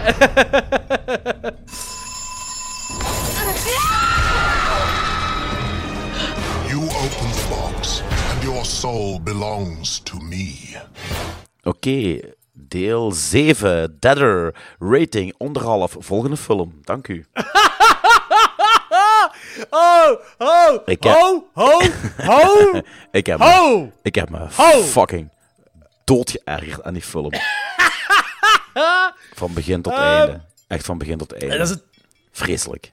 Op alle gebieden. de, film is, de film is uitgekomen in juni 2005. De tweede film van Rick Bota, dus eh, de regisseur van de vorige. Ehm, geschreven door Neil Marshall en Tim Day. Ehm, cast Carrie Wurr speelt Amy, eh, Amy Klein. Eh, Paul Wright speelt Winter. En Doug Bradley is opnieuw Pinhead. Eh, opnieuw een straight-to-video Hellraiser sequel waarvan het origineel script geen originele Hellraiser film zou Ja, zijn. wel, je dacht dat de vorige film blauw was, hè, maar deze film is Dus, Dat is de definitie van blauw. blauwer dan blauw, jong.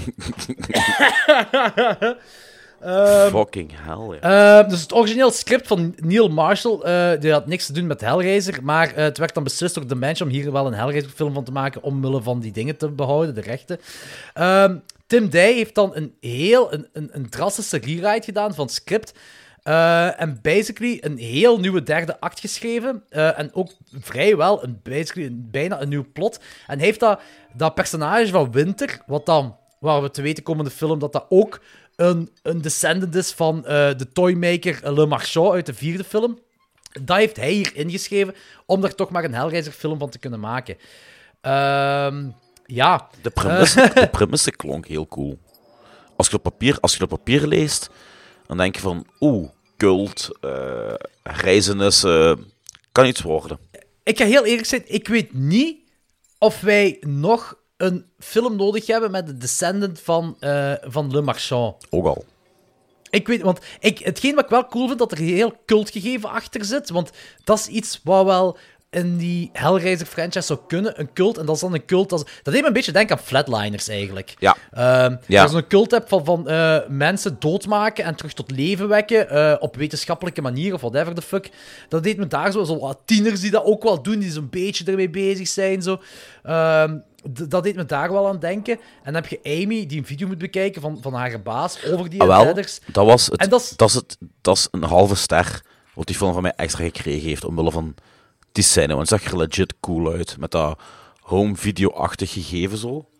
Ja, en dan die griet die haar zelf door de kop eh, Ja, schiet. en dat zag er echt wel zo smerig en, en vuil vuil. uit. Dat Ja. was vuil. Ja, ja, ja. Maar dat was ook het En dan heb je ook zo... En die dude, dat is ook zo... Die dude, ik weet niet wat er aan het gebeuren was, maar dat is zo juist uit beeld, maar het lijkt alsof die dude zich aan het aftrekken is op dat lijk.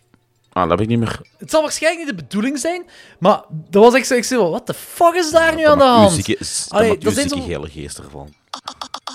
Krijg nog eens over je tepels, ja. Maar inderdaad, inderdaad zo, kijk, kijk op, op papier, op script, ah, zo, het Ja. idee is leuk. Ook zo dat Amy is dan die journalist en die, die tracks down wat er allemaal met die deaders gebeurt. Je merkt ook wel heel hard dat het, dat het origineel script is eigenlijk gewoon Amy, een journalist, die komt te weten over die cult van deaders, eh, dat dan mensen tot leven wekt. En zij moet daar dingen rond doen, zij moet daar zo eh, een Maar reportage dit is rond weer zo. maken. Dat is het zo initieel script. En niet omwille van wat hij doet, want hij doet geen slechte dingen. Dat is gewoon, het is zo, het is, het is gewoon irritant. Ik, ja, dat had ik niet. Ik vond het wel... eh, irritante geit gewoon. Echt? Ah, oké. Ah, dat is wel interessant. Ja, dat had ik, dat had ik precies nu niet. Ehm, Ik, weet, je, weet je wat ik ga doen? Ik ga een paar positieve... Want er zijn ook heel veel negatieve dingen aan deze film die ik zeker herken, maar ik wil toch een beetje positiviteit eruit halen. Er zijn een paar positieve dingen die ik leuk vind, maar dat is ook vooral op papier, niet per se de uitwerking ervan. Maar gelijk, ik vind het wel leuk dat, dat, concept van dat dan journalist is, dat hij dan een reportage moet maken, en die, die moet de, die tracks down, waar die deaders zijn, die komt daar in dat flatgebouw terecht, die weet waar die tape vandaan komt, en dan heb je zo die dode daar, die daar zo in een rare houding ligt. En eh, er is nog een envelop juist achter die lijk. En die moet die envelop nemen, maar die vindt die lijk vies. En ik vind dat concept leuk. Alleen, die hebben dat zo uitgerokken tot eh, ongeveer vier uur of zo. Vooraleer ze effectief die Ja, ja, zoiets, ja. Eh, dat ik, zo, ik had echt zoiets, eh, zoiets van... Ja, ik- we get it. Een lijk is vies en je wilt er niet onmiddellijk aankomen, maar... Dude, Dus dat, dat, dat was zelfs bijna, dat dat was bijna heel comedy. lang. De manier waarop. Er is ook, er is wel terug sleaze gebracht in die. er is wel wat sleaze in deze franchise. Ehm, ik vond het algemeen dat er wel gelijk die. Die, eh, hoe heet het? eh, wagon, die, die treinwagon. Die vond ik mega sleazy. Die sekstreinwagon. Ja, dat was wel leuk. Dat is echt zo één grote sleaze party. En dat vond ik Ja, effectief maar, maar heel vet. maar dat vond ik van, heel gaaf. maar los van de lebberende lesbos, uh, dat klinkt like een Suske en verhaal voor volwassenen, maar wat.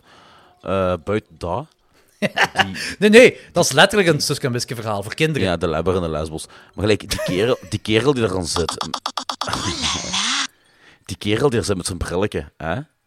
waar hij zo de uitleg gaat vragen. Dat is toch echt wel Ja. de ultieme definitie van een 2002 raver personage, kerel whatever. Ah, ah, ja, ja, Maar ja, echt, ja, dat ja, is- ja. dat is echt- Die had rechtstreeks uit Blij 3 Ja. kunnen komen. Zelfs nee, die mensen zag je rondlopen in de boiler room op Pukkelpop in 2002.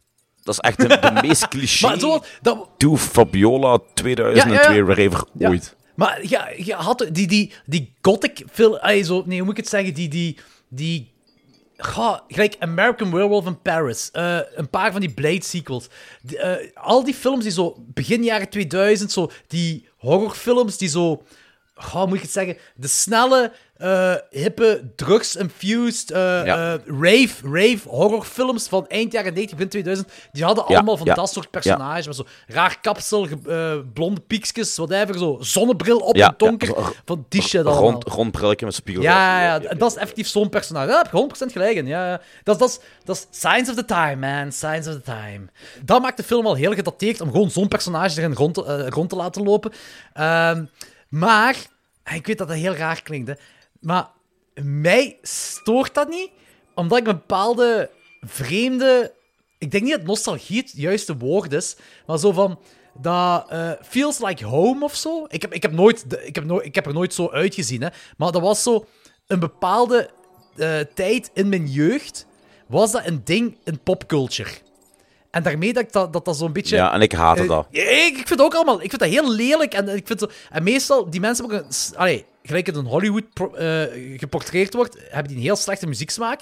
Ik zou nooit vrienden met die mensen kunnen zijn. Maar elke film dat toen op dat moment uitkwam, zeker als dat een tv-film was, en zeker als dat zo de, de films dat op dat moment uitkwamen en herhaald werden op kanaal 2 en VT4, et cetera, die hadden allemaal van dat soort personages. Dus ik, ik heb zo. Ik zeg, nostalgie is het foute woord. Zelfs tien, zelfs, zelfs tien om te zien als van die personages. ik heb Vultuur ook nog zo gezien, ze. nee, maar gelijk, weet je een keer...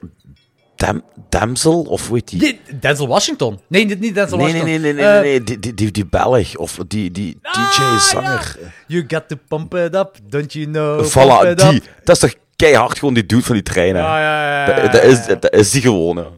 Ja, ja, ja, dat is waar, dat is waar, dat is waar. Ehm, ik moet wel zeggen, ik, je hebt allemaal gelijk hè, maar ik moet wel zeggen, hè, van de drie straight-to-video films dat we tot nu toe gereviewd hebben, vind ik dit het meest hapklare en makkelijkst om naar te kijken ehm, in verband met cinematografie. Ehm, die andere had ik even... Ik vind die andere twee beter, hè. Don't get me wrong, hè. Ik vind die andere twee beter, maar ik vind dat... Ik vond, het, ja, bij de eerste, bij de Inferno, vond ik dat zo moeilijk in het begin om in, in te blijven. En in, te- dat was echt zo een klus bijna, door het de slechte eh, acteerprestaties, die cinematografie, waar ik zo echt van wallig, dat dat ah, zo, zo goedkoop. Eh, en, eh, en die tweede had het dan met flarden, vooral die flashbacks. En deze had dat eigenlijk totaal niet. Die had niet die... ehm, ja, micro-budget. Dat is ook nog altijd low-budget, maar je hebt niet dat micro-budget gevoel. En dat hadden die andere twee wel met momenten heel fel, tot een bepaalde momenten niet meer.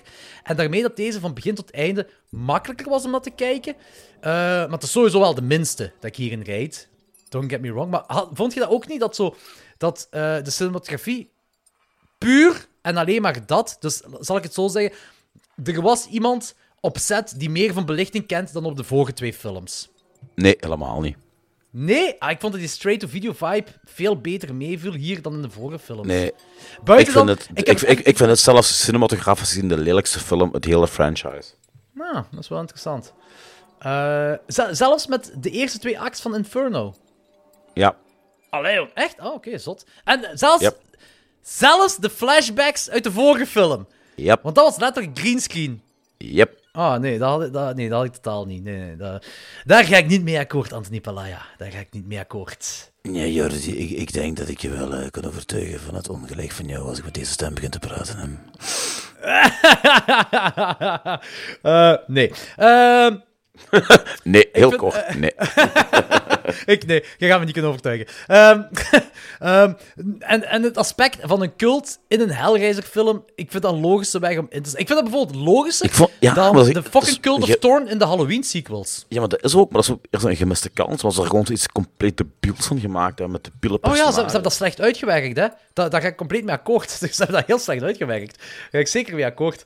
Ehm, ik, er zijn zo, maar er zijn zo bepaalde dingen, bepaalde dingen. Ik zeg, ik blijf daar een beetje positiviteit uit halen. Bijvoorbeeld Amy, die daar vol vuil in een vol, vol met bloed daar eh, in, in dat bad zit, eh, in die badkamer, met een fucking mes in haar rug. En die, zo, die door haar borstkas gepenetreerd is. Dat zijn toch grave, dat is grave imagery. Ja, maar...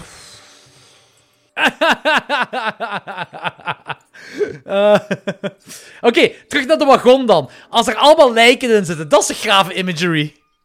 Ja, dat viel nog wel mee. Dat was wel leuk. Allee, dat is toch fucking smeren met al die lijken erin. Ik vond dat heel vet. Dat, is ook allemaal leuk. practical, hè? Ja, dat wel, dat wel. Eh, alles wat we. de- ook die flashbacks die hierin zitten, dat, dat is zo, daar ben ik geen fan van. Dat is allemaal. ah, dat is eigenlijk heel slecht gedaan. Zo ehm gedesatureerd, heel wazig.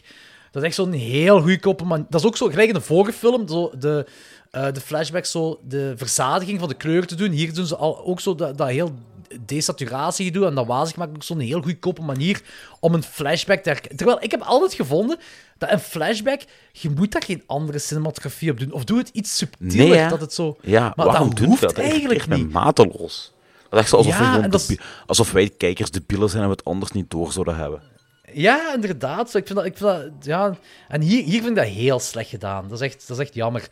Eh, ja, we komen te weten dat Winter dat dat een, eh, een ding is, is zo'n een, eh, nazaat van, eh, van eh, Le Marchand. En ja, ik zeg het, voor mij hoefde dat eigenlijk niet. Voor mij moest dat echt niet.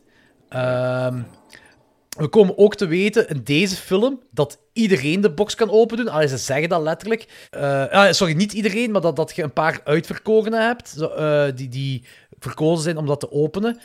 En dat verklaart eigenlijk wel alles tot nu toe in de Hellraiser-franchise in verband met personen die de doos open doen. Dat kun je daar... allee, dat is misschien nog wel te verklaren daarvan. Ja, voor de rest... Shatterer is terug. De eerste film sinds twee... Ja, twee. Dat Shatterer terug is. Ik weet niet of je nog herinnert, maar je hebt zo Pinhead... eh, die, op de achter... ja, die daar zo staat te praten met een van die personages. En op de achtergrond heb je nog twee Cenobites. Eén daarvan is Shatterer. Ja, dat is juist. Dat is juist. Ja, Eh, en ik vind de kill van Winter heel gaaf. Die is volledig in stukken geript. Ik weet, dat in elke film gebeurt dat. Maar in deze film ook. En ik vind dat het is allemaal practical en ik vind het graaf eh, gedaan. Hetgeen wat mij buiten eh, bepaalde andere dingen die slecht zijn in deze film, vind ik het einde heel lame. Er gebeurt niks. Die finale wordt niet ingekopt. We hebben... Ai, daar je gebeurt hebt wel een nog, nog een paar sequels. ja, maar deze vind ik dat wel.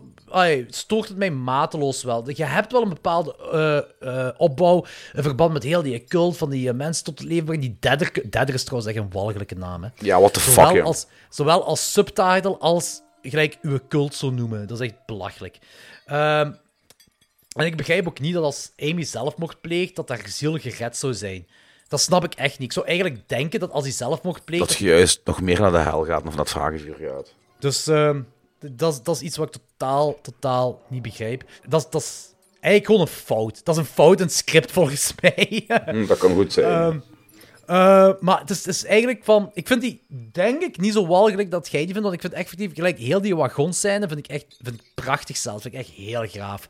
Walgelijk, sleazy, mega beestig. Desalniettemin stik ik toch op een anderhalf op vijf. Jij ook?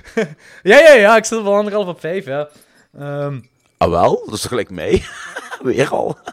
Ja, ja, ja, maar het is zo... Ik vind gewoon dat er bepaalde dingen wel... Er zijn, wel een... Het is... Ja, het is, het is, is een... Het is, absoluut geen amusante film, maar ik zeg ik vind die wel makkelijker om naar te kijken eh, dan...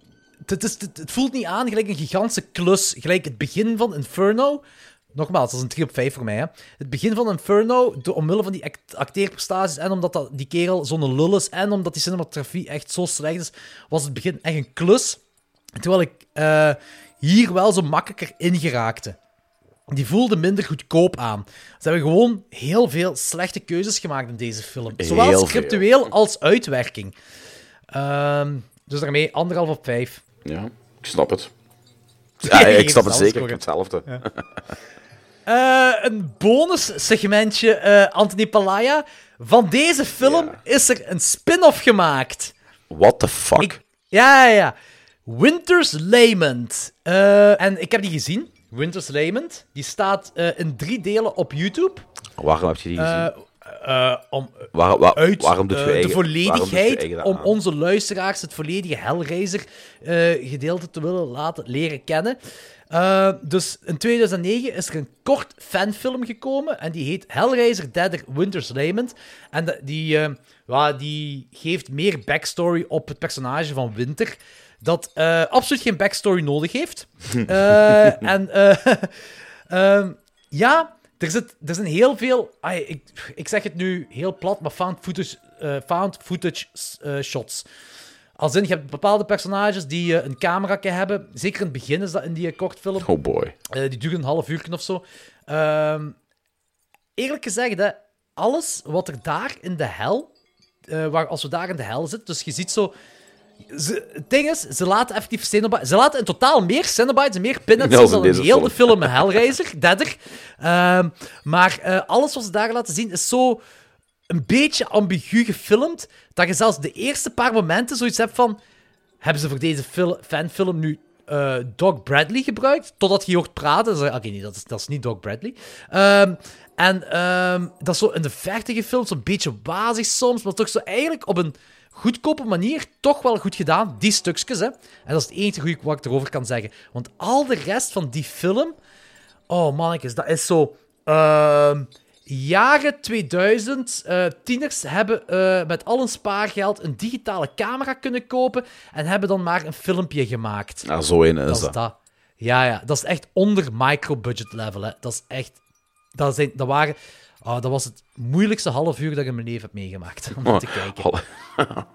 Oké. Ja. En eh, je, je leert ook niks bij, hè. Dus eh, dat gaat over de... Ja, ik weet niet, de, de achtergrond van, van eh, Winter, van dat personage. Maar je leert niks bij en het is ook zo allemaal niet interessant. Ehm, ja, spoiler alert, als ik dit erbij zou zetten als de grote Hellraiser-franchise, maar dat telt niet echt, want dat is een fanfilm, dan eh, zou dat een, mijn laagste score zijn met een half op vijf. Amai, oké. Ja. Dus eh, voor de completists onder ons, kijk het zeker. Het staat op YouTube. I'm going to a real life secret hell world. Hellraisers, let's play! Welcome, Hellraisers. Invitations. That's what I'm talking about. I wouldn't touch that. Is it just a game now?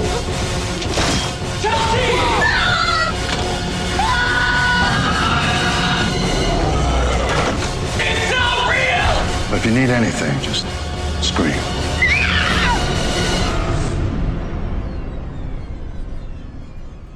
Welcome to hell.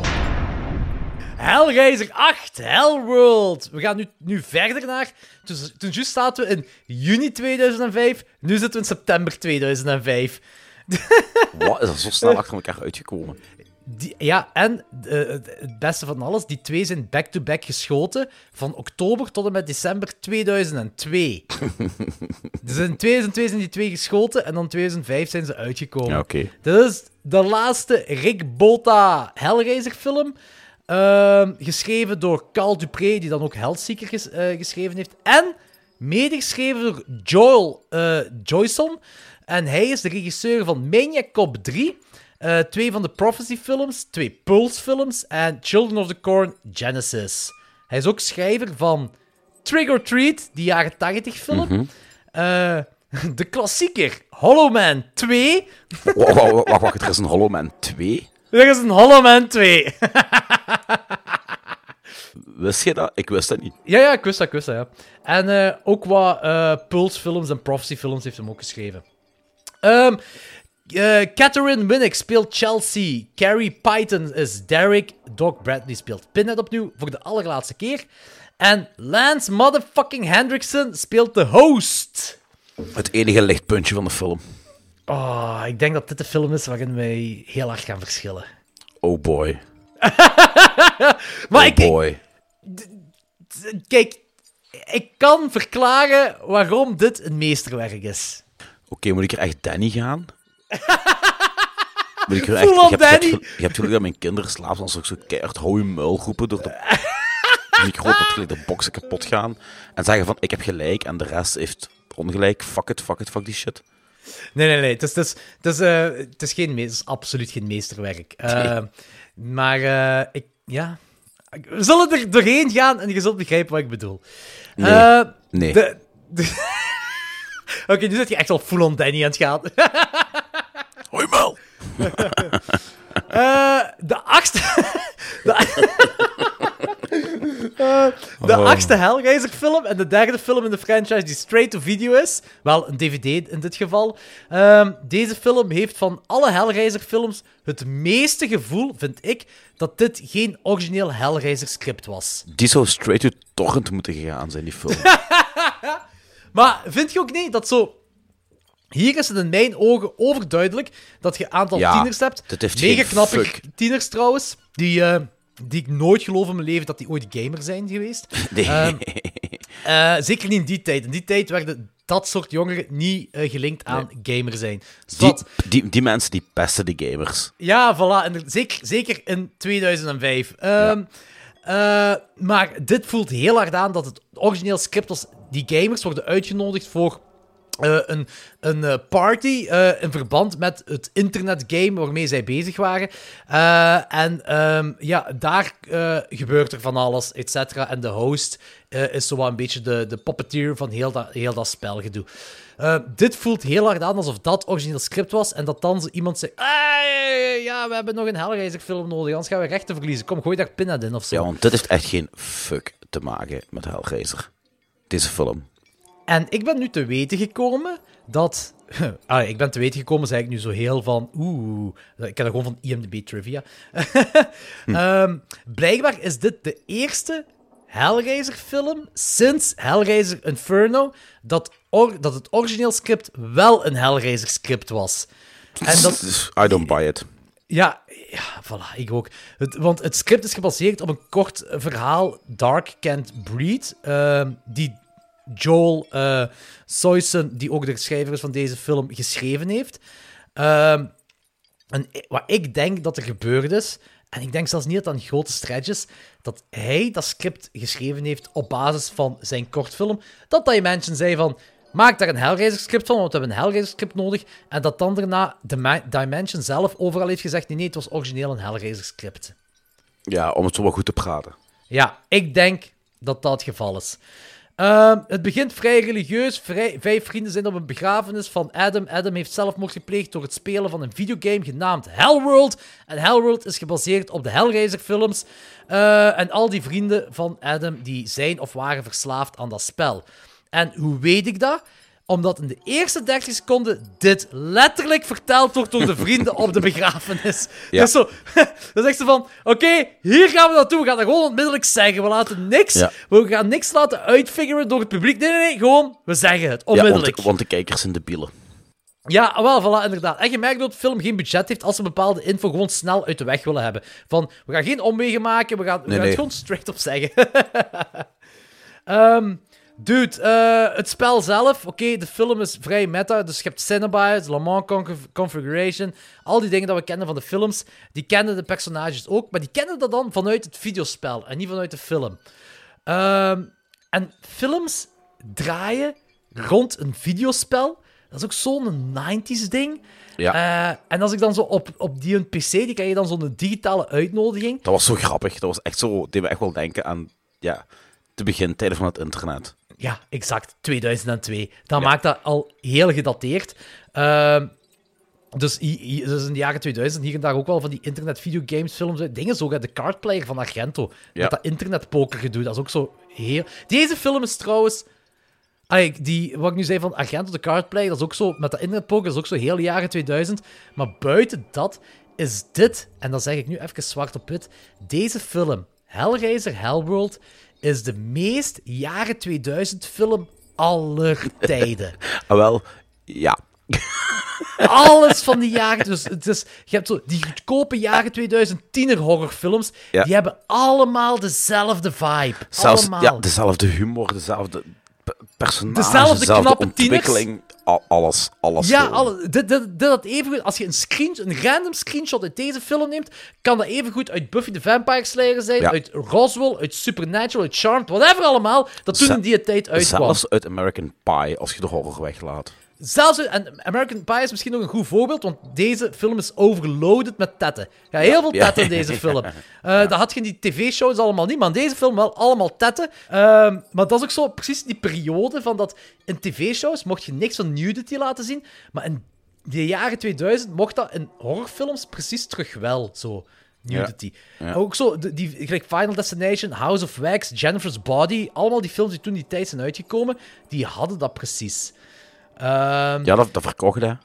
ja, ja, dat verkocht inderdaad. En ook, dat was me ook opgevallen, dit heeft zo dat, die Haunted Mansion vibe. En ik weet dat dat zo een jaren 50 ding is, maar eind jaren 90, binnen jaren 2000, was een klein hype in de, eh, in de horrorwereld ook. Je had zo de, de, haunt, de remake van The Haunting, de remake van eh, House on the Haunted Hill, 13 Ghosts, ook, wat ook een remake is. Wat ik er straks zei, die heeft ook zo van dat het huis basically een personage is. En dat gevoel had ik hier ook zo. Het, het heeft veel met het huis te maken. Het huis is heel belangrijk in deze film. Ja, en, en het, zo- het huis wint altijd. Hm. Uh, oeh!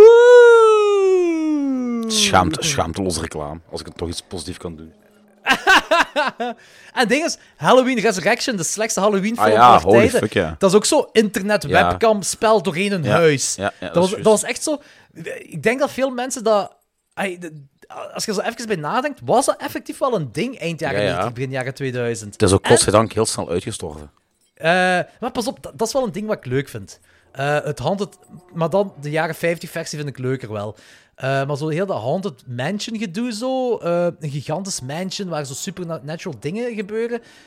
Ik zeg niet dat dat allemaal goede films zijn of dat dat goed is uitgewerkt, maar gewoon dat gegeven vind ik een leuk gegeven. Ik ben ook een heel grote fan van eh, The House on the Haunted Hill van Mike Flanagan, die, die Netflix-serie. Ah ja, dat is juist. Die ik al heel lang aan het aanraden ben. I Ik weet dat jij die gigantisch goed gaat vinden, maar echt steengoed gaat vinden.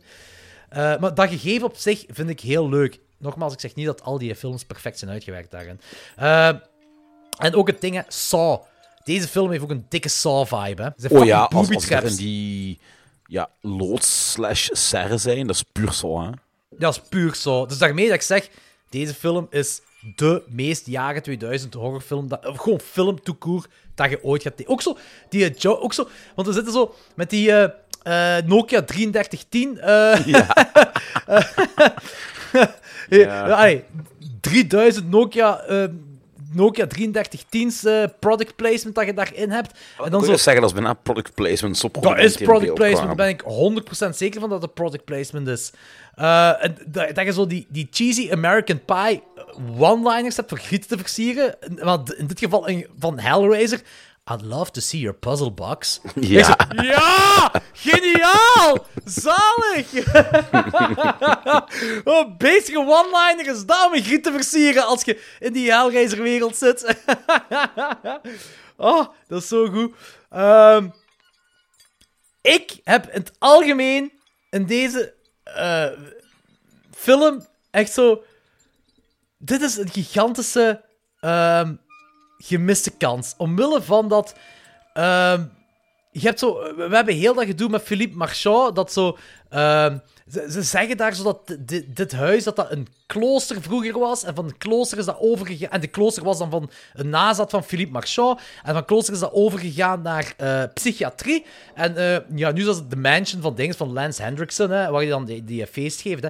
En ik denk van, mannetjes, jij hebt hier een mega bezige tie-in met de franchise kunnen maken en je hebt hem niet ingekopt. Je had perfect... Oké, dat, dat is een klooster van de nazaat van Philippe Marchand. Oké, ik ga erin mee. Dat is een mansion, dat kan van alles geweest zijn. Daarna is het psychiatrie geweest. Hallo, Hellraiser 2, Dr. Channert, die hadden fucking psychiatrie. Had dat daar dan van gemaakt? Dat had de perfecte tie-in geweest. Dat had heel graaf geweest. Want, want dat had ook uitleg kunnen geven waarom Dr. Channert in de tweede zo geobsedeerd was door heel die Hellraiser-gedoe. Eh, eh, dat- hij zo'n een verzamelaar was van al die shit.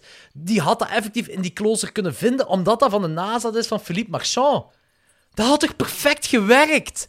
Dat had bepaalde gaten uit Hellraiser 2 kunnen opvullen. Ja, je had een beter film gemaakt, alleszins. Maar dat is toch dat de perfecte tie-in geweest met die franchise. En dat alleen al vind ik echt... Ik haat het als er zo gemiste kansen zijn. Hè. Dat is echt zo... Dat, dat is- ze hadden er zoiets veel beter van kunnen maken. Ik vind dat zo kut dat ze dat niet hebben gedaan. Ehm, het gedoe met dat iedereen een masker moet dragen, dat het nummer op die masker staat, dat ze die, die telefoons moeten opbellen, dat is ook zo... Ja, dat is zo langs de ene kant fucking product placement van Nokia 3310, maar ook langs de andere kant...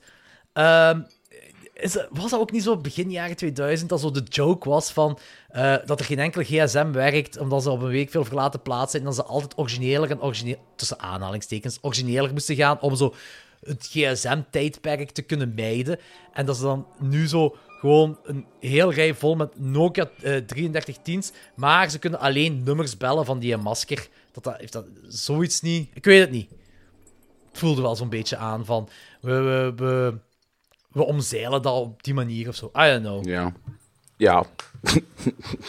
Ik weet niet, dat had ik zo wat de- de- erbij. Zo van, eh, terwijl ik nog altijd vind in een horrorfilm, je kunt perfect het gsm-gegeven... Voor, voor mij part mag dat echt een ding zijn, een trope, om gewoon weg te laten. Gewoon zo, mensen leven zonder gsm. Ik, eh, eh, ja, ja in, in, in mijn boeken eh, ik gebruik ik ook bijna geen gsm's. Ah wel, voilà. En ik vind dat perfect. Voor mij hoeft dat allemaal. Nee, dat is. Ehm, alle kills hierin, omdat er een paar saw-kills in zitten, zeker in dat magazijn, vind ik graaf. Heb ik geen slecht woord over. De kills zijn goed en ook weer al practical. Ja, weer al practical ook. En ook zo, en dat is ook zo waar heel dat Saw-ding aan te pas komt. eh, aan te pas komt. Zo, eh, wat heel Saw-achtig voelt. Dat zo, al die personages die maken één voor één zo. ehm, worden geleid door iets gelijk die kerel met die astma, die, die zo die dingen. De, Ja, ja. eh, ja, heet die inhaler, dat dat zo eh, verdwijnen, whatever allemaal. Ehm, en dan één voor één op een, op een ja, soms originele manier, soms niet originele manier, expliciet vermoord wordt. Soms denk ik ook wel gelijk, op een bepaald moment, ik denk dat dat zelfs, ja, bij die dude met, dat- met die astma heeft, die wordt onthoofd. En dan wordt die, dat hoofd valt in slow motion naar beneden. En het duurt kei lang. En zo, geen, ik snap, ik, ik begrijp het niet. Ik snap echt niet waarom. Is dat echt gewoon om de film te rekken? I don't know. Er is geen enkele reden waarom je die slow motion, want dat is ook zo. Er is ook niets, niks significant achter. Die Nee, is nee. onthoofd en that's it. En waarom moet dat zo naar slow motion naar beneden? I don't know. Ik heb echt geen idee. Misschien was dat een ode aan de Incredible Melting Man. dat gebeurt toch ook? dat gebeurt onthoofding ja. vijf minuten duurt, want je volgt Ja. heel dat hoofd richting beek en whatever. Ja, dat is waar. Eh, heb je ook gemerkt dat er een klein John McClane momentje in zit? Eh, Die Hard momentje? nee, hoezo? Eh, dat, dat Chelsea-personage, die blonde, hè, wat uiteindelijk dan de reveal is dat zij nog leeft en die doodskist. Dat zij, eh, zij zegt de, de lore over heel Hellraiser, legt zij tegen Pinhead uit, wat ik wel grappig vind. Want ik denk van, ja, sure, Pinhead weet dat wel. En, en dan zij maakt al die dingen mee. Zij, belt toch ook de flik en de flikken komen af en de flikken zien haar niet staan daar in, in, in dat raam en zo. Maar. En dan zegt ze op een bepaald moment, ah, come to the party. Zo op een heel sarcastische toon. Ik zeg, ah, die hard. Die hard. Dat herinner ik me al niet meer. Ik denk dat ik me toen al helemaal had opgefokt in die film. Ja, weet je wat het ding ook is met deze film? hè? Ik ben heel dat, dat ding van wat is echt en wat is niet echt. Ben ik, ja, is het al de dat is zoiets van... vierde vanaf, film vanaf, die dat doet, achter vanaf, elkaar. Ja, ja inderdaad. En ik zeg het, één keer dat, dat is Inferno gebeurt en elke film daarna doet dat ook. En ik ben, dan ben ik het beu. Ja. Dan ben ik het eigenlijk wat kotsbeu. Zo van, wat is echt, wat is niet echt. Ehm, Oké, je, je hebt wel bepaalde kills dat dan... Nee, dat is allemaal niet echt, want alles, ze zitten daar onder de grond begraven en... Ja, dat was wel een leuke, tussen aanhalingstekens, twist. Dat is heel het ding aan deze film, want dat is mijn conclusie. Als dit niks met Hellraiser te maken zou hebben, hè, zou dit voor mij persoonlijk nog een leuke jaren 2000 film zijn die je zo op een vrijdagavond op VT4 in de tienerjaren gezien zou kunnen hebben. Ja. Omdat zo, dat is heel dat ding is met wat ik zei in het begin. Je hebt, ja, oké, dat het is heel gedateerd, omdat het echt, ja, het is heel jaren 2000, maar je hebt Lance Hendrickson, dat dan die host is, en die doet dat magnifiek goed. Eh, die is eigenlijk de puppeteer van heel dat ding, maar uiteindelijk heeft hij eigenlijk, ja, al die... alhoewel, het, doordat ze Hellraiser erin hebben gestopt, klopt het volgens mij bepaalde dingen niet. Ze, want ehm, we komen te weten, de reveal of de twist, whatever, is toch zo dat eh, elk personage op zich die bepaalde drugs of stof in zich heeft gekregen. En ze laten dat tijd in flashback zien van wat er allemaal... En dat vind ik wel leuk, wat er allemaal gebeurd is eh, eh, met die personages. En dat de be- eh, bepaalde key-momenten, ehm, dat er dan... Dat is eigenlijk dat zij die drugs in hun hebben gekregen. Waaronder Pinhead, die een pin uit zichzelf neemt en dan een van die personages steekt. En ik ga erin mee, oké, die doet dat, maar Pinhead bestaat niet in deze wereld. Nee.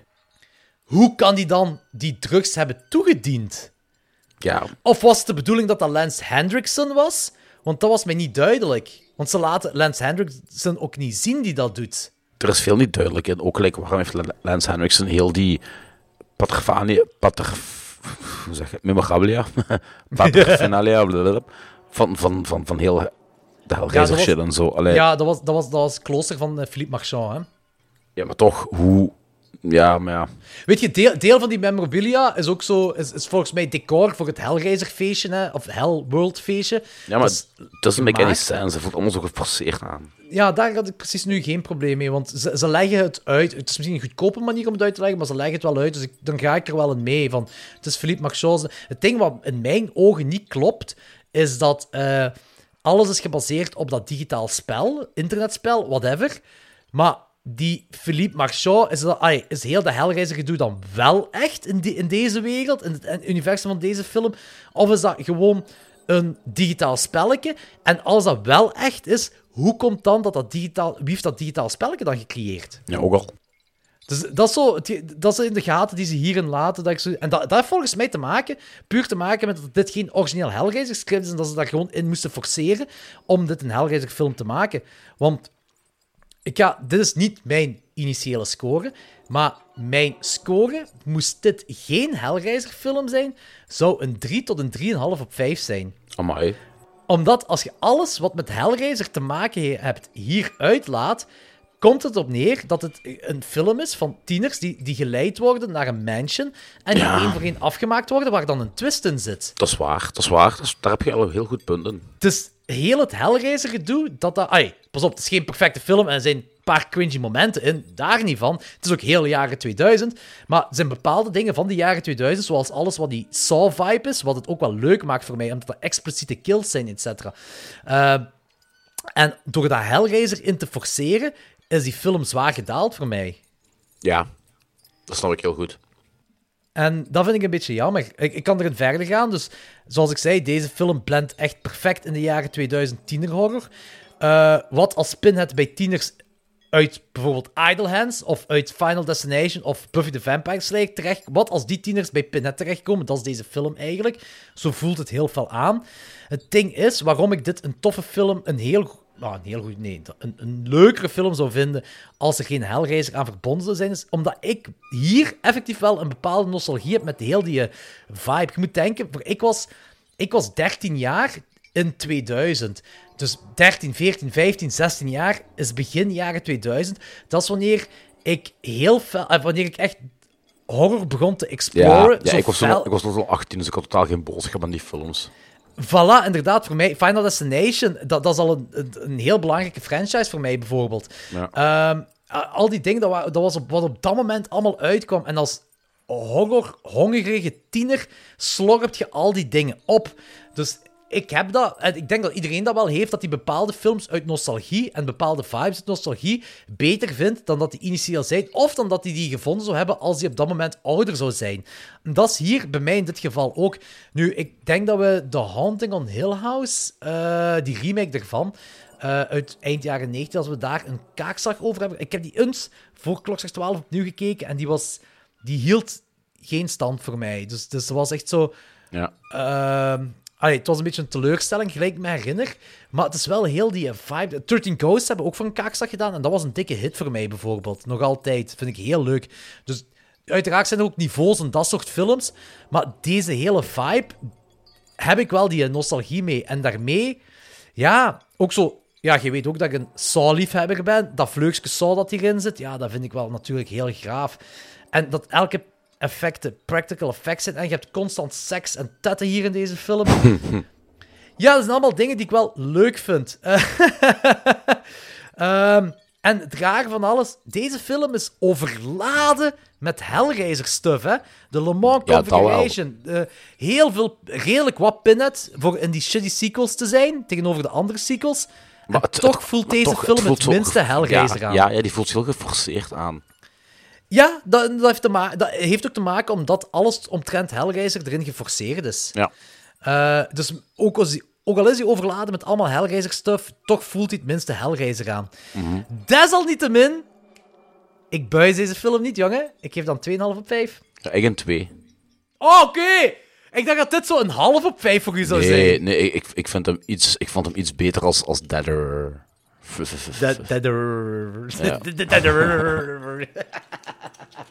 Oké, een 2 op 5, dat valt dan nog. Ja, ja. Eh, maar, maar je snapt waarvan ik vandaan kom om Helemaal. dit een 2,5 te geven. ja, ja, goed onderbouwd, ik snap helemaal. Ah, dat is goed. Dat is eh, leuk om te horen. Het is ook de andere tijdsgeest die hier vooral mee te maken heeft gehad. Zo de, de, generation gap, ook al is het maar vijf jaar. Maar Ja, nee, dat klopt inderdaad. Ja. Ik, was, eh, ik, ik was pas mijn tienerjaren... Allee, ja, nee. 2005 is die uitgekomen, dus dan was ik... Ja, op dat moment was ik wel al 18 toen die uitkwam. Maar ik, ik, ik heb die, die film ook niet gezien toen, ik uit, toen die uitkwam. Ik heb het over de films die mij Ja, nostalgie geven in deze Ja. vibe. inderdaad. En dat- toen was ik wel 13, 14 jaar. Ja.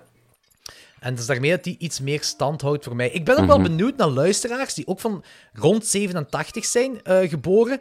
eh, of die ook zo... En die eh, redelijk hard into horror zijn, gelijk mij. Of die ook zo'n beetje hetzelfde hebben meegemaakt, zo eh, rond dat soort films. Daar ben ik wel benieuwd naar. Want voor die mensen, die gaan zich ook kunnen amuseren met deze film. Eh, ik zeg, het is voor mij is het echt alles wat met Hellraiser te maken heeft in deze film, dat het naar beneden eh, draagt. eh, voor mij. Ik denk dat Dus dit, ja. een, dat dit de, hel, een van de Hellraisers op IMDb die het minste gescoord heeft. Kan dat? Is dat echt? Ah, dat zou kunnen. Daar heb ik zelfs niet naar gekeken. ik ga eens kijken. Hell, Hellworld, hè. Ja, Hellworld. En deze... Ja, deze... Nee, deze is een 4,2. Dus er zijn Oh, nog 4,2 is eigenlijk... 4, Dat, eh, dat, dat, dat is voor, dat voor IMDb heel veel. Voor een horrorfilm is dat vrij veel, ja, eh, op IMDb. Eh, ik ga ze doorheen, heel snel doorheen ze allemaal gaan. Hè. Ehm, Hellraiser, de originele, heeft 6,9. Wat, ja, ik, ik had meer verwacht. Hellraiser 2 heeft 6,4. Hellraiser 3 eh, heeft 5,5. Hellraiser 4, nu gaat, nu gaat het komen, heeft 5,0. Inferno, Hellraiser Inferno heeft 5,4. Hellraiser Inferno heeft op IMDb meer dan Hellraiser Bloodline. Hellseeker, eh, dus Hellraiser, dat is de 6, heeft 4,9. Deader, degene die wij het slechtste tot nu toe gereid hebben, heeft een 4,4. En 10.000 stemmen, hè. Eh, ja, Hellworld eh, heeft, zoals we eerder zeiden, 4,2. Het is de volgende die zo laag is. Revelations 2,7. Ho, ho, ho. Ja, en Judgment heeft 4,3. Dus, dus eh, de volgende. We zullen, we zullen één keer into de volgende gaan, anders. Ja, ja. Are we rolling? Yes. can you get a shot of downtown LA before we before we say goodbye to it forever? Bye, LA. This is gonna be an epic journey. There is no better buzz than a tequila buzz. That is true. Whoa. I'm gonna take her home. She's gonna be my souvenir. What did you do? I don't know, okay? I don't know what happened, okay? She hit her head or something. I don't know. This will take you beyond the limits. How much do you want for it? It's yours already, Nico. De negende. De negende Hellraiser. Hellraiser Revelations. Uitgekomen in 2011. Zes jaar na de vorige. Na de vorige twee eigenlijk. Eh, geregisseerd door Victor Garcia. En Victor Garcia heeft ook klassiekers geregisseerd. Zoals Return to House on the Haunted Hill. Dus een sequel van de remake op eh, House on the Haunted Hill. en Mirrors 2. Eh, dus eh Mirrors, heb je die ooit gezien? Nee, ook niet. Dat is een remake van een Japanse film die ook Ja. Mirrors heet. Ik, ik, met ik, heb, dinges- ik heb wel de trailer gezien. Ah, oké. Met Pacey uit Dawson's Creek. Ja, juist. Ehm, geschreven door Gary J. Tunnicliffe. En Gary J. Tunnicliffe heeft de volgende Hellraiser geregisseerd. Oké. Ehm, cast. Jay Gillespie speelt Nico. eh, Nick Eversman speelt Steven Craven. eh, Steven Smith Collins speelt Pinhead. De allereerste eh, film waar Pinhead gespeeld wordt door iemand anders. Maar het is niet zijn stem van Pinhead. Fred Totaskior speelt de... Of ja, doet de stem van Pinhead. Wat ook zo'n bizarre keuze is. Hè. Moet je denken, die kerel heeft niet eens het gezicht om Pinhead te spelen, maar blijkbaar ook de Nee. stem niet. Maar het gezicht is echt ja, hè. Ja, dit is, dit is als Scary Movie een Pinhead eh parodie zou doen. Of een, een Hellraiser parodie zou Ah, wel ja. Echt. Dat is de. Pinhead die we zien in deze film. Ik vind dat een walgelijke Ja, keuze. Ik snap dat ook niet. Ik snap dat echt niet. Oké, Nee. ik snap dat Doc Bradley eindelijk na acht films zoiets heeft van nee, eh, deze film doet. Blijkbaar is het ook dat... Deze film is ook wel echt wel een Hellraiser film, als in van... Dit is geen script dat ergens anders vandaan kwam, waar ze wat Cenobites in gestrooid hebben. Dit is origineel een, een Hellraiser film. Maar dat wil niet veel zeggen, want dit was eigenlijk gewoon Dimension, dat zoiets heeft van... Uh-oh, binnen zoveel tijd moeten we nu een Hellraiser film maken. Dus hebben ze op een week tijd een Hellraiser film gefilmd. Dat is letterlijk, hè? Ja. Dat, dat is echt letterlijk dit. Hè. Dat, is, dat, is, eh, dat, is, dat is geen overdrijving. Ze hebben een script gemaakt en op een week tijd hebben ze deze film gemaakt. Eh, en deze film is ook de eerste sinds de vierde dat in de cinema is uitgekomen. Ah, echt? Ik, kan me dat niet herinneren. Eh, maar met cinema bedoel ik één cinema, één screening voor de crew, die eh, openlijk, publiekelijk gezet is geweest. Ah, oké. dus basically één crew screening die ook wel publiekelijk was. Maar ik weet niet hoeveel eh, mensen daar effectief wel we- dat, dat wisten dat, dat, dat ze daar naartoe konden gaan. ik vond dat eigenlijk een leuke film. Oh boy, dit is de tweede film waar we eh, een eh, harde mening gaan verschillen. Ondanks dat eigenlijk een, een soort van, van, van, van eh, rehash, recap is van deel 1. Ah, wel, oké. Ik moet wel zeggen, dit is de meest scriptueel, of nee, zelfs niet qua idee, is dit de meest Hellraiser-esque film sinds de tweede. Dit is qua idee, is het wel, leunt het heel hard aan. Ah, het is zo, twee dudes gaan naar Tijuana, die zitten daar te feesten en eh, eh, die komen dan bij de Lamont Configuration terecht en shit goes loose. Eh, en je zit ook effectief met een ding van huid verwisselen. En allee, je hebt, je hebt weer incest. Allee, heb- weer. Allee, je hebt- ja. Je hebt niet echt incest. Hè. Je denkt dat je incest hebt, maar dan kom je te weten dat het toch geen incest is. ja, ja, op het Of- moment zelf of- denk je wel dat het incest is, hè. Of, dat is misschien een om over na te denken, eh, puur hypothetisch, Anthony Palaya. Als jij uw moeder poept, dan is het incest, hè? Ja. Maar als jij uw vrouw poept die de huid aan heeft van uw moeder, is het dan incest? Omdat jij denkt dat je moeder aan het poepen bent, Ja. dan is het ook incest. Emotioneel gezien wel, hè. Alright, ja, dat, dat is, ik, ik weet niet of er een, een juist antwoord is, dat is effectief een vraag. Het gaat, het gaat over de zus, niet over de moeder. Ja, nee, maar dat is puur hypothetisch een Ah, oké, oké. Ja, ja, ja. Hier is inderdaad de zus die de broer binnen... Ah, de broer die de zus binnen doet. Uh, Vond ik een heel raar moment, jong. Dat was echt zo, cringy, hè? what the fuck, joh. ja. Eh, maar dat is misschien ook de bedoeling van inceststukjes in films, dat het cringy Ja. aanvoelt.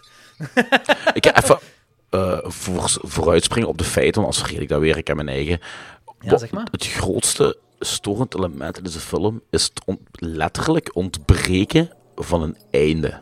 Ah ja, de, Er is gewoon het kan toch geen gewoon afgekapt. Eén keer Het wordt gewoon afgekapt. gedaan. Van, what the fuck? Ay, is ook- ay, hè?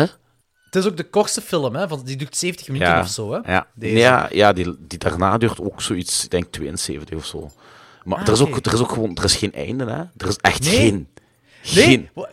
Wa- want Allee. zij neemt zo die Lamont con- configuration vast en plots heb je aftiteling. En ik zo, huh? Ja, je, wordt zelfs niet zo in het ongewisse gelaten met een open einde. Nee, nee, er is gewoon geen einde. Nu, ik moet wel zeggen, cinematografisch is die een pak, is, is er veruit de beste van de laatste vijf sequels of zo. Qua belichting en, Wat? en, en de camerastandpunten, vind ik. Wow, wow, wow, wow, wow, wow, wow, wow, oh, oh, oh, oh, oh. Hier hebben we een duidelijk, eh, een gigantisch verschil, eh, een mening. Eh, ik vind dit de walgelijkste van ze allemaal. Ah, nee, ik niet. Daar, alles wat daar in het huis gebeurt. Ja. Dus ik heb het effectief wat bij de familie, hè. Ja? Dus wat ik, vind, ik moet zeggen, het begin is zo wel een beetje van footage begin, hè, als ze naar Tijuana gaan en dit. En dat vind ik Mhm. allemaal, eigenlijk al, alles wat camrecorder is, hè, dus, dus tussen aanhalingstekens van footage, dat vind ik effectief allemaal leuk. En ik moet ook zeggen, heel eerlijk, hè, toen ik dit begon te kijken, hè, en het begin is toch hun twee in de auto dat elkaar aan het Ja. filmen is, hè. ik van, Ik had, schrik, ik oh, had schrik dat het voor een footage ging zijn de hele tijd. Ah, ik heb dat ik- waarschijnlijk fijn gevonden. Nee, ah, wel, nee, oh, hoe moet ik het zeggen? Ik dacht op dat moment, oh, Anthony die gaat vloeken. maar Ja, ik had op dat moment wel zoiets van, ik vind dit verfrissend, omdat elke andere seek, ja, vanaf Inferno tot, tot en met hier, dat begint allemaal zo, zo Buiten de, de Hellseeker had je wel zo dat niet, niet eh, per se eh, goedkoop begon qua cinematografie, omdat je met die crash van de brug afrijden en zo. Maar al de rest was zo, van, zo moeilijk om door te worstelen door de, door de goedkope cinematografie. En hier komt je ermee weg, omdat dat die found footage is. En ik zo, dat is misschien ook wel interessant om één, want we moeten, dit hebben denk ik nog niet benoemd, maar Pinhead is top 5 van eh, de horror villains. En in al die franchises, horror franchises, zijn ze geen enkele keer in het found footage territorium gegaan. Terwijl het soms wel logisch zo, gelijk een Jason Voorhees, een, een Camp? Lake, als er nu een, dat zou kunnen. Je kunt, eh, als het goed gemaakt is, kun, kunt je daar een found footage film in maken in, eh in Friday 13th. En hier had ik iets van, hebben ze dat effectief gedaan? Zijn ze echt met Hellraiser in de found footage wereld gegaan? Want dat kan interessant zijn.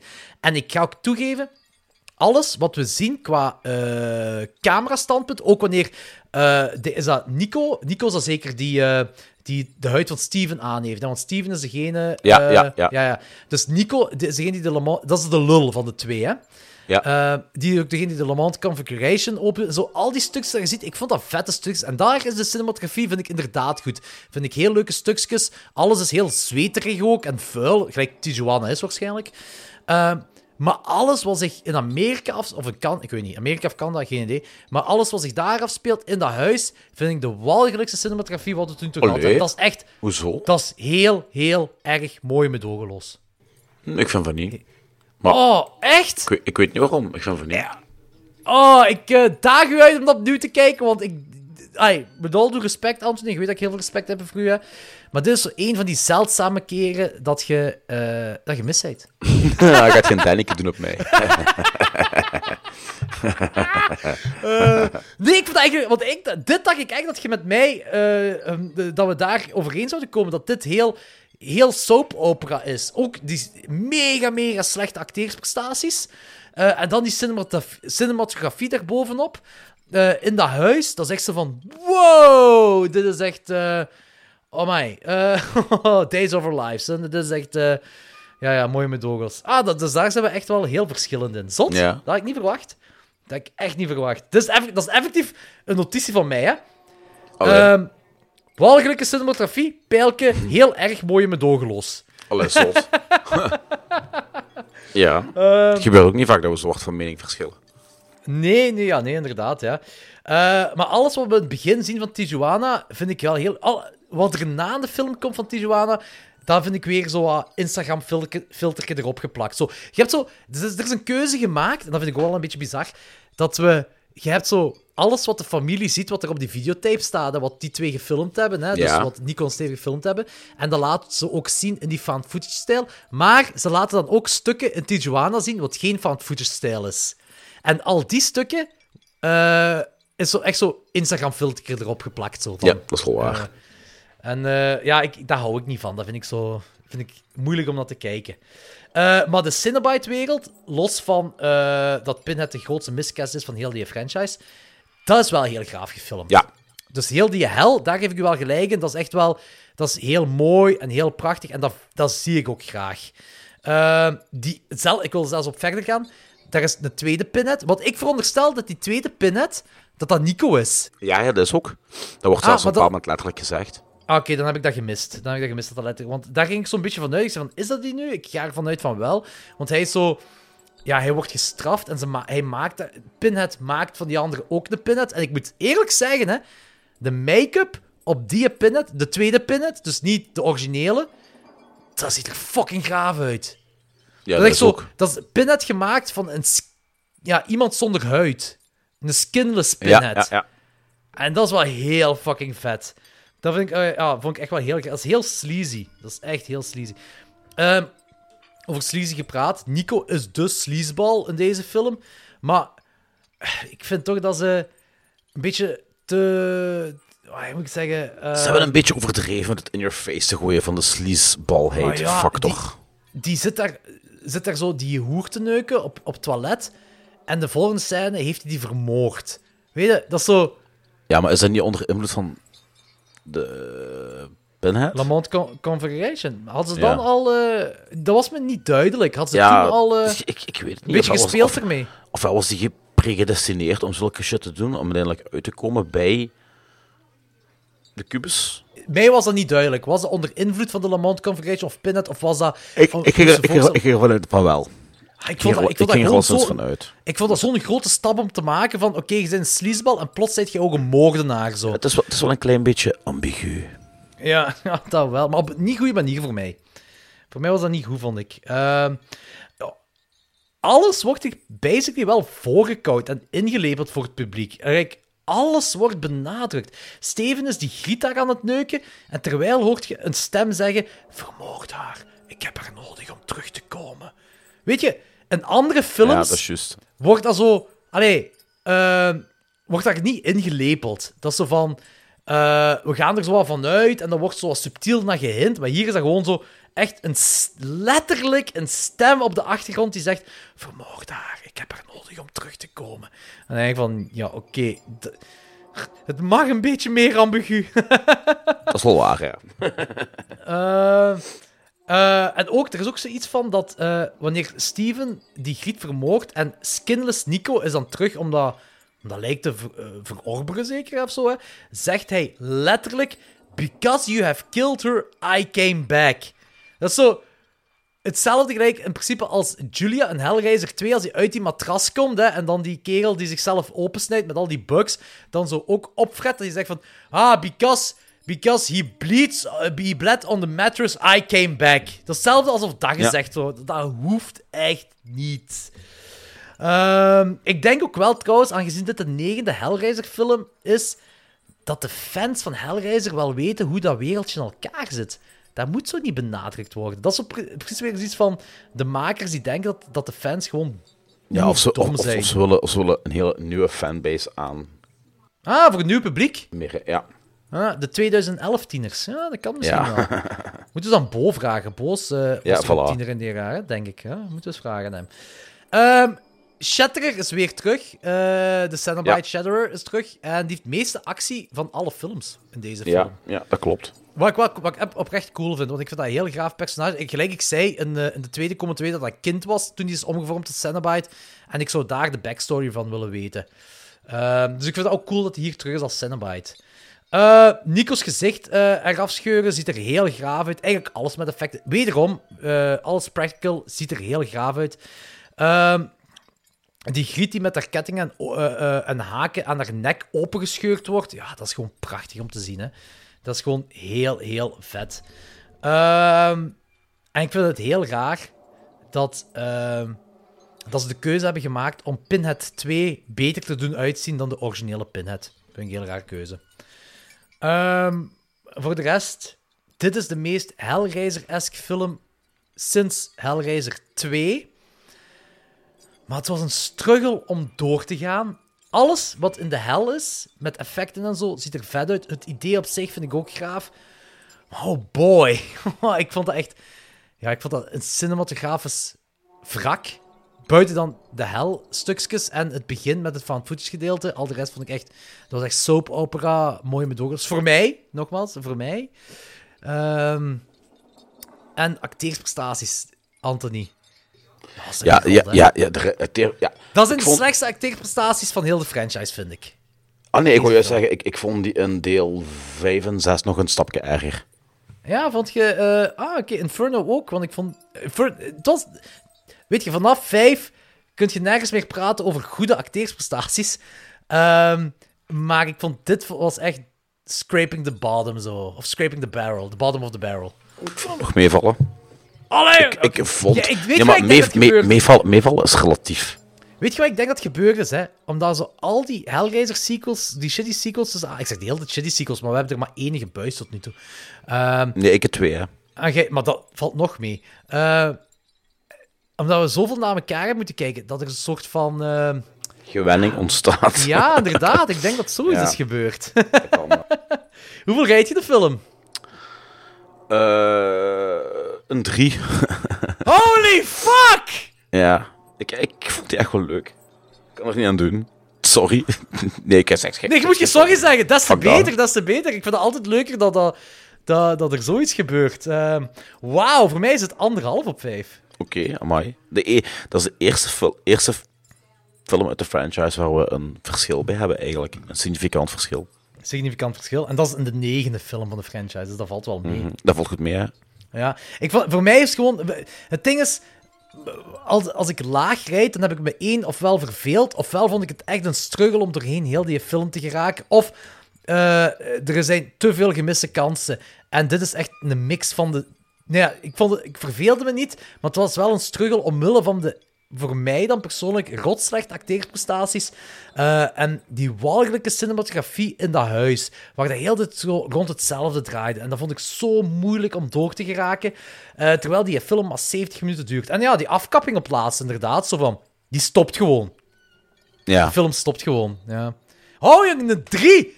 Shit, man! Dat is, dat is voor mij de verrassing van heel de review van eh, heel die franchise hier, dat je deze... Want ik dacht echt zeker in het begin, toen we zo dat van footage ding hadden, ik dacht van... Ja, ja, dit gaat het half kop 5 zijn voor Anthony. Als dat found footage was gebleven, was waarschijnlijk wel het geval geweest. ja, ja, dat zou kunnen, het zou kunnen, ja. Het zou kunnen.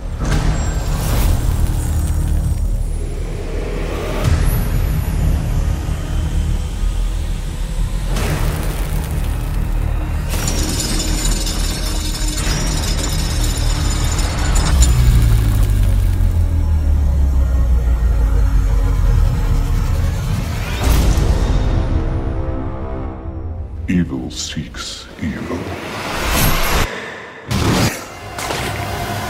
De voorlaatste van de, eh, van de franchise.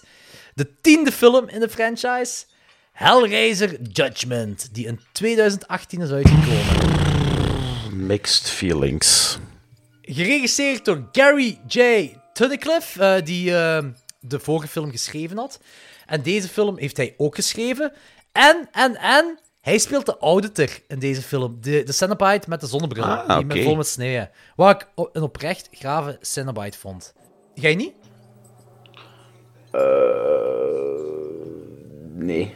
Oké, nee. Eh, Damon Carney speelt eh, Sean Carter. Alexandra Harris speelt Christine Egerton. eh, Randy Wayne speelt David Carter. En dat zijn eigenlijk de drie detectives. eh twee van zijn broers. En ene, ja, die loopt er zo wat bij. Paul T. Taylor speelt Pinhead. Ik moet zeggen, deze vind ik best wel oké. Zeker tegenover de vorige Pinhead. Dat was echt, ja, ja oké. Ja. Dat kan niet, dat is niet moeilijk. En, en nu ben ik benieuwd. Anthony, heb Ja? jij een iconische horroractrice gezien in deze film? Eh, nee, ik neem aan dat je voor die blonde hebt. Ik heb het niet over de blonde. Nee, ik heb het echt over een, eh, een, horror, een actrice dat een iconisch horrorpersonage in eh, een aantal jaren 80 horrorfilms heeft gezet. Eh, meer nog in waarschijnlijk de bekendste horror-franchise ter wereld. The fuck? Nee, is dat dingetje van Nightmare on Elm Street of wat? Heather Langenkamp, van Nancy uit Nightmare on Elm Street. Ja. Die, Nee. eh, Ik heb het totaal niet herkend. in de begintiteling komt zij... Want de, de begintiteling is echt zo, ook zo weer Seven-achtig, hè? Zo typewriter Mm, ja, ja, heel- stuff, heel hard, heel hard, Ja, ja. Zo, Heather Langenkamp staat er dan zo op. En ik zo, huh? Want ik had deze film, en toen die uitkwam, in 2018 had ik die film gezien. En ik zo, maar ik herinner me haar helemaal niet. En ik ben... Ja, aangezien Nightmare on Elm Street 3 mijn eerste horrorfilm aller tijden is, en dat ik zo die eerste paar films zo vaak gezien heb, is dat echt wel zo... Dat is ook wel een soort van nostalgie wat ik heb met, met dat personage. Ik zei, ik heb, ik heb het helemaal niet gezien. Zij speelt de landlady eh, in dat één huis waar ze dan eh, als de detectives naartoe Nee, gaan. al- Dat leek, het leek op, eerder op een Latina-achtig persoon. Die lijkt helemaal niet op Heather Langenkamp. Nee, helemaal totaal niet. niet. Want had ik, dat, had ik dat niet geweten... Want ik ben ook effectief hè? na de film gaan opzoeken wie de fuck zij speelde in die film, omdat ik dat niet gezien heb. En dat, is, en, Allee, zij komt, en dat vind ik ook zo'n gemiste kans, want zij is, zij is effectief in de horrorwereld is zij een heel bek- een enorm bekend gezicht. En die komt er gelijk zo... Die heeft twee seconden screentime of zo. En dan ook nog zo een heel... ah, Je, je herkent dat helemaal Nee, niet. nee, tot- totaal niet. Dus dat vind ik... zo- Ja, dat vind ik... Dat, dat is al gemiste kans nummer één in deze film. Ehm, Toch gemiste kansen. Wat wel is, die eerste 10 minuten waren fucking brutaal, jong. daar in dat ondervragingskamertje van de hel of Ja. zo. Ja, nu, ja, die, die, die ondervragings Cenobite zag er echt wel vies fataal uit. Die had zo dezelfde aura als Markske van de kampioenen. Waardoor het geheel een beetje omlaag getrokken werd. Maar de Dat is de oude martelscènes- Ja, maar de martelscènes waren echt fucking brutaal, jong. Ook zo heel... Ja, heel seksueel ook, hè. Maar, ja, maar ook zo heel allee, abs- abstract. Ook zo met, met, met die vrouwen, met, met, met, die, met die gemartelde, ge- afgesneden velhoofden. En dan die dan die brei moeten eten, wat, wat, wat, wat dan uit die letters komt. En holy shit, jong, dat was echt wel... Het was zelfs een tikkeltje op arthouse. op- ja, ja, ah, wel ja. Dat was weird op een goede manier. En dat is meestal arthouse. Ja.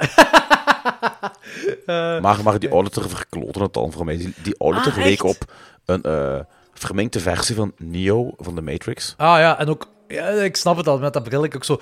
De Ja. oudere, uitgezakte versie, zo. Ja, inderdaad. Eh, maar dan met al die sneeën en zo. Ik vond het op zich nog wel een cool personage, omdat ik, ik vond het leuk dat... eh, omdat... eh, Ik had zo het gevoel van deze film, we leren weer een klein beetje meer uit de Hellraiser-wereld kennen. En zo van, ja, aangezien, de hel, aangezien het over dat, dat Hellraiser, dat, dat die dimensie de hel is, je hebt Pinhead, maar er zullen ook nog andere zijn waar die ook zo connecties mee heeft. En dat is zo van... Ja, zo, maar het, het, eh, het komt zo geforceerd over, vind ik. Want ik Ah, ja. vind dat de helwereld uit de Hellreizers focussen zich voornamelijk op, op de, de combinatie van, van, van, van, van, van, van, van, van, van pijn en, en seks. Terwijl dat Ja. hier eerder goed en kwaad was. Ja, pas op, ach- pas op. verder gekeken Ja. in de film. Ja, ja, nee, nee, daar, daar heb je 100% gelijk in, want dat, dat vind ik afgrijzelijk aan deze film. Maar gewoon het dingetje tussen hun twee, eh, gewoon het, het, het, het concept dat er eh, iemand is waar Pinhead op kan terugvallen, zonder het te letterlijk te zeggen, dat vind ik wel een graaf gegeven, dat maar- er nog zo'n Cenobite bestaat. Ja, maar als je zo'n fucking brutale kerel zegt, like Pinhead, en dan ga je terugvallen op zo'n fucking nerd.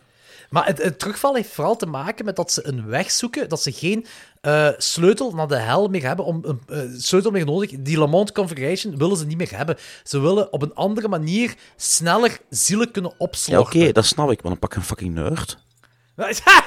Ja, ja. Allee. Dat is een wetenschapper, hè, die weet van veel, hè, die kan, die kan je helpen. Ja, ja. Als ik dingen wil dat ik niet kan, dan ga ik ook naar een wetenschapper En, toe. ja, hè. maar, ja, maar, ja, maar in de wereld van Hellraiser is een wetenschapper ook een fucking badass. Allee, lijkt mij logisch. Eh, nu, ja, oké, ik snap het. Ai, dus, ik snap waar je naartoe wilt gaan en ik snap ook wat je wilt zeggen. Zo, ik had daar gewoon niet zo'n groot probleem mee. Ja, ik wel. Eh, eh, waar ik vooral een heel groot probleem mee had, was de engel. Oh ja, what the fuck was dat? Heel het ding waar je daar straks ook zei van... eh, ja, ik denk dat ze een beetje... Omdat, omdat we over de hel zijn, ze ook de hemel Ja, erbij willen betrekken. En daar vond ik dat al wat moeilijk. Maar hier, heel het, voor mij moet dat niet. Hel, Nee. ik, ik moet Nu, hier dat had- tegenover dat staan. had- Dat hoeft niet voor nee, mij. Nee, maar dat had wel dat had één positief puntje. Dat op een bepaald moment die engel zegt dat de hemel, er, dat de hemel eigenlijk het kwade nodig heeft, omdat er anders geen hemel zou zijn. En als jij filosofisch Ja, filosofisch is dat heel mooi. Ja, dat heel filosofisch is dat cool. mooi. Dat, Dat was ook waar, het enige, enige pluspuntje daaraan. Ja, ja, nee, daar geef ik 100% gelijk in. Maar in mijn hoofd, gelijk, gelijk de, de Cenobites in de allereerste film geïntroduceerd worden, zegt Pinhead... Angels to some, demons to others. Ja. Dus, eh, dus, en als we dan Ja. verder filosoferen over heel het Cenobite-gedeelte en de hel gelijk we die kennen uit de, uit de originele Hellraiser-films, Ja. dan is dat niet de hel die we kennen uit de christelijke wereld. En dan gaat Nee. het over die demonen, over Cenobites, die zo... Die plezier en pijn niet kunnen onderscheiden en die denken dat het plezier ook een pijn is en dan komt je in die extreme bondage terecht. Zo. Dus Ja. die zitten in de wereld dat alles extremer voelt, Ja. maar in hun ogen extremer fijner, maar omdat ze die grenzen niet weten, extreem pijnlijker. Dus in hun ogen zijn zij engelen voor andere mensen. Ja, dat is voor, ook. voor wanneer de plezier naar boven komt, et cetera allemaal. Dus, Ja, dat wordt dus- helemaal niet gedaan in deze... ja, franchise. exact. En dat vind ik heel jammer. Dat vind ik, da- daardoor daalt deze film al eh, zeven punten voor mij. Hè? Gewoon Ja. dat stukje. Hè? En de Eh, acteerprestaties ook weer al. ja, ja. En, en ik moet zeggen, Pinhead ziet er, eh, gelijk ik zei, beter uit dan de vorige Pinhead, de Pinhead uit de vorige film. Maar om een of andere reden hebben ze die een of ander fucking eh Hare Krishna staartje gegeven. Waar ik zo, zo waar komt dat, waar- waarom is dat nu weer nodig? Dat hoeft toch ook totaal niet. Ik moet wel zeggen dat Shadowger, die komt in deze film weer die ziet er fucking graaf uit. Die Ja, ziet er dat is waar. goed uit. Dat vind ik cool.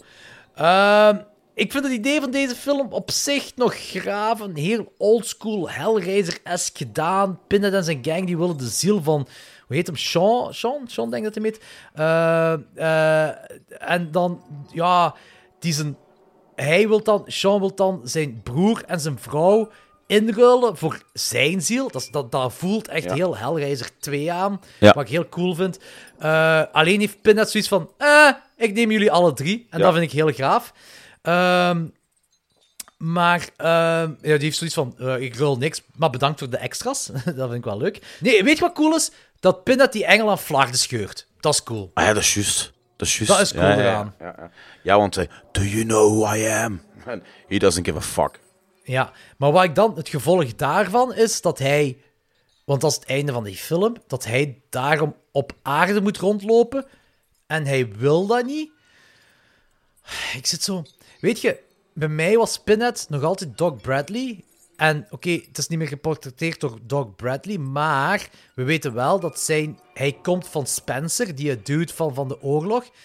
Ehm, hij heeft zich laten mergen Hellraiser 3 terug. Hij heeft zichzelf opgeofferd. Weet je, Pinhead terug op aarde is dan eigenlijk Spencer toch terug. Ah, ik weet niet, ik had, ik had er gewoon zo wat moeite mee. Dat, dat, dat die, de, die, die scheurt die engel aan flarden, mega graaf. En dan wordt hij toch nog gestraft. Wie straft hem trouwens ook? Waarom? Wie doet dat? Ja, inderdaad. Dat, zo, dat wordt niet uitgelegd. En die vindt dat heel pijnlijk om op aarde rond te lopen. Dus Ik, ik, ah. ik weet het niet. Ik, dat, dat vond ik... Plus, die film ziet er ook even goedkoop uit als de vorige film. Oh Ah, ja. Jij vond die vorige film er nog leuk uitzien, maar ik vond... eh, wauw, ik weet het niet. Ehm, ja, ik, ik, ik ga onmiddellijk overgaan naar ratings, maar dit is mijn minst gerate film van ze allemaal. Dit is voor mij een 1 op 5. Holy shit. Ja. Ik, ik, ik, ik weet het niet bij die films. Ik, ik zit op een 2. Maar, oh, en je hebt echt wel hoge ratings, zeg. Zot. Oh, fucking hoog. Eén en meer als u. Eén ster. Ja, oké. Ja, oké, oké, oké, ja, maar ja, dat is... Alleen, nee, maar ik bedoel dat heel positief, hè. Ik Ja. bedoel absoluut heel positief. Dat uiteindelijk, je hebt één film een anderhalf op vijf gegeven. Ja. En twee Voor- films een 2. Voor tien films. Eh, in het Hellraiser-genre, waarbij ik eigenlijk echt al persoonlijk al voor mezelf veel mindere ratings had verwacht, is dat wel heel zot, hè. Dat is wel waar. Ja, maar ik had, ik had ook niet verwacht. Ehm, ik heb te veel aandacht gegeven aan, ehm, aan, zeggen, aan, aan, de engel. En eh, hoe slecht ik dat vond. En hoe ik die cinematografie, Mhm. hoe slecht ik dat vond, et cetera. Maar ik moet eerlijk zijn, het concept vind ik wel graaf. Gelijk een auditor, een accountant, die zijn audit dan... eh, die gaat naar een andere Cenobite, die dan dat papier opeet en met kindertranen en zo, en dan uitkotst. En dan gaat dat naar een Dat jury. Die jury zijn naakte grieten. En op Mhm. basis van die kots maken ze een beslissing wat er met slachtoffers en ziel gaat gebeuren.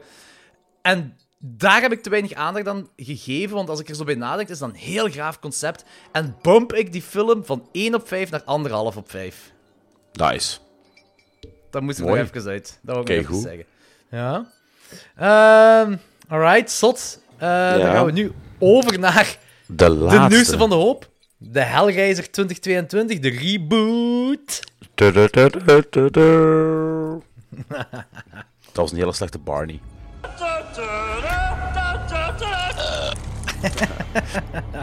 Beautiful, isn't it? It's really nice. You can hold it. What is it? It's a puzzle. And it's almost finished. Keep going. So if I solve it, do I get a prize? I do.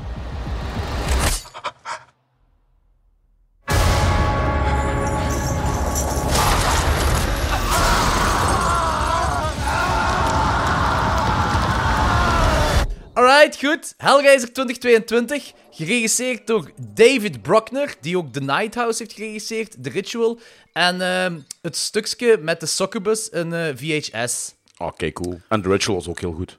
Ritual is ook zalig. The Night House ook trouwens. Ik weet niet of jij die Ja, ik weet. Nee, het is op Disney Plus, hè. Ik moet nog altijd Ja. zien. Mega goede Disney-film. Eh, geschreven door Ben Collins en Luke Piotrowski, die trouwens ook The Night House eh, en Super Dark Times hebben geschreven. En Siren, de langspeler op die Succubus-segment Ah, ja, van ja, VHS, ja. dat heeft hij ook geschreven. En David S. Goyer heeft ook geschreven hieraan. En hij is de regisseur van Blade Trinity. Oh. En schrijver van Kickboxer 2, Demonic Toys, nog wat Puppet Master, Universum dingen. Eh, de drie Blade-films heeft hem geschreven. De Christopher Nolan Batman-film. Eigenlijk een mix tussen A-list Hollywood-films en Full Moon-films. Interessante mix. ja. Ehm, cast: Odessa Azoin speelt Riley. Adam Faison speelt Colin. Drew Starksy speelt Trevor. Goran Vishnik speelt Roland Voigt. En Jamie Clayton speelt The Priest, a.k.a. de nieuwe Pinhead. Ehm vooraleer deze film eigenlijk tot stand is gekomen, een heel klein beetje geschiedenis. Want eh, het maken van een Hellraiser remake is al eh, sprake van sinds oktober 2006. Clive Barker heeft toen aangekondigd dat, er een remake zou, dat hij een remake zou maken. Eh, en in oktober 2007 was het plan om een Hellraiser, Hellraiser remake te maken met Julian Moret en Alexander Bustillo. Eh, die hebben trouwens dingen, uh, al interieur gemaakt. Ah, cool. En in oktober 2008 werd er een Hellraiser remake aangekondigd. Dat was de bedoeling dat Pascal Laugier, de regisseur van de originele Martyrs, eh, die film zou maken. Eh, en Cli- Clive Barker zei toen dat de bedoeling was eh, dat, ai, dat eigenlijk de bedoeling is dat de film niet echt een remake zou zijn, maar eerder een, reconfiguring. Een beetje like The dus Evil een Dead. reboot of wat? Wat blieft? Een beetje like The Evil Dead. Ja, ah, wel, exact. Gelijk de Evil Dead remake. Ja, dat is wat ik denk toch. En het makes sense ook dat hij zo naar die drie dudes gaat van The French Extremity, want dat was toen mid, eind tot, eind jaren 2000, en, eh, 2000 zo wat vrij hip. Ja, dat had ik al willen zien, jong. De regisseur van Martyrs die een Hellraiser film maakt. Oh ja. Ja, inderdaad. Eh, daarna kwam Dimension met het idee om Todd Farmer, dat is een schrijver van Drive Angry en My Bloody Valentine remake, en Jason X. En Patrick Lucier, dat is de regisseur van Dracula 2000, een of andere prophecy-film, Drive Angry ook, en My Bloody Valentine 3D, die film eh, de remake zouden maken. Maar alles werd uitgesteld en ondertussen zitten we dan al in 2011, 2012. En in 2011 is dan Hellraiser Revelations ge- gekomen om die, ja, om die rechten te kunnen behouden. En in oktober 2013 heeft Barker dan gezegd dat hij de film effectief zou maken en Doc Bradley zou terugkomen als Pinhead. Eh, en in 2014 zei hij dan weer dat er een loose remake zou zijn. Eh, hetzelfde wat hij dan wat, zes jaar daarvoor heeft gezegd. Maar dat hij dat niet gaat regisseren. Ehm, en in 2007, 2017 heeft Bakker gezegd dat hij dat script jaren geleden aan Dimension heeft afgeleverd. Maar dat er niks meer, van, ah, dat er niks meer gebeurd is. En dan is eh, dat idee gaan liggen tot het succes van Halloween 2018. En zijn Miramax-films dat ze verder willen gaan met Hellraiser, inclusief een prequel en een nieuw hoofdstuk voor de serie. Eh, maar ja, dan weer hebben ze Hellraiser Judgment uitgebracht om de rechten weer te mogen behouden. Trouwens ook, Hellraiser Judgment is uitgekomen juist nadat Weinstein eh, beschuldigd is van eh, alle crap dat hij heeft gedaan. Ja. En ze hebben dan effectief, want dat heeft wat problemen gehad met de release, die film. En eh, ze hebben effectief eh, Harvey Weinstein zijn naam eruit gehaald. Wat logisch is. Wat heel logisch is. Eh, en in 2019 heeft Miramax dan het idee groen licht gegeven dat David Bruckner de remake mag maken. Wat dan uiteindelijk, want deze Hellraiser 2022 is de laatste van de vijf grootste villains die een remake heeft gekregen. Ah ja, dat is juist. Ja. Alright, goed. Eh Hellraiser 2022. Ehm, Roland Voigt, eh, een of andere multimiljonair, die, eh, eh, die nodigt zo een, een ding. Ik denk dat dan een, eh, een zwerver is of zo. Die, die heet Joey, wat ik wel Ja. cool vind, want de protagonist in de derde Hellraiser heet ook Joey. Die nodigt je op zijn Eyes Wide Shut feestje, of hoe moet ik dat zien? Dat was toch vet, niet? Vond ja, dat was, kei, dat was kei cool. Dat was goed gedaan ook. Mooi, mooi in beeld gebracht ook. Ja, en ik weet ook niet waar dat mansion ligt tegenover eh, die club of de Ice White Shut feestje, maar is dat in zijn eigen huis? Is Ik denk zo- het wel. Is dat zo eigenlijk een beetje hetzelfde gelijk Hellraiser 3 met die dude die Ja, ja, eh, ook zo'n eh, mega zotte club heeft en daarboven woont hem dan? Want dat vond ik wel graaf. Dat dat... daar, moest ik, daar moest ik aan denken, eigenlijk. Ja, dat is cool. Wat was uw eerste gedachte toen je de puzzel zag en dat dat zo'n een, basically een zandloper is, of zo de vorm van een zandloper heeft? De eerste keer, hè, vooraleer je de rest van de film wist. Ik vond dat cool. Ik had zoiets van, ze gaan een hele andere kant op, wat ook mag, want je moet niet weer al alles gaan herkouwen gelijk ze al eh, tien films gedaan hebben, basically. Ja, exact. Ja. Dus, dat was ook Ik heel vond dat ook... cool en ah, zo, ook mooi. Ook zo heel mechanisch. Ja, Allee, zo mechanisch, echt, ja. Je ziet ook echt, en het is volgens mij ook echt wel geen CGI, dat is echt wel een mechanisch ding wat ze gemaakt hebben. De, eh, de, de, de puzzelbox. Ja. Ja, ja, ja, daar ben ik En dat zag vrij zeker heel, van. Heel, heel mooi uit ook, effectief. Ja.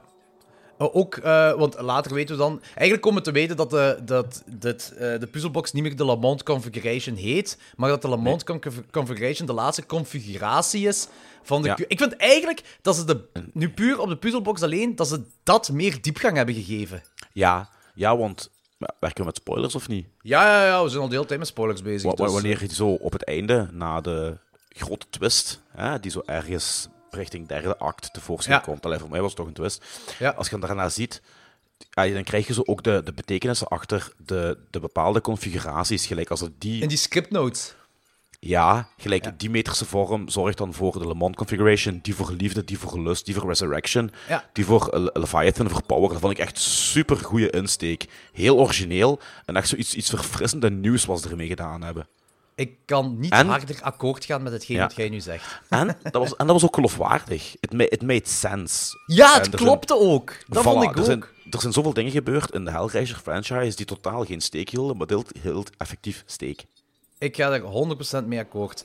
Eh dat vond ik heel fijn dat, dat ze. ehm eh, wat, wat we een paar keer gezegd van dat, dat eh, de Hellraiser-films dat ze maar zo dingen erin gooien omdat het supernatural is, komen ze er wel mee weg. Ja. Maar hier hebben ze effectief regels gedefinieerd en ze hebben zich gehouden aan die regels die ze gedefinieerd hebben. Die ze eventueel, als er sequels van zouden komen, ook kunnen uitbreiden, wat all Ja. good is. Maar de mythologie dat hier established is, dat is een respect met het origineel, dat gelijk wij het kennen. En ze hebben daar hun ding mee gedaan, maar wel, ja, respectvol. Ja, over nog over geniale vondsten gesproken, want anders vergeet ik dat, dus ik ga het nu even vertellen. Hè. Zeg maar, zeg Dus maar. Die soort kooi slash mechanisch luik, wat dingen, de villain, hoe heet hem ook alweer, zei het juist. Roland Voigt. Ja, wat hij gemaakt heeft om zo de Cenobites buiten te houden. Ah, zijn mansion eigenlijk. Ja, maar, dat- maar, ja, maar dat is dus door de bepaalde structuur van, van, dat, van dat dakraam en zo, waardoor die buiten blijven. Dus dat vond ik ook echt mega goed gevonden, jong. Ja, ik, Heel daar ga ik ook mee akkoord. Vond ik heel goed gevonden. Plus, dat is iets... We hebben zoiets soort al eh, tegengekomen in, in Bloodline, in Hellraiser Bloodline. Weet je, dat, eh, dat dat gebouw een gigantische anti-Lamont con- configuration is. En dat dan de ruimteschip ook de gigantische Lamont configuration Dus ook Ja. zo'n mechanisch ding. Maar daar is het zo wat klein beetje cheesy of zo. En hier is het echt mega serieus aangepakt. Ja, Zo- en, ook heel, en ook heel mooi in beeld gebracht, trouwens. Goh. Cinematogra cinematografisch was dat echt cool. Niet alleen cinematografisch, ook eh, de architectuur eh, Ja, ik van had die wel- mansion. Ik had bij die architectuur van die mansion en wanneer dat spullement zich in gang zet, dat mechanische, kreeg ik zo'n Dario Argento vibe qua cinematografie. Man, ik was dat echt, ik was die film aan het kijken, hè. En ik, zei ik was aan het kijken, zo, eh, die early ones van Argento, dan echt de, de Mhm, 70s stuff mhm, dat hem mhm. gemaakt heeft, hè. Waar architectuur Ja. zo heel fel in het oog springt, hè. Ik zei van, Oh man. Die gaat hier sowieso de link maken met Argento. Sowieso, Ja, dat kan bijna niet anders. En ik geef je gelijk, hè. Effectief. Ik geef je 100% gelijk. Kijk goed. Dat is echt luisteraars, dit is, luisteraars, dit is niet gescript trouwens. Hè. Dit is echt. Nee, nee, nee, nee, absoluut niet. Want er is helemaal niks gescript in deze Er hele is niks gescript. aflevering. Nee. Helemaal niks. Helemaal niks. Pinhead was ook Helemaal effectief niks. afgekomen. We zijn dit allemaal Yep. aan het doen voor Pinhead. De, Ja, Het was het trouwens de Doc Bradley Pinhead die we gezien hebben, die hier was, Ja, die ja. hier stond. Ik vind het ook cool dat, eh, dat we effectief eh, een, eh, een introductie krijgen van... moet ik zeggen dat, dat Roland dan die ene Joey daar zo trickt om dat op te lossen. En naarmate we die leren kennen, had voor mij echt dat Roland Voigt, dat, dat, dat de antagonist van de film, dat hij een mix is tussen Skinless Frank maar, Ja. en, en, dings, en Dr. Chandler uit de tweede. Ja, effectief. Ook Ja. zo verzamelaar van al dat occulte ding. En die, die doet dat hier om een reden. Die wil zo... Want hij zegt ook van... eh, wat heb jij gekozen? I chose pleasure. Had Ja. hem gezegd. Zo van... Het is wel... Het is echt een mix van de twee. En dat maakt... Die combinatie is voor mij echt een fantastische film. Ja. En, en ook dan de manier waarop de pleasure is uitgewerkt. Marcus! Magnifiek, jong. Want is, dat is zo goed. Want is, ja, weet je, we hebben hier. ehm, er is minder skinless mensen dat hier aan te pas komen. Eh, en we hebben ook zo gelijk. Een van de grootste eyecatchers uit de originele Hellraiser is Skinless Frank, die terug tot leven komt. Ah, die, die opgebouwd Ja. wordt, à la een slijmerige, The Fly-achtig iets, gelijk je had gezegd. Hè. Dat Mhm. hebben we hier niet. En ik vind dat op... Ik was er eigenlijk ergens wel op aan het wachten, maar na de film dacht ik van... Ze moeten dat ook niet opnieuw doen. Dit is hun eigen versie van de Hellbound Heart, van dat verhaal dat zij maken. En hier is dan... De eyecatcher is alles wat er... Ja, eh, omtrent eh dinges Roland Voigt gebeurt. Want dat ziet er zo een of andere Kronenberg-machine uit wat ze in hem Ja. geplaatst hebben. En de mentale gedachte erachter. Ik voelde die pijn als het ding begon te werken.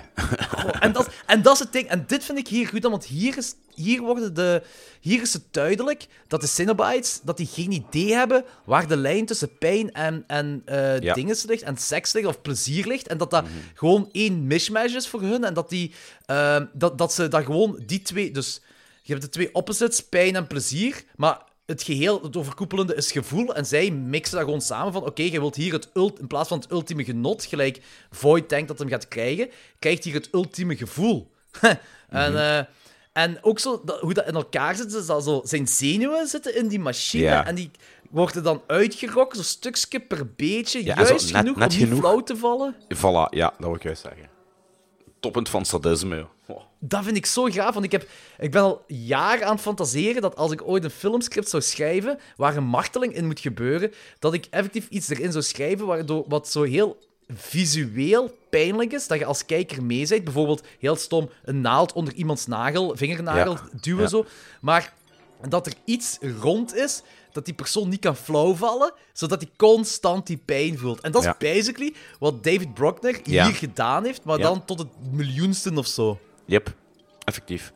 Echt cool. En om even terug te gaan naar het begin. De- En ik, die film, de film had me in het begin al onmiddellijk meegetrokken, omdat hij... Roland, die bidt daar naar Leviathan. Hij zegt dat onmiddellijk. Ik stond er zo van, yes! We zijn zo vijf minuten de film en Ja. Leviathan wordt al genoemd. Ja, dat was cool. Ik was mega blij. Eh, ik, vind dat ook logisch eigenlijk, dat, dan, dat, dat we die intro hebben, dat het dan daarna zes jaar later verder gaat. En dat we dan eigenlijk onze hoofdpersonages leren kennen. Omdat Ja. we al een introductie van eh, eigenlijk onze villain hebben gehad. Eh, en, Wat ik ook mooi vond is, ze hebben daar omwille van deze tijd waarschijnlijk een homokoppel ingestoken, maar dat was geen karikaturaal homokoppel. Dat was echt nog een legit, naturaal overkomend homokoppel. Ja, dat, dat, dat daar goed in. Dat was niet zo van, kijk, we stoppen er expres een homokoppel in, hè, voor even politiek correct doen. Nee, nee. Dat is gewoon op een heel, met een naturele flair daarin geregisseerd. Dus dat vond Ja. ik echt wel goed gedaan. Ja, zo kan het dus ook. Je moet, je moet niet altijd eh, het, het, het, het, het, het inclusieve erin zetten. belichten. Nee, je kunt het ook, je ja, voilà, je kunt het ook gewoon laten opgaan in de film zonder dat het een issue wordt. En dat hebben ze hier heel goed gedaan. Nu, dat lag Ja. ook wel voor een deel, en dan spreek ik eigenlijk ook over, bij het uitbreiding over de rest van de film, aan eindelijk nog eens fucking goede acteerprestaties. Doorheen heel de film. Na, na ongeveer, wat, zes films of zo, vijf, zes films, mag dat wel Ja. eens, hè? maar maar had, je dat, had je dat ook? Of lag dat aan mij? Ja, ik vond, ik vond dat fantastisch, ja. Ja, ja, ja. Ik vond dat, Ja. Ik vond dat ze heel goed ge- geacteerd hebben. Ook zo dat... ehm, dat, dat was, eh, Gewoon dat dat cinema-worthy is. Ik bedoel, dat kon op het grote scherm uitgezonden worden, weet je? Oh ja, daar ga ik 100% mee akkoord. En ook dat Riley, Riley deed me ook aan Kirsty denken, ook zo omdat ze dat, dat haar heeft, eh, zodat die krullen eh, hetzelfde gelijk Kirsty heeft. Zo dat Oké, zij is wel een junkie hier in dit geval. Wat ik trouwens, ik vind op zich oké om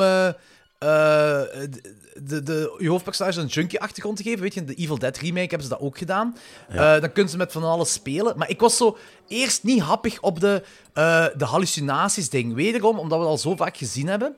Mhm. Eh, maar als ik er zo verder bij nadacht en, en hoe verder de dingen ging, sna- begreep ik het meer en meer. Eén, omdat de hallucinaties geen hallucinaties zijn, want dat gebeurt echt voor haar Ja. ogen. Het is gewoon de rest die het niet kan zien. En dan, oké, ze hebben er een beetje mee gespeeld, ça va. Maar ook zo, de reveal van... eh, het vriendje was Trevor, hè? Eh, Ja. eh, dat die, eh, ja, heel die twist daar rond, hè, dat, dat die Ja, eigenlijk fuck, haar joh. getricked heeft. Wat ook, dat is een Hellraiser-dingetje, dat hoofdpersonages elkaar tricken. Dus ik was compleet mee met dat. Plus, het was ook geloofwaardig, omdat het, allee, met with Ja. all due respect, een beetje de scum of the earth zijn. Hè? Allee, die zijn zo... ehm, ja, scum of the earth is veel gezegd, maar het is misschien een grote belediging. Maar het is zo...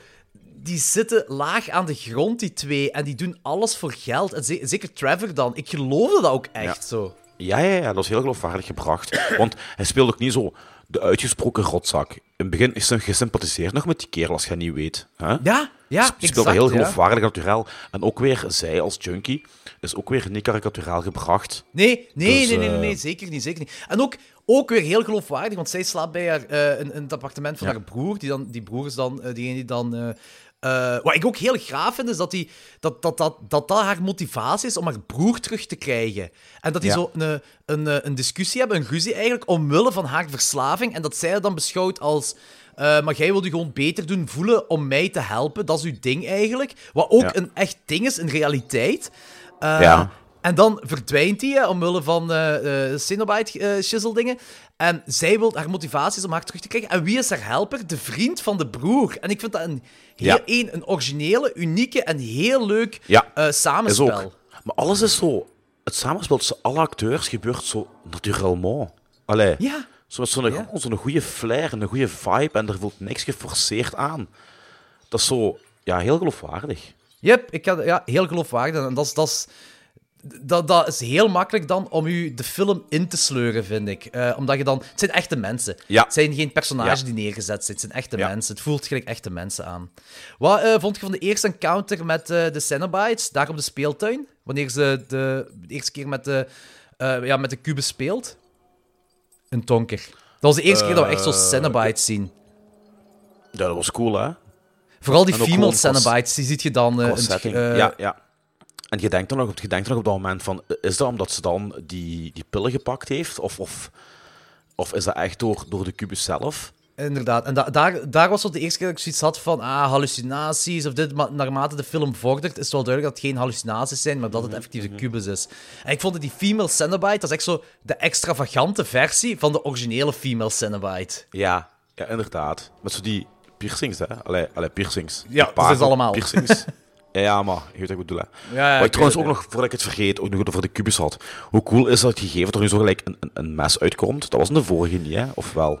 Nee, absoluut. Ja, het ding is, bij de vorige films, ik ga het nu even in het algemeen nemen, is het vaak als er iets of iemand tot leven komt, snijdt die kerel, een kerel Ja. of giet zich ergens aan. En toevallig, gelijk in de eerste film, Ja. Larry die daar eh, aan die spijker zich Ja, ja, eh, snijdt. Inderdaad, wa- waardoor, waar, toen, ik, toen ik ook zei van, kijk, ik had het liever dat het...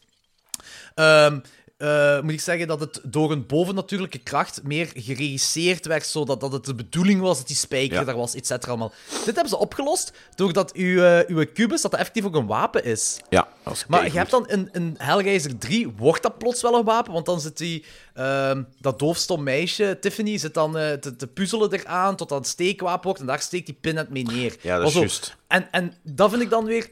Toen had ik die vraag van, huh, is dat nu een wapen? Van waar komt dat nu plots? Eh, hoe kan dat nu? Dat, dat, dat is nooit uitgelegd. Of dat is nooit... eh, te- nu is dat er toevallig, omdat het gebruikelijk is om te gebruiken.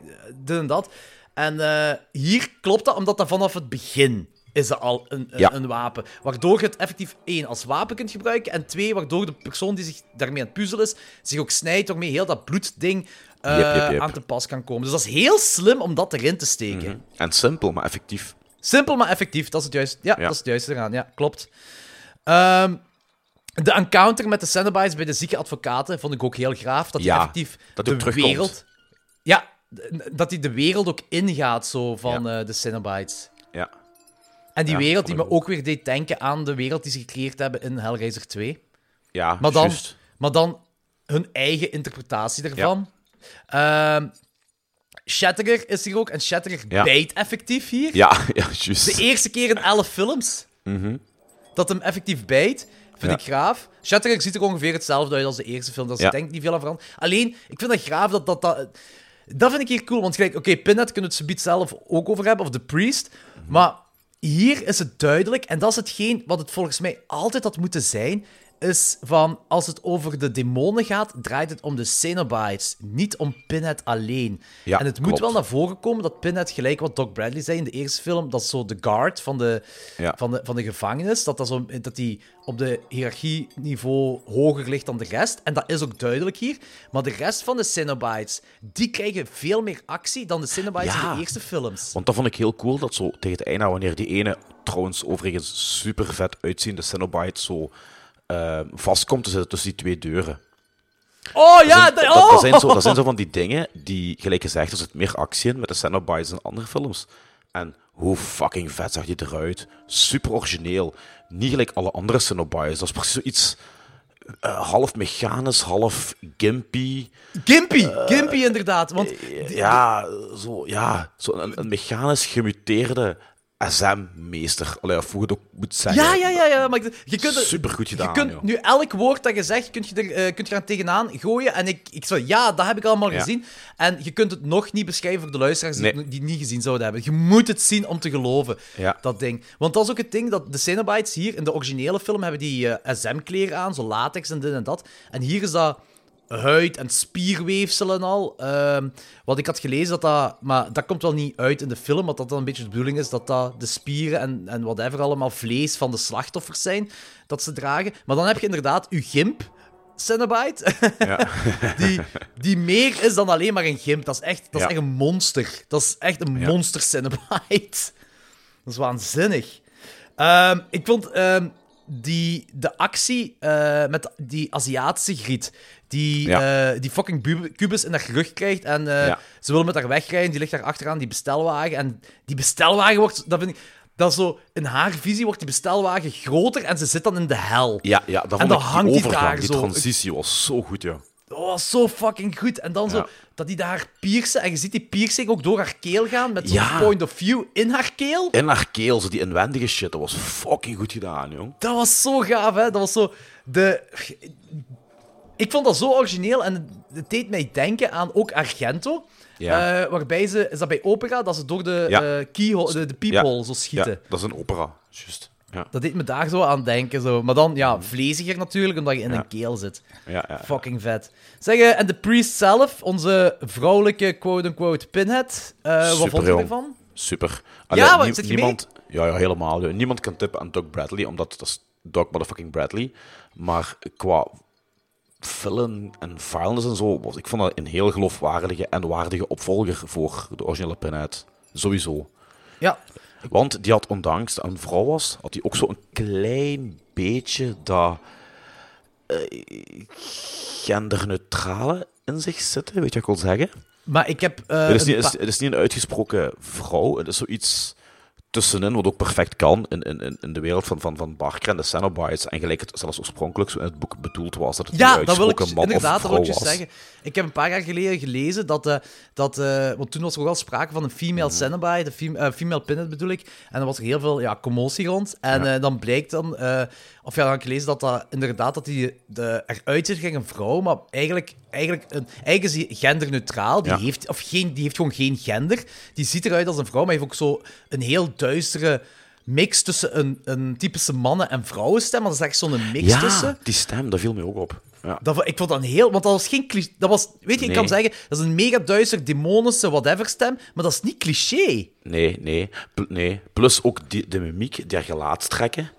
Zo- Die, ah, het is niet dat hij Doug Bradley wilt nadoen, maar toch is hij er veel eviler en serener uit als die, eh, André van Duin Pinhead van de laatste twee, drie films. ja. ja, nee, dat is, wel, dit is sowieso... Dit is, allee, ja, als je zegt Doc, Doc Bradley is nummer 1 Pinhead, dan is dit nummer 2, sowieso. ja, overduidelijk. Ehm, en ehm, voor mij, en ik ga er nog een beetje verder in, hè, en dit is eh, heel controversieel waarschijnlijk om te zeggen, maar ik vind die evenwaardig aan Doc Bradley. Eh, het zijn twee verschillende pinheads, of twee verschillende priests, noem het wat je wilt. Eh, en die, die doen voor, elkaar, voor elkanders film goed wat ze moeten goed doen voor elkanders film. En als ik daarover ver, nog verder ga nadenken, wat als, dit is een wat als dingetje, wat als deze film de allereerste Hellraiser-film zou zijn in 1987 met eh, deze eh, priest, met deze pinhead, dus deze vrouwelijke pinhead zal ik maar zeggen, en dat nu in 2022 Doc Bradley, de Doc Bradley Hellraiser zou, eh, zou komen. Hoe zouden de mensen dan reageren op dat? Geen, er zou geen commotie geweest zijn. Nee, hè? Nee. Nee, ik denk het ook niet. Ik vraag me gewoon voor mezelf dan af, en dat is puur voor mezelf, zou ik dan de Doc Bradley-versie ook beter vinden dan, de, of evenwaardig vinden als deze Pinhead? Ja, dat is een moeilijke, hè? Dat is een moeilijke, dat kun je ook nooit te weten komen, hè? Dat kun je Maar nooit te weten komen. Voor mij is dit evenwaardig aan de Doc Bradley, maar gewoon voor hun eigen film. Ik snap u. Ik snap u heel goed. Ik, Ook ik, zo- Ik heb er nog niet Dit over is- nagedacht, maar... Dit is ook... Dit is geen goedkope remake. Ah, In een goedkope remake zou de iconische one-liners... Er komt er ene in voor die ze hergebruiken, maar wel op het juiste moment. Maar voor de rest, gelijk in de originele Pinhead, als Pinhead uitlegt van eh, wat de Cenobites juist zijn, dan zegt hij toch zoiets in de aard van demons for some, angels for others. Ja, wat prachtig ja. is, wat zalig is. Maar hier zegt Pinhead als antwoord op die vraag... Explorers in the further regions of experience, of sensations, rim, or gifts are boundless. Ik zo, oh, dat is ook, dat is heel poëtisch gezegd over wat ze zijn. Het komt ongeveer op hetzelfde neer, maar dat maakt Doc Bradley zijn one-liner mega goedkoop. Ja, dat is waar. Wat ik ermee wil zeggen is van, dit is niet gewoon een, eh, een goedkope remake. Hier is echt over nagedacht, over elk Ja. dingetje. ja, dat klopt. Vind ik heel gaaf. Ehm, en, zoals ik zei, alles wat mij quote-unquote stoorde aan de originele, wordt hier ingevuld. De mythologie is duidelijker, dus de motivatie van de personages zijn ook duidelijker. Eh, zoals Pinhead die zegt, wilt je broer terug, dan moet je nog twee configuraties oplossen. Eh, en haarzelf of twee andere opofferen. En, duidelijk. En wat, dan heel, en wat dan heel cool is, is dat uiteindelijk ervoor kiest, spoiler, om haar broer niet te laten terugkomen, omdat ze weet van, dan begint heel het spelletje van vooraf aan en ik zou die toch niet echt terugkrijgen. Ja, klopt. Dat, vond ik, dat is ook de eerste keer, denk ik. in- in- Dat is de in- eerste keer in tien of in elf films dat dat gebeurt, ja. Ja, dat er Klopt. iemand de, de juiste keuze maakt, om het zo te zeggen. Het enige wat we nog kunnen zeggen is dat in Hellraiser 3 dat Spencer, het alter ego van Pinhead, dan eh, zichzelf nog opoffert eh, voor dingen te redden. Dat is ongeveer nog Ja. zoiets. Ja. Maar hier is het inderdaad zo dat, eh, dat eh, heel de Cenobite gang eh, dat die niet meer hun shit opnieuw kunnen doen. Ja, klopt. Ja. Eh, en de mythologie en de wereld dat ze hier creëren in deze film klopt met hoe wij weten hoe de Hellraiser-wereld in elkaar steekt. Ja. Dus dat zijn allemaal... Ja, dat, als het klopt, dan ben ik, denk ik zo, zo blij om zo... Gelijk wat ik zei Mhm. van, die, in die vorige film... Zelfs in de eerste heeft dat zo... Weet je wat, ik heb zo... De eerste is zo 30% te veel ambigu. En deze is misschien 10% te weinig ambigu. Ja, ik snap u. Zoiets ongeveer zo. Mhm. Eh, dus het mocht bij bepaalde momenten, maar dan ben ik ook weer aan het denken: mag het voor mij ambiguur, omdat we juist doorheen 10 Hellraiser-films zijn gegaan en we alles wel fucking weten? Ja. Eh, gelijk, als ik nu geen enkele Hellraiser-film film gezien zou hebben in mijn leven, zou ik dan ook willen dat het nog een beetje ambiguur mocht? Want je moet ook een beetje denken: dit is een nieuwe Hellraiser dat ze maken. Dat is ook voor een nieuw publiek Ja, dat ze het ja, maken. Voor nieuwe jongeren dat ze dit maken. Ehm, en ik ben, ik ga ook eerlijk zijn, ik ben ik zie liever dat ze dit maken voor een nieuw publiek dan de non of weet ik veel wat allemaal. Ja, sowieso. Sowieso. Dus, dus dat had ik zo'n beetje, dat was het ding van, oké, het mocht voor mij persoonlijk een beetje meer ambiguur. Eh, maar dan was ik aan het denken van, ja, als er nieuw publiek dit kijkt, moet het ook duidelijk zijn voor hun. Dus dat is misschien wel goed als ze dan zo echt alles wel een beetje zeggen. Ja, ja. Dat is ook. Ja, en ik vind deze film, vind ik, daarom vind ik deze film scriptueel, en ik zeg het nu puur scriptueel, de minst luie van heel de franchise. Is ook. Is ook. Hier, effectief over na- nu, hier is ook over nagedacht omwille van... Oké, The Hellbound Heart is opnieuw verfilmd. Het is niet echt een, het is een losse remake van de eerste. Maar zij hebben ook alle informatie van zeker de eerste Ja. drie, vier sequels hierin mee kunnen verwerken.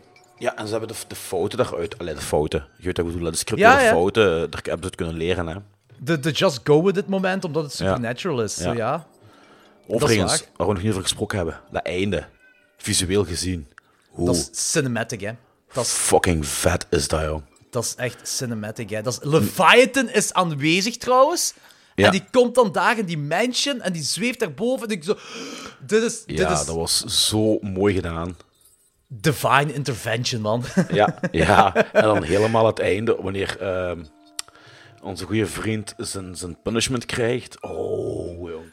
Dat is... Ah, ik bedoel echt zo in de hemel. eigenlijk. Of ja, in Ja, de hemel. Ik weet ja. het ook. In Leviathan, zal ik maar zeggen. Ja, die, ja. Man, echt. Ik wil, ik wilde, als ik daar even gedetailleerder doorga, want dit is zo fantastisch gedaan, dat je... Heel die film lang, die duurt twee uur. En ik had u al via chat gezegd van... Ja. Dit, is de, dit is de langste Hellraiser, maar het, is, het moet ook voor deze film. Ja, en dat, dat Eh. voelde ook geen, dat voelde ook geen twee uur aan. Nee, absoluut niet. Absoluut niet. En waarom niet? Omdat heel die film lang is eigenlijk eh, vorming van mythologie, personages en een heel hang- lange opbouw en goede opbouw naar je finale, die Ja. ongelooflijk goed wordt ingekopt. Ja, ja, ja, ja. niet te lang, Om- niet te kort.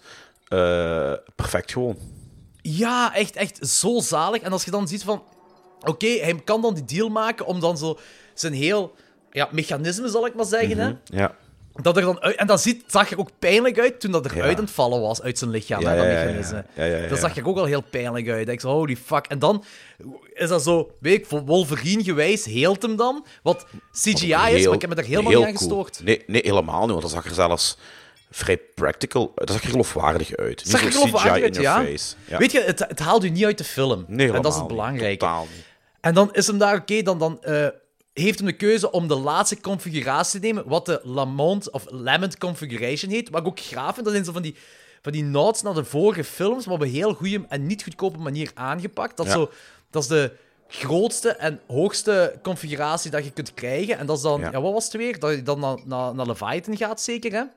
Dat, ja, maar dat is niet de, Le- de Le Monde, hè. Het was eh, de laatste, de Leviathan, de Power, dat, Ah, je bij, dat je onder de god kon staan.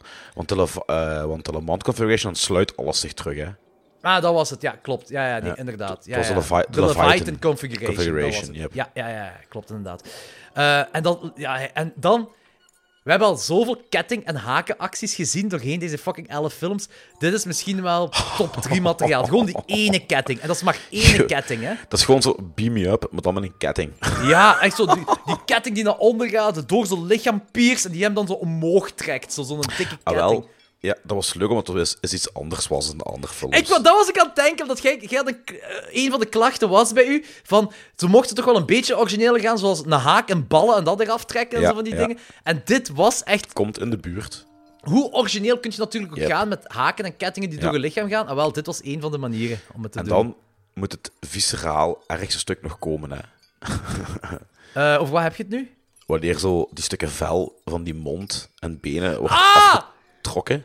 Oh, eh, dat is echt het laatste En- van het laatste. Dat is zo, echt zo Ja. strips, zo, hè. Van, Ja, en, en zo je ziet ook echt zo... maken. Zo, weet je, normaal gezien met CGI-effecten, als er zo vel weg wordt, dat is gewoon zo, zo papier wat er fladdert qua gevoel. Maar Ja. hier had je zo echt zo die volledige huid, inclusief de, de, de leerhuid, dus je tweede laag en je derde laag, wordt er zo afgetrokken en je ziet echt dat zo dik is. Weet je wat ik wil zeggen? Als dat open ligt, is echt zo dik, smerig vel. Ja, ja. Oh, vlees ik- aan zo. hè. Vlees. Ja. En die voelde je ook. En dat in combinatie met die witte licht de hele tijd en die muziek erop. Oh jong, dat was echt dik, Dit dik, dik zo- einde. Ja, en, En dan dat, dat, ik eindshot Dat, kruis. Ja, dat kruis, ja, dat, dat, dat hemels, hè. Dat, dat zo, maar hemels als in van... ja. Hemels als in van het, het goddelijke voor de onderwereld Ja. waar de Cenobites vandaan komen. En hier is, dat is ook de eerste keer in heel die franchise, dat het wel werkte om iets goddelijk te laten uitzien, maar eh, dat het wel... Het gaat niet over heaven en hell, want het gaat over eh, de god van de hel. Mhm. En dat vind ik zo fucking graaf eraan. En plus ook, om terug te gaan naar dat cinematic moment, hè, dat, dat met dat beam me up met kettingen, dat is, omdat dat, dat is echt in mijn ogen, hè, ik zeg nu weer iets controversieel, maar I don't give a fuck. Hè. Binnen 20, 30 jaar is dat een iconisch filmstukje in de horrorwereld. Ja, daar kan ik gewoon eens. omdat, je, omdat heel die film lang een opbouw is tot dat, Ja. eh, tot dat stuk. Roland Ja. krijgt één gigaketting door zijn lichaam, wordt omhoog getrokken. En de priest, Pinhead, nota bene, zegt de iconische zin... We have such sights to show you. Ja. En dat is zo... Hier, want die zin is gelijk... Ik denk in elke sequel is dat gezegd, maar zo op de meest goedkope manier. En eh, zo echt heel stom, maar dit is echt... Hier klopt het. En dan kikt die originele Yep. Hellraiser soundtrack in. En die Ja. wordt er omhoog... Ook zo goddelijk beam me up, dan omhoog gesleurd. Ja, holy fuck, dit is het moment. Ja. Ik, ja, ik vond dat... En ik vind het ook graaf dat, eh, dat eh, Riley eigenlijk de beste keuze dat ze maakt is, tussen aanhalingstekens, misschien wel een nihilistische keuze. Zij kiest niet, wat jij zei, dan niet voor een van die Ja. beloningen om haar broer te- terug te hebben. Maar ehm, eh, zij zegt van, eh, ik, ik, ik kies dat niet, dus... eh, zij kiest voor de Lamont Configuration dan. En dan zeggen die Cinnabites... Mhm. ehm, dat dat de ergste keuze is dat zij kan maken voor haarzelf. Your suffering has just Ja. En dat is een heel Ja. filosofische zin, want daar kun je Ja, heel ja, over nadenken van... Gaat er nu heel veel fucked up shit gebeuren? Of is het leven van haar gewoon zo kut? En die Cinnabites... Ah, dat, je kunt daar heel ver in gaan, hè. Dat is gewoon een heel goede poëtische zin die... Your suffering has just begun. Ja, daar is, En ja, daar is de keuzes die ze nagedacht. maakt. Ja. Ja. Echt. En ja, ja, dus... Dikke, dikke film. Roland die dan dus, dus... Ja, ik vond de stijl dat heel dat strippen en al, wat je zei, ah, dat strippen van, van dat vel met, met dat stuk vlees en zo, is dat... Mhm. Wordt, wordt hij hier een Cenobite? Dat wordt nu niet echt uitgelegd, maar ik had dat gevoel... Ja, dat wordt dat niet beetje- uitgelegd, hè? Ik dacht Nee. ook dat... Ik dacht dat dat misschien een, een Cinnabite ging worden en dat dat dan weer de opstap is naar een, een sequel of zo. Maar ik denk dat dat, dat effectief is. Dat... Ja.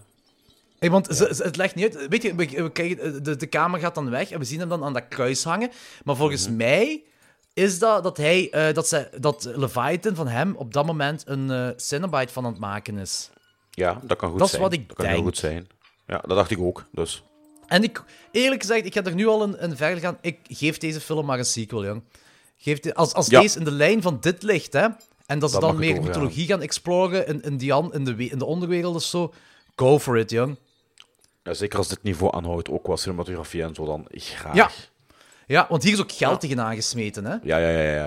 ja, ja dat is voelt geen low ook- budget meer. Nee, dat Allee, is low geen- budget naar de norm van A-movies wel, maar in vergelijking met... eh, In vergelijking met iedere Hellraiser-film ooit gemaakt, Yep. Ja, eigenlijk wel, ja. Ja, ja, is het, dit, dit voelt echt aan gelijk een... Dit voelt gelijk een cinema-film aan. ja inderdaad. Dit voelt heel hard gelijk cinema Ja. aan. En ja, eh, Ja. als het dan goed wordt aangepakt en je krijgt die juiste en veel gore erin. En, en, en het ding is ook zo...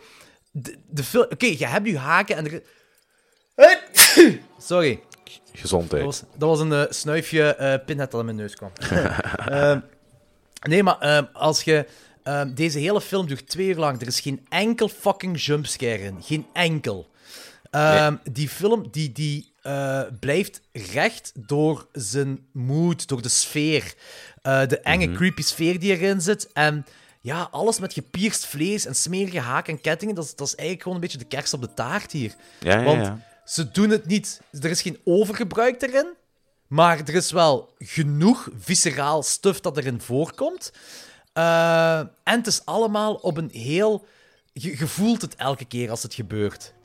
Yep. En dat vind ik graag. Ik vind dat heel graaf. Ehm Yep. Wilt je overgaan naar ratings? Yep. Hoeveel geeft je hem? Vier. Een dikke vier. Een dikke 4. Dus evenwaardig aan de tweede voor u. Ja. Nice. Ik heb het gevoel dat jij iets hoger gaat zitten. Mijn initiële rating was een 4 op 5.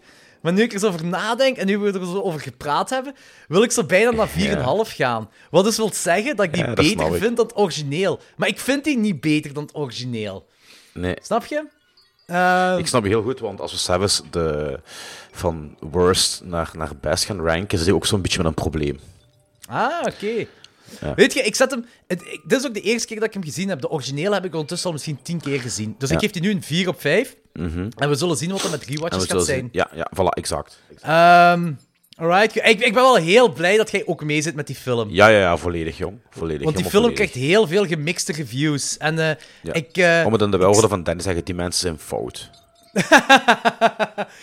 Ik snap het ook zo niet. Zo, ik, als ik dan zo de, de, de, de comments, de kritieken erover lees, zo van...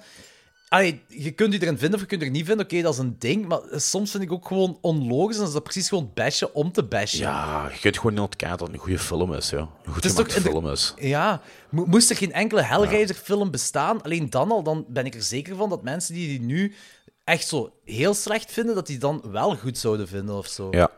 Het is toch Ja, goed gemaakt? Dit is echt klopt. film maken, toch? Zeker. Scriptueel Ja, zit ja, goed door elkaar, acteurs. En ik had ook zo een paar oldschool momenten, als in van... Ik kan, ik kan, dat kan ik nu wel niet beschrijven, want het is een, echt een jaren 2020 film, hè, 2022, zo, het is echt een film van deze tijd. Mhm. Maar het is zeker niet dat ze teruggrijpen naar 80s tropes of naar 80s dingen Nee, of nee, zo. nee, nee, nee. nee. Maar- Die hebben daar een, maar- hele eigen ding van gemaakt. Ze hebben er een eigen ding van gemaakt. Een hele, een, echt een cinemafilm. Maar toch had ik zo af en toe het gevoel van... Dit had rechtstreeks een 80s film kunnen komen. Maar dan heb ik het niet over neonlicht of zo van die dingen. Echt gewoon zo puur hoe bepaalde personages in beeld gebracht worden. Maar ja, ja, Ik kan het echt niet 100% beschrijven. Oh, in ieder geval, fucking goede film. 4 op 5. Yep. And this is all my stuff. Even this stupid puzzle box, which doesn't seem to have any use whatsoever. Boring.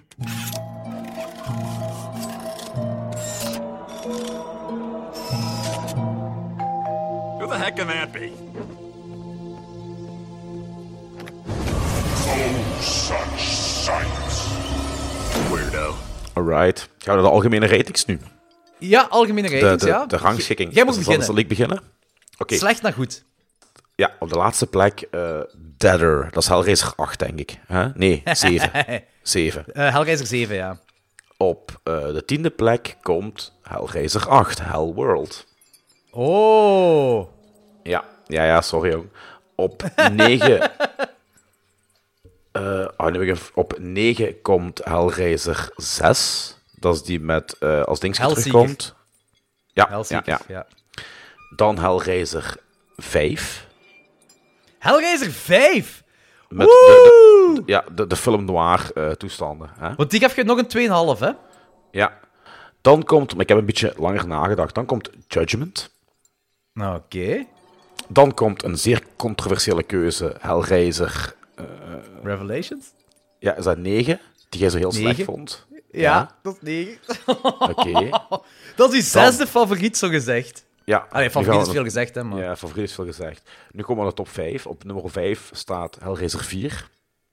Ah, oké, ja. Op 4 staat Hellraiser 3. Ja. En dan op 3 twijfel ik. Tussen Ah, dat is een moeilijke, hè? Ja, ik, ik, ik had oorspronkelijk daar de, de, de laatste gezet. Maar na dit gesprek met ons vandaag en nog eens goed nadenken, ga ik Hellraiser 2 op plaats Op 3 drie zetten. zetten. En, Hell, en Hellraiser 2022 op 2. En Hellraiser Dat is 1, of course, op 1. Holy fuck, oké. Ja. Ah, dat is wel zalig. We, we verschillen toch wel, hè? Ja, dat denk ik. Ik ben benieuwd. Zeg ja. maar. Maar ik denk wel, want vanaf wanneer buist jij? Het is vanaf... Want je gaf Hellraiser Inferno gaf jij nog 2,5. ik, heb Eh, alleen, ik heb alleen maar Hellworld en Deader gebuist. En de rest waren zo 2,5. Ja, en Hellworld en Deader waren anderhalf, hè? Ja. En nee, Hellworld was zelfs een 2 voor u. Ja, juist. Omdat hij nog iets minder kak was als Deader. Zo, ja, Hell, Hellworld is een 2 op 5 voor u en Ja. Deader is anderhalf.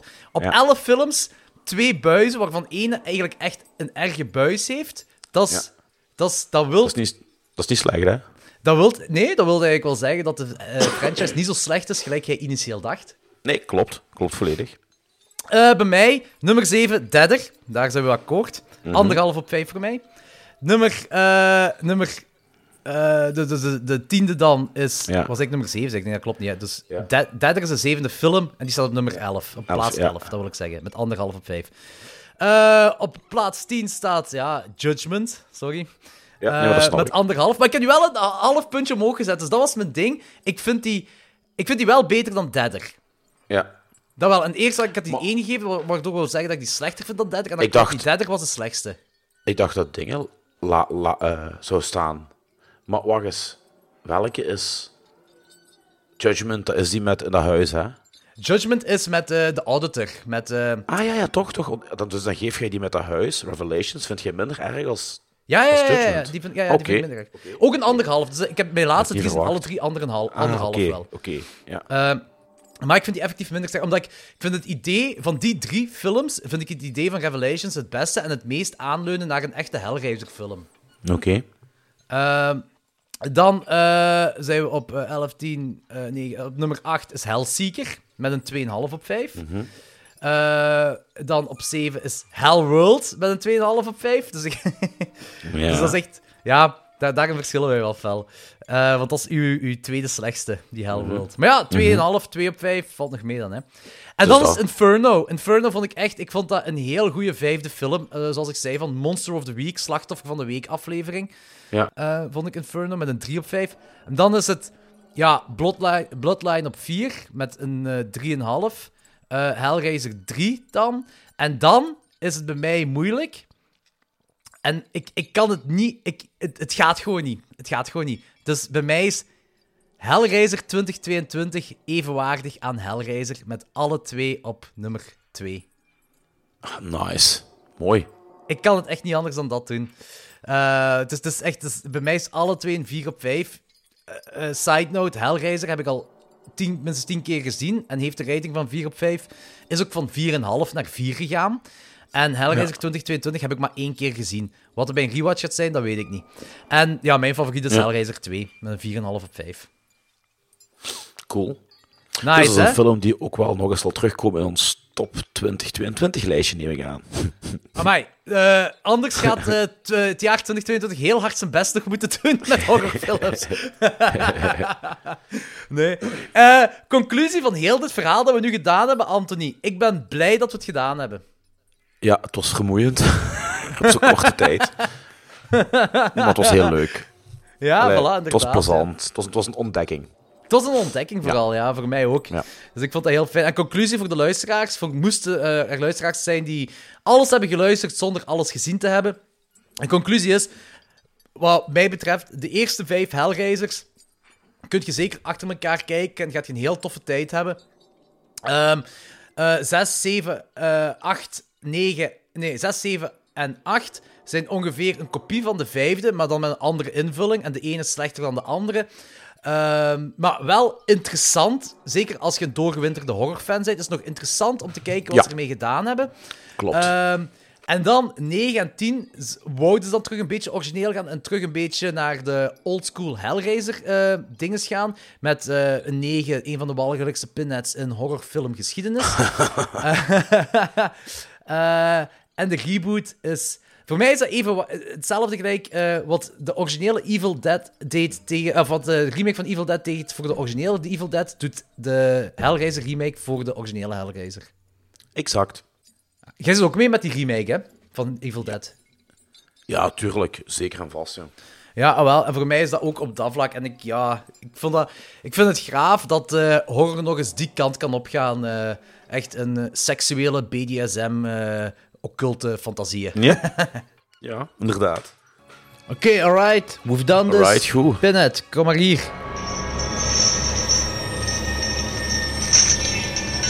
Daar is hem, zeg. Daar is hem. Finally! It only took you more than four hours to review my movies. Eh, zijn je een beetje content? We zijn doorheen 11 films gegaan voor u, dude. En er waren er ook bij die niet goed waren, hè. Dus deal is deal. We zijn vrij en jij krijgt al onze luisteraars. That's the deal. You two are free to go. I will take your listeners' souls. Right! Kijk goed. You did a good job. But don't be fooled, even though you don't have any listeners anymore. Because I own their souls, I still want to hear Clock Slack 12 horror movie reviews every couple of weeks for the rest of your lives. Alright, all good. Ja, goeie man. Amuseren met onze luisteraars. Spijkerkok. Clock Slack 12 listeners, welcome in hell! We have such sights to show you.